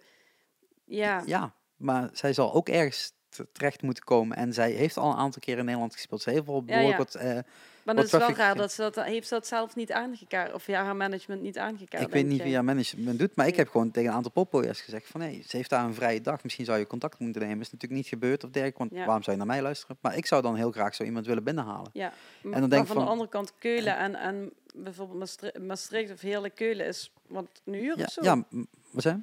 een uurtje. Ja, maar dat gaan mensen al niet reizen. Dus jouw, jouw, ja, je hebt geen overlap van mensen die Ja. ervoor zorgen dat dan minder kaarten worden verkocht in Keulen. Ja. En het zaaltje waar ze in Keulen staat, de woonge die woongemeenschap, ik kan geen Duits mensen, is een zaaltje van 100 mensen, 120 mensen en dat zitten. Ja. Dus het is niet zo dat zij de mega eh, de dingen speelt. Als Ja. ze in, Amsterdam speelt, speelt ze in een kleine zaal van de Paradiso.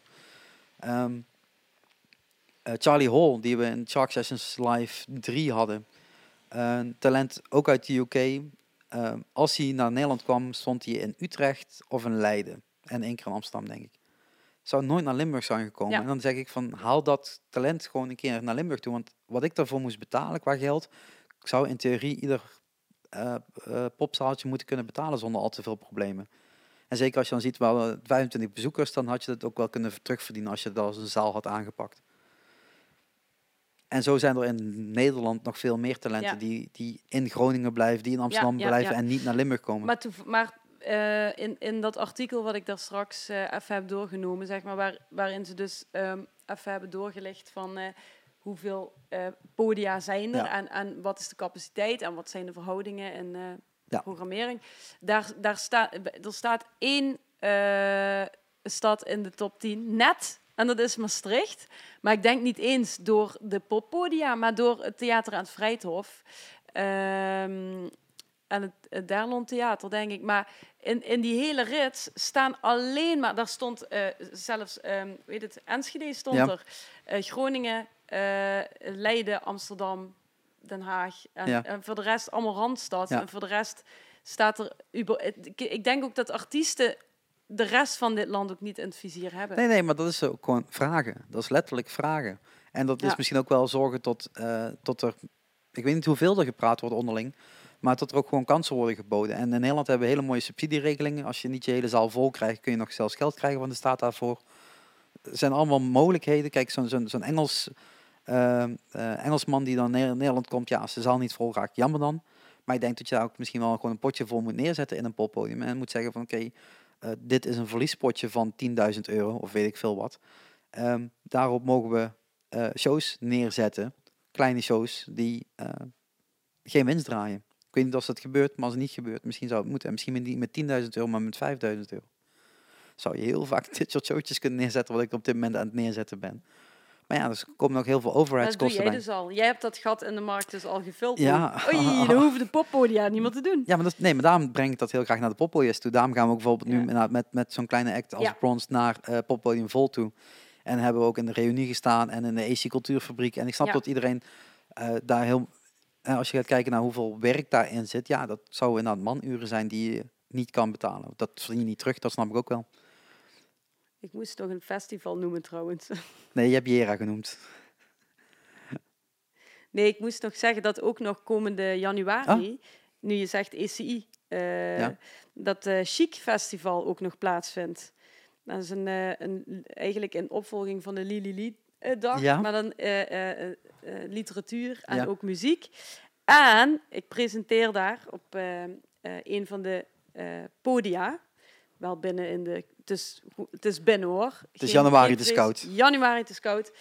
Maar zijn er nog, ehm, eh, zeg maar, eh, artiesten of dichters of eh, singer-songwriters die wat met Limburg of, of de Limburgse taal hebben of wat dan ook? Je kan nog aanmelden.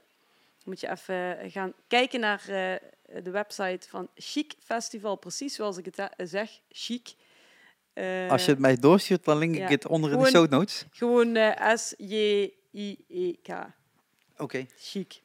Chic Festival. En ehm, ja, daar is van alles ook theater, maar ook literatuur. En eh, eh, ook wat columnisten en singer-songwriters. Maar mij, mij is ter oren gekomen dat ik toch nog mocht zeggen... ehm, ja, wat is dat dan nu? Nee, dan gewoon even googelen op Chic. Festival. Dus eh mocht er nog geïnteresseerden zijn... Of kom gewoon kijken, want het is gewoon eh, hartstikke leuk. Ja, welke dag was het, zei je? 27 januari. Dat is een... Een zondag. Ah, oké. Ja, ik zie hier alleen linkjes staan Ja, naar... Dus Ja. van vorig jaar. Nee, dit is van vorig jaar. Ja, dat, ja. Ja. Oké. Dus ehm, ja. Dus aanmelden kan.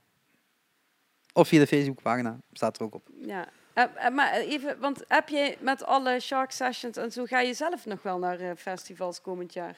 Ja, denk ik. Mama Sprite, altijd. Goed zo. En natuurlijk het Bevrijdingsfestival. Ja, En ik Ja. denk ook wel de zomerparkfeesten. Denk ook wel. En heel misschien Zwaanpop. En eh, ik zou heel graag weer tijd willen hebben voor eh North Sea Jazz. Maar ik weet niet of het me dat lukt. Pop en top, van Nick en Simon. Eh, Die hebben toch ook een kersthit, of niet? ach, die hebben altijd een kersthit. Het hele, hele, groep, het hele groepje uit Volendam heeft altijd kersthits. Maakt niet uit welke dag het is, het is altijd een kersthit. Eh, pop en top. En ja, vast, er zal vast nog Breda Barst hoop ik toch dit jaar weer bij ma- mag zijn. Maar dat weet ik ook nog niet. Zal, meestal krijg ik in januari een mailtje van ze. En als het niet is, dan mail ik ze wel en zeg ik van, hey, heb je hem ook nodig of niet? Alleen naar Breda Barst is altijd al het, het punt, ik wil natuurlijk investeren in de Limburgse pop zien. En dan is het wel eh, een afweging als het er wel of niet bij kan zijn.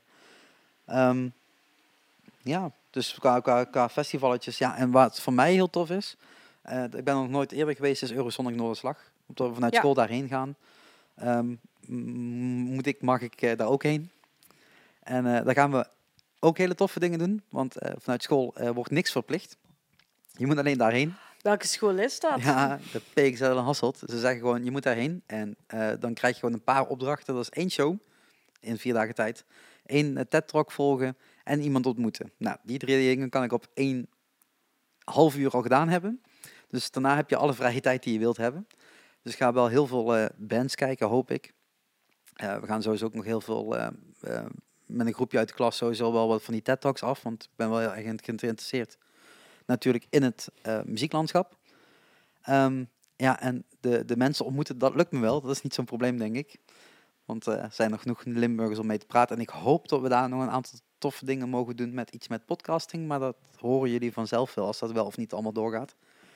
Die Nou, request in ieder geval eh, staat uit. Dus ik hoop dat dat doorgaat. Anders moet je weer een podcast met Iris en Nina doen. Maar we hebben net in de break die jullie niet hebben gezien en die we niet hebben opgenomen, al besloten tot als het eigenlijk weer lekker weer is, hè, we wellicht wel iets weer iets gaan doen. Ja, Ik denk dat we, dat we het gewoon erin moeten gaan houden.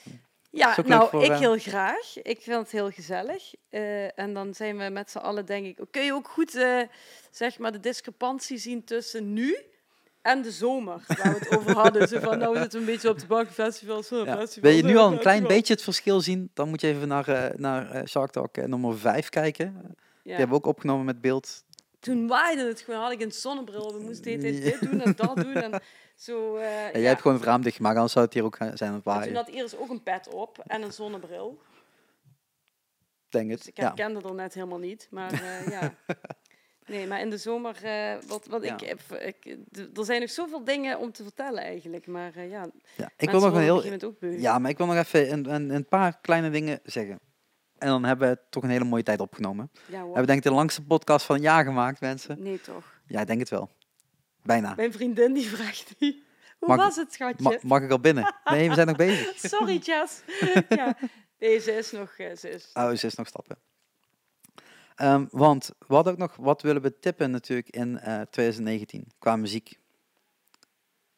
Oh ja. En jij hebt natuurlijk al Children of Bottom, Slipknot en alle. Maar that's it? Of eh, Nee, heb je ja, nog iets waarvan je denkt? er zijn vast nog een hele hoop andere eh, dingen. ehm, maar ehm, ja, ik, ik vind het moeilijk om dat specifiek te noemen. Maar ik weet dat er in, in hardcore bandjes en punkland gewoon veel, veel gaande is. En ik wil het gewoon in zijn algemeen. Ik denk dat daar ook wel komen, komend jaar nog EP's worden opgenomen. En dat wil ik vooral tippen. Zo van. eh, ja, Check eh, the Underground. ja, ja, bijvoorbeeld, ja, ik blijf Hometown Crew eh, gewoon echt een hele toffe band vinden. Ik denk dat die het heel ver eh, schoppen als die zo doorgaan uit, uit Weert.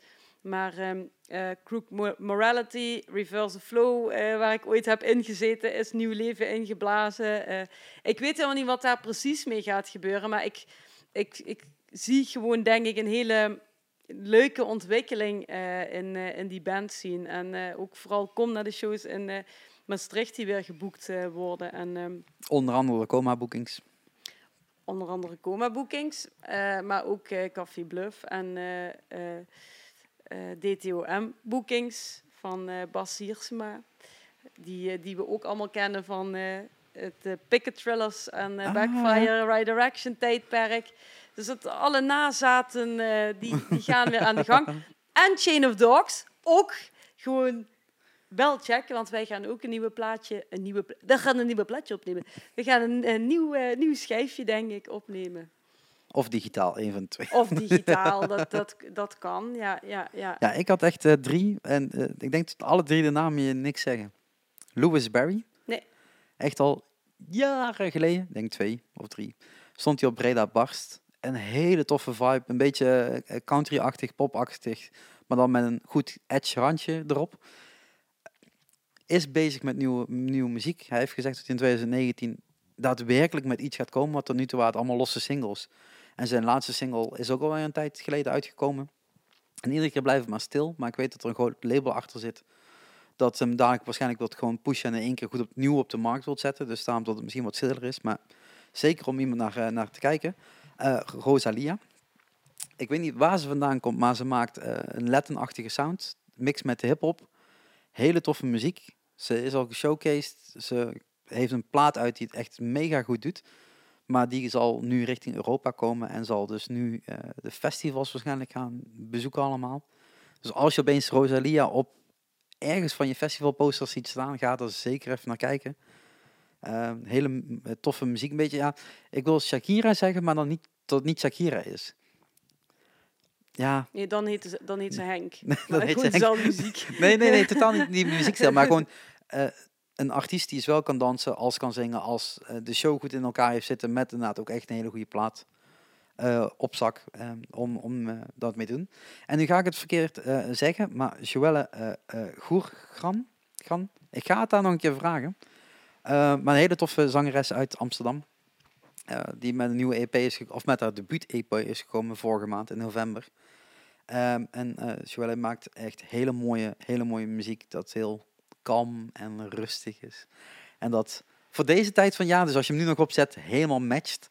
En eh, wie weet wat zij nog allemaal eh, wel niet kan doen in 2019. Dus hou haar ook vooral even in de gaten. Ik zal gewoon de linkjes even, en als jij me ook alle linkjes doorstuurt, al die linkjes in de show notes zetten. Als Ja. dat lukt, in zoverre dat kan. Maar dat waren in ieder geval voor mij de tips voor eh, 2019. Ja, het is, een het is een beetje lullig, want ik waarschijnlijk als we dadelijk afsluiten, dan denk ik, oh, ik had die en die en die Ja, moeten maar dat we dan noemen. allemaal in de show notes. Ja. En dan zetten we gewoon zo add-on, wat we niet gezegd hebben, ook nog allemaal erbij. Ehm, want ja, wat op ons lijstje stond ook nog wie gaat er allemaal dood. Maar we zullen dat maar niet doen op het eind. Ehm, eh, ja, en, Ik en hoop ik niet en jij ook niet. eh, het staat niet op mijn agenda planning geval. Nee. Nee. Nee, dus eh, er komen nog heel veel Shark Talks. Ook voor de Shark Talks zijn er, misschien dat dat wel even een goede plug is. Het klinkt misschien nu andersom, maar ik denk dat we niet alles in de standaard eh, lijn hoeven te doen wat iedereen altijd doet. Maar wil je een keer een Shark Talk komen, meld je gewoon even aan. Ik denk dat dat gewoon kan. Want ehm, ehm, Perfecte dagbesteding dit. dat, we zijn er gewoon een hele dag voor kwijt en ik zal volgende keer iets meer uitgeslapen zijn. Ehm, nee, maar eh, het, lijkt me leuk om heel veel nieuwe mensen te ontmoeten in 2019 en gewoon gesprekken te voeren zoals we nu inderdaad gewoon op de bank hebben, maar zoals je in de andere Shark Talks al hebt kunnen zien, eh te volgen in Toverland, super tof. Ehm, bij Soldaat van Oranje heb ik mogen zitten al. Eh was ook een hele toffe eh, podcast met Marcel. Ehm, Dat houdt ook nooit op, hè? Dat Wat? is net zoiets als Utopia. Ja, Soldaat van Oranje. hoe, lang, hoe lang draait die al? Dat is echt ja, niet normaal. het is weer verlengd en zal nog waarschijnlijk een keer verlengd worden, maar wel steeds met andere cast, dus hij wordt steeds iets anders. Ehm, maar het is gewoon een hele toffe musical als je dan nog niet bent ja, ik geweest. weet het. Ik ben er, wel, ik ben er geweest. Dat nou, was wel vet. Eh, ja. eh, laat het vooral doorlopen, want zolang het goed gaat, eh, is dat zeker waard. Ik denk dat we dan steeds in Nederland heel trots op mogen zijn dat zoiets zo lang kan lopen. Want Ja. de meeste producties zijn toch twee, drie jaar en dan houdt het meestal wel richting op. En dan komt misschien vijf of tien jaar later nog een keer terug, zoals The Lion King. Maar eh, nee, de- deze productie is zo uniek ehm, dat het echt wel waard is om, als je dan nog niet bent geweest, een keer heen te gaan. Het eh, vertelt een heel mooi verhaal. Ehm, maar binnen Shark Talks, ja, ik wil vanuit de bank hier in Maastricht wel iedereen bedanken die, eh, die vertrouwen in mij heeft gehad. En De die bankier in Maastricht? hier in de, op de bank. de bank hier. in- bank het gaat hier goed met mij. Ja. Ik- Dus winter, winterdepressie dit, winterdepressie. Ik eh, geef je taak zo'n eh, D12. eh, nee, heb ik niet bij me. Ehm, nee, maar iedereen die vertrouwen heeft gehad om al nu al in de Shark Talk te zitten. Ik bedoel, dit was nummer 36. in Ah, that's my age. negen, in negen maanden tijd. Hebben we de negen maanden weer te pakken. Dus het is inderdaad wel super snel gegaan. eh, vind ik voor mezelf. Ehm, ik weet niet als ik volgend jaar weer 36 opnames ga maken en dat nog met 2,5 maand extra. Maar eh, ik denk dat het wel heel tof is om eh, wie in een Shark Talk met mij wilt praten, of ik met jou wil praten, of, of hoe dan ook dat tot stand gaat komen. Ik denk dat het goed is om mensen ehm, een verhaal te kunnen laten doen en kunnen vertellen over hun passie. En misschien kan ik daar wel mee en misschien connect ik daar wel mee. En eh, wordt het een heel fijn gesprek. Ja, en sommige duren. honderdduizend dingen niet gezegd. En hè. eh, soms duren ze 3,5 uur. En andere keren kunnen dat in 40 minuten prima er doorheen jassen. Eh betekent, niet dat min, niet, betekent niet dat het dan minder leuk is, maar dat het gewoon iets, eh, iets korter ook soms kan. Compacter, kan. Maar de volgende gaan we gewoon ga ik compacter ook praten. Dat, dat gaat niet Krijg ik werken. ook wat langer voor. Dat gaat niet werken, dat weet je ook. Ah. Nee, hoeft ook Ja. niet. Want als jullie dat tot het eind hebben geluisterd, super bedankt. Als jullie niet tot het eind hebben geluisterd, hoor je dit niet. Dus zo, who cares? En als je dit luistert in tien verschillende etappes, heb je dat alsnog volledig uitgeluisterd. En dat is natuurlijk wat binnen de podcastwereld ook kan. Want eh, eh, podcast is natuurlijk in 2018 in Nederland een stuk, eh, stuk eh, gegroeid. En ik denk dat ik wel daar heel even nog een paar bedankjes, nog, nog extra, nog een paar bedankjes wil zetten. Want eh, dit was niet mogelijk geweest zonder dat zij, hè, het gaat niet om financiële steun, maar mentale steun. De gasten van Eindbazen, jullie weten wie je zijn. Ehm, de Eindbazen podcast, als je die nog niet luistert, ga die luisteren. Super interessant, maar zij hebben in ieder geval mij gemotiveerd om ook gewoon te beginnen met dingen die ik al langer op plan had om te staan doen, maar gewoon niet heb gedaan. Eh, de Filmfans podcast, ook zeker, heb ik ook een podcast mee opgenomen. Check hen ook even. Superleuke podcast die nog steeds gewoon wekelijks eh, hun zegje doen over de, eh, de films in, die allemaal uitkomen. Details natuurlijk, daar heb ik iedere week heel veel plezier van om alles te horen over Disney en, en alles wat daar omheen speelt. Ook Marvel natuurlijk, want het is een super grote franchise company geworden. Ehm, en zij hebben, en die wil ik voornamelijk even voor, vanuit hun pluggen, een Coke special opgenomen. En die kun je ook verkeerd verstaan als Coke special, maar ik oh, bedoel ik Coke het special. denken, ja, met mes en vork. Of... Die Oh, Coke special. Eh, en die staat nu live op YouTube. Ehm, met vier signature dishes van eh, de Disney Company. eh, Parijs, World, eh wherever eh, land je eh, bent tegengekomen. Vier hele toffe. En als je goed kijkt in, in de video, sta ik ook ergens te eten. Want we mochten allemaal meesmikkelen. Ehm, en als laatste wil ik nog heel even noemen, en dat is misschien de meest onbekende podcast van, van de vier die ik nog heel wil noemen, is Trust Nobody. En dat is meer een shout-out naar die gasten, omdat we namelijk nu, als je dit luistert, zit je misschien nog net in december, maar anders luister je gewoon in januari, begint namelijk het nieuwe seizoen van Wie is de Mol.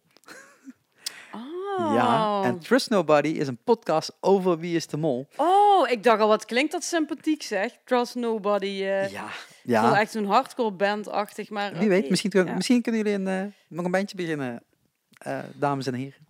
Ehm, nee, Trust Nobody is een super tof podcast die je inderdaad, ja, als je, als je een beetje in Wie is de Mol zit, zeker moet gaan luisteren naast de Wie is de Mol podcast die er vanaf dit seizoen pas voor het eerst is. Trust Nobody was als eerste. Ehm, ga die zeker eh, luisteren. Vanaf 8 januari volgens mij eh, begint namelijk Wie is de Mol. En dan is het tof om een dag later of een dag, twee dagen later weer te luisteren naar eh, alle, alle mogelijke theorieën. Ik zit ook in die groep en zo, dus het wordt helemaal... Ik doe niet mee in de Kun je podcast, maar wat bedoel- winnen dan? eh, nee, maar je kunt wel Patreon worden bij hun, maar eerst Patreon worden bij mij, dan kun je Patreon worden bij hun en dan kun je ook een molboekje krijgen van hun. Oh.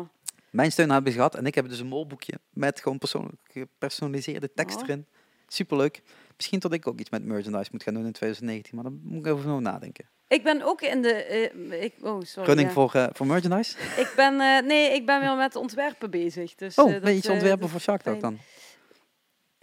Nee, die- je- je- iemand heeft pas geleden iets voor jou ontworpen, wat heel mooi was, toch? Ja, de, de, logo. mijn logo blijft Ja, voorlopig, want ja, die is top. Nee, ik maar ik heb nog merchandise nodig, dus ik heb allemaal Oké, ja, misschien ga ik daar eens over nadenken, want ik heb het weer opgepakt. Dus, Ja. eh, ja. Dus, voor iedereen die het tot hier heeft uitgehouden. Ik klap mijn laptop dicht. Wacht, dan moet ik even opnieuw doen. Hè, want die is dicht. ja, superleuk dat ik weer hier mocht zijn. Ja, gezellig. Doen we vol, eh, eh, komend jaar nog een keer. Sowieso. En ja, voor iedereen die geluisterd heeft en gekeken heeft en alle support heeft gegeven afgelopen jaar. Want ja, dus we kijken toch een beetje terug op 2018. Ja. Dankjewel daarvoor en dankjewel. En eh, willen jullie dus met nog helpen naar 2019? Buiten het feit dat je Patreon kan worden, deel vooral dit bericht, die video, deze podcast. Vertel het iedereen en ga ook even in je podcast-app naar je like-button of in je uh, reactiebutton of geef het vijf sterren. Wat je allemaal kan doen, want daardoor Of wordt... 100 Nou, volgens mij is vijf het euro. meest... Dat mag sowieso. Ehm Patreon worden, kun je dat gewoon doen. En verdeeld over iedere maand. Hoef je niet in één keer 100 euro te betalen. Ehm, eh, daardoor wordt in ieder geval deze podcast beter gevonden. En eh, kunnen we in 2019 weer hele toffe Shark Talks maken. Want daar eh, doe ik het toch voor. Voor toffe dingen die ik mag doen. Yes. Dankjewel. Met nog betere verhalen dan die van vandaag. Ja, of in ieder geval meer co cohesend, hoe noem je dat? Samenhangend. Of korter, bondiger, wie weet. Maar dat horen jullie allemaal in de volgende Shark Talk. En ik hoop inderdaad dat eh, jullie in het begin van 2019 mijn stem alweer gaan horen met een volgende aflevering. Gaat ook wel gebeuren. Denk het wel. Oké. Moeten we elkaar nou een hand geven? Nee, nee dat hoeft niet. Nee, Maar we zeggen- we, we hebben het gedaan. We hebben het gedaan. Doei. Yes!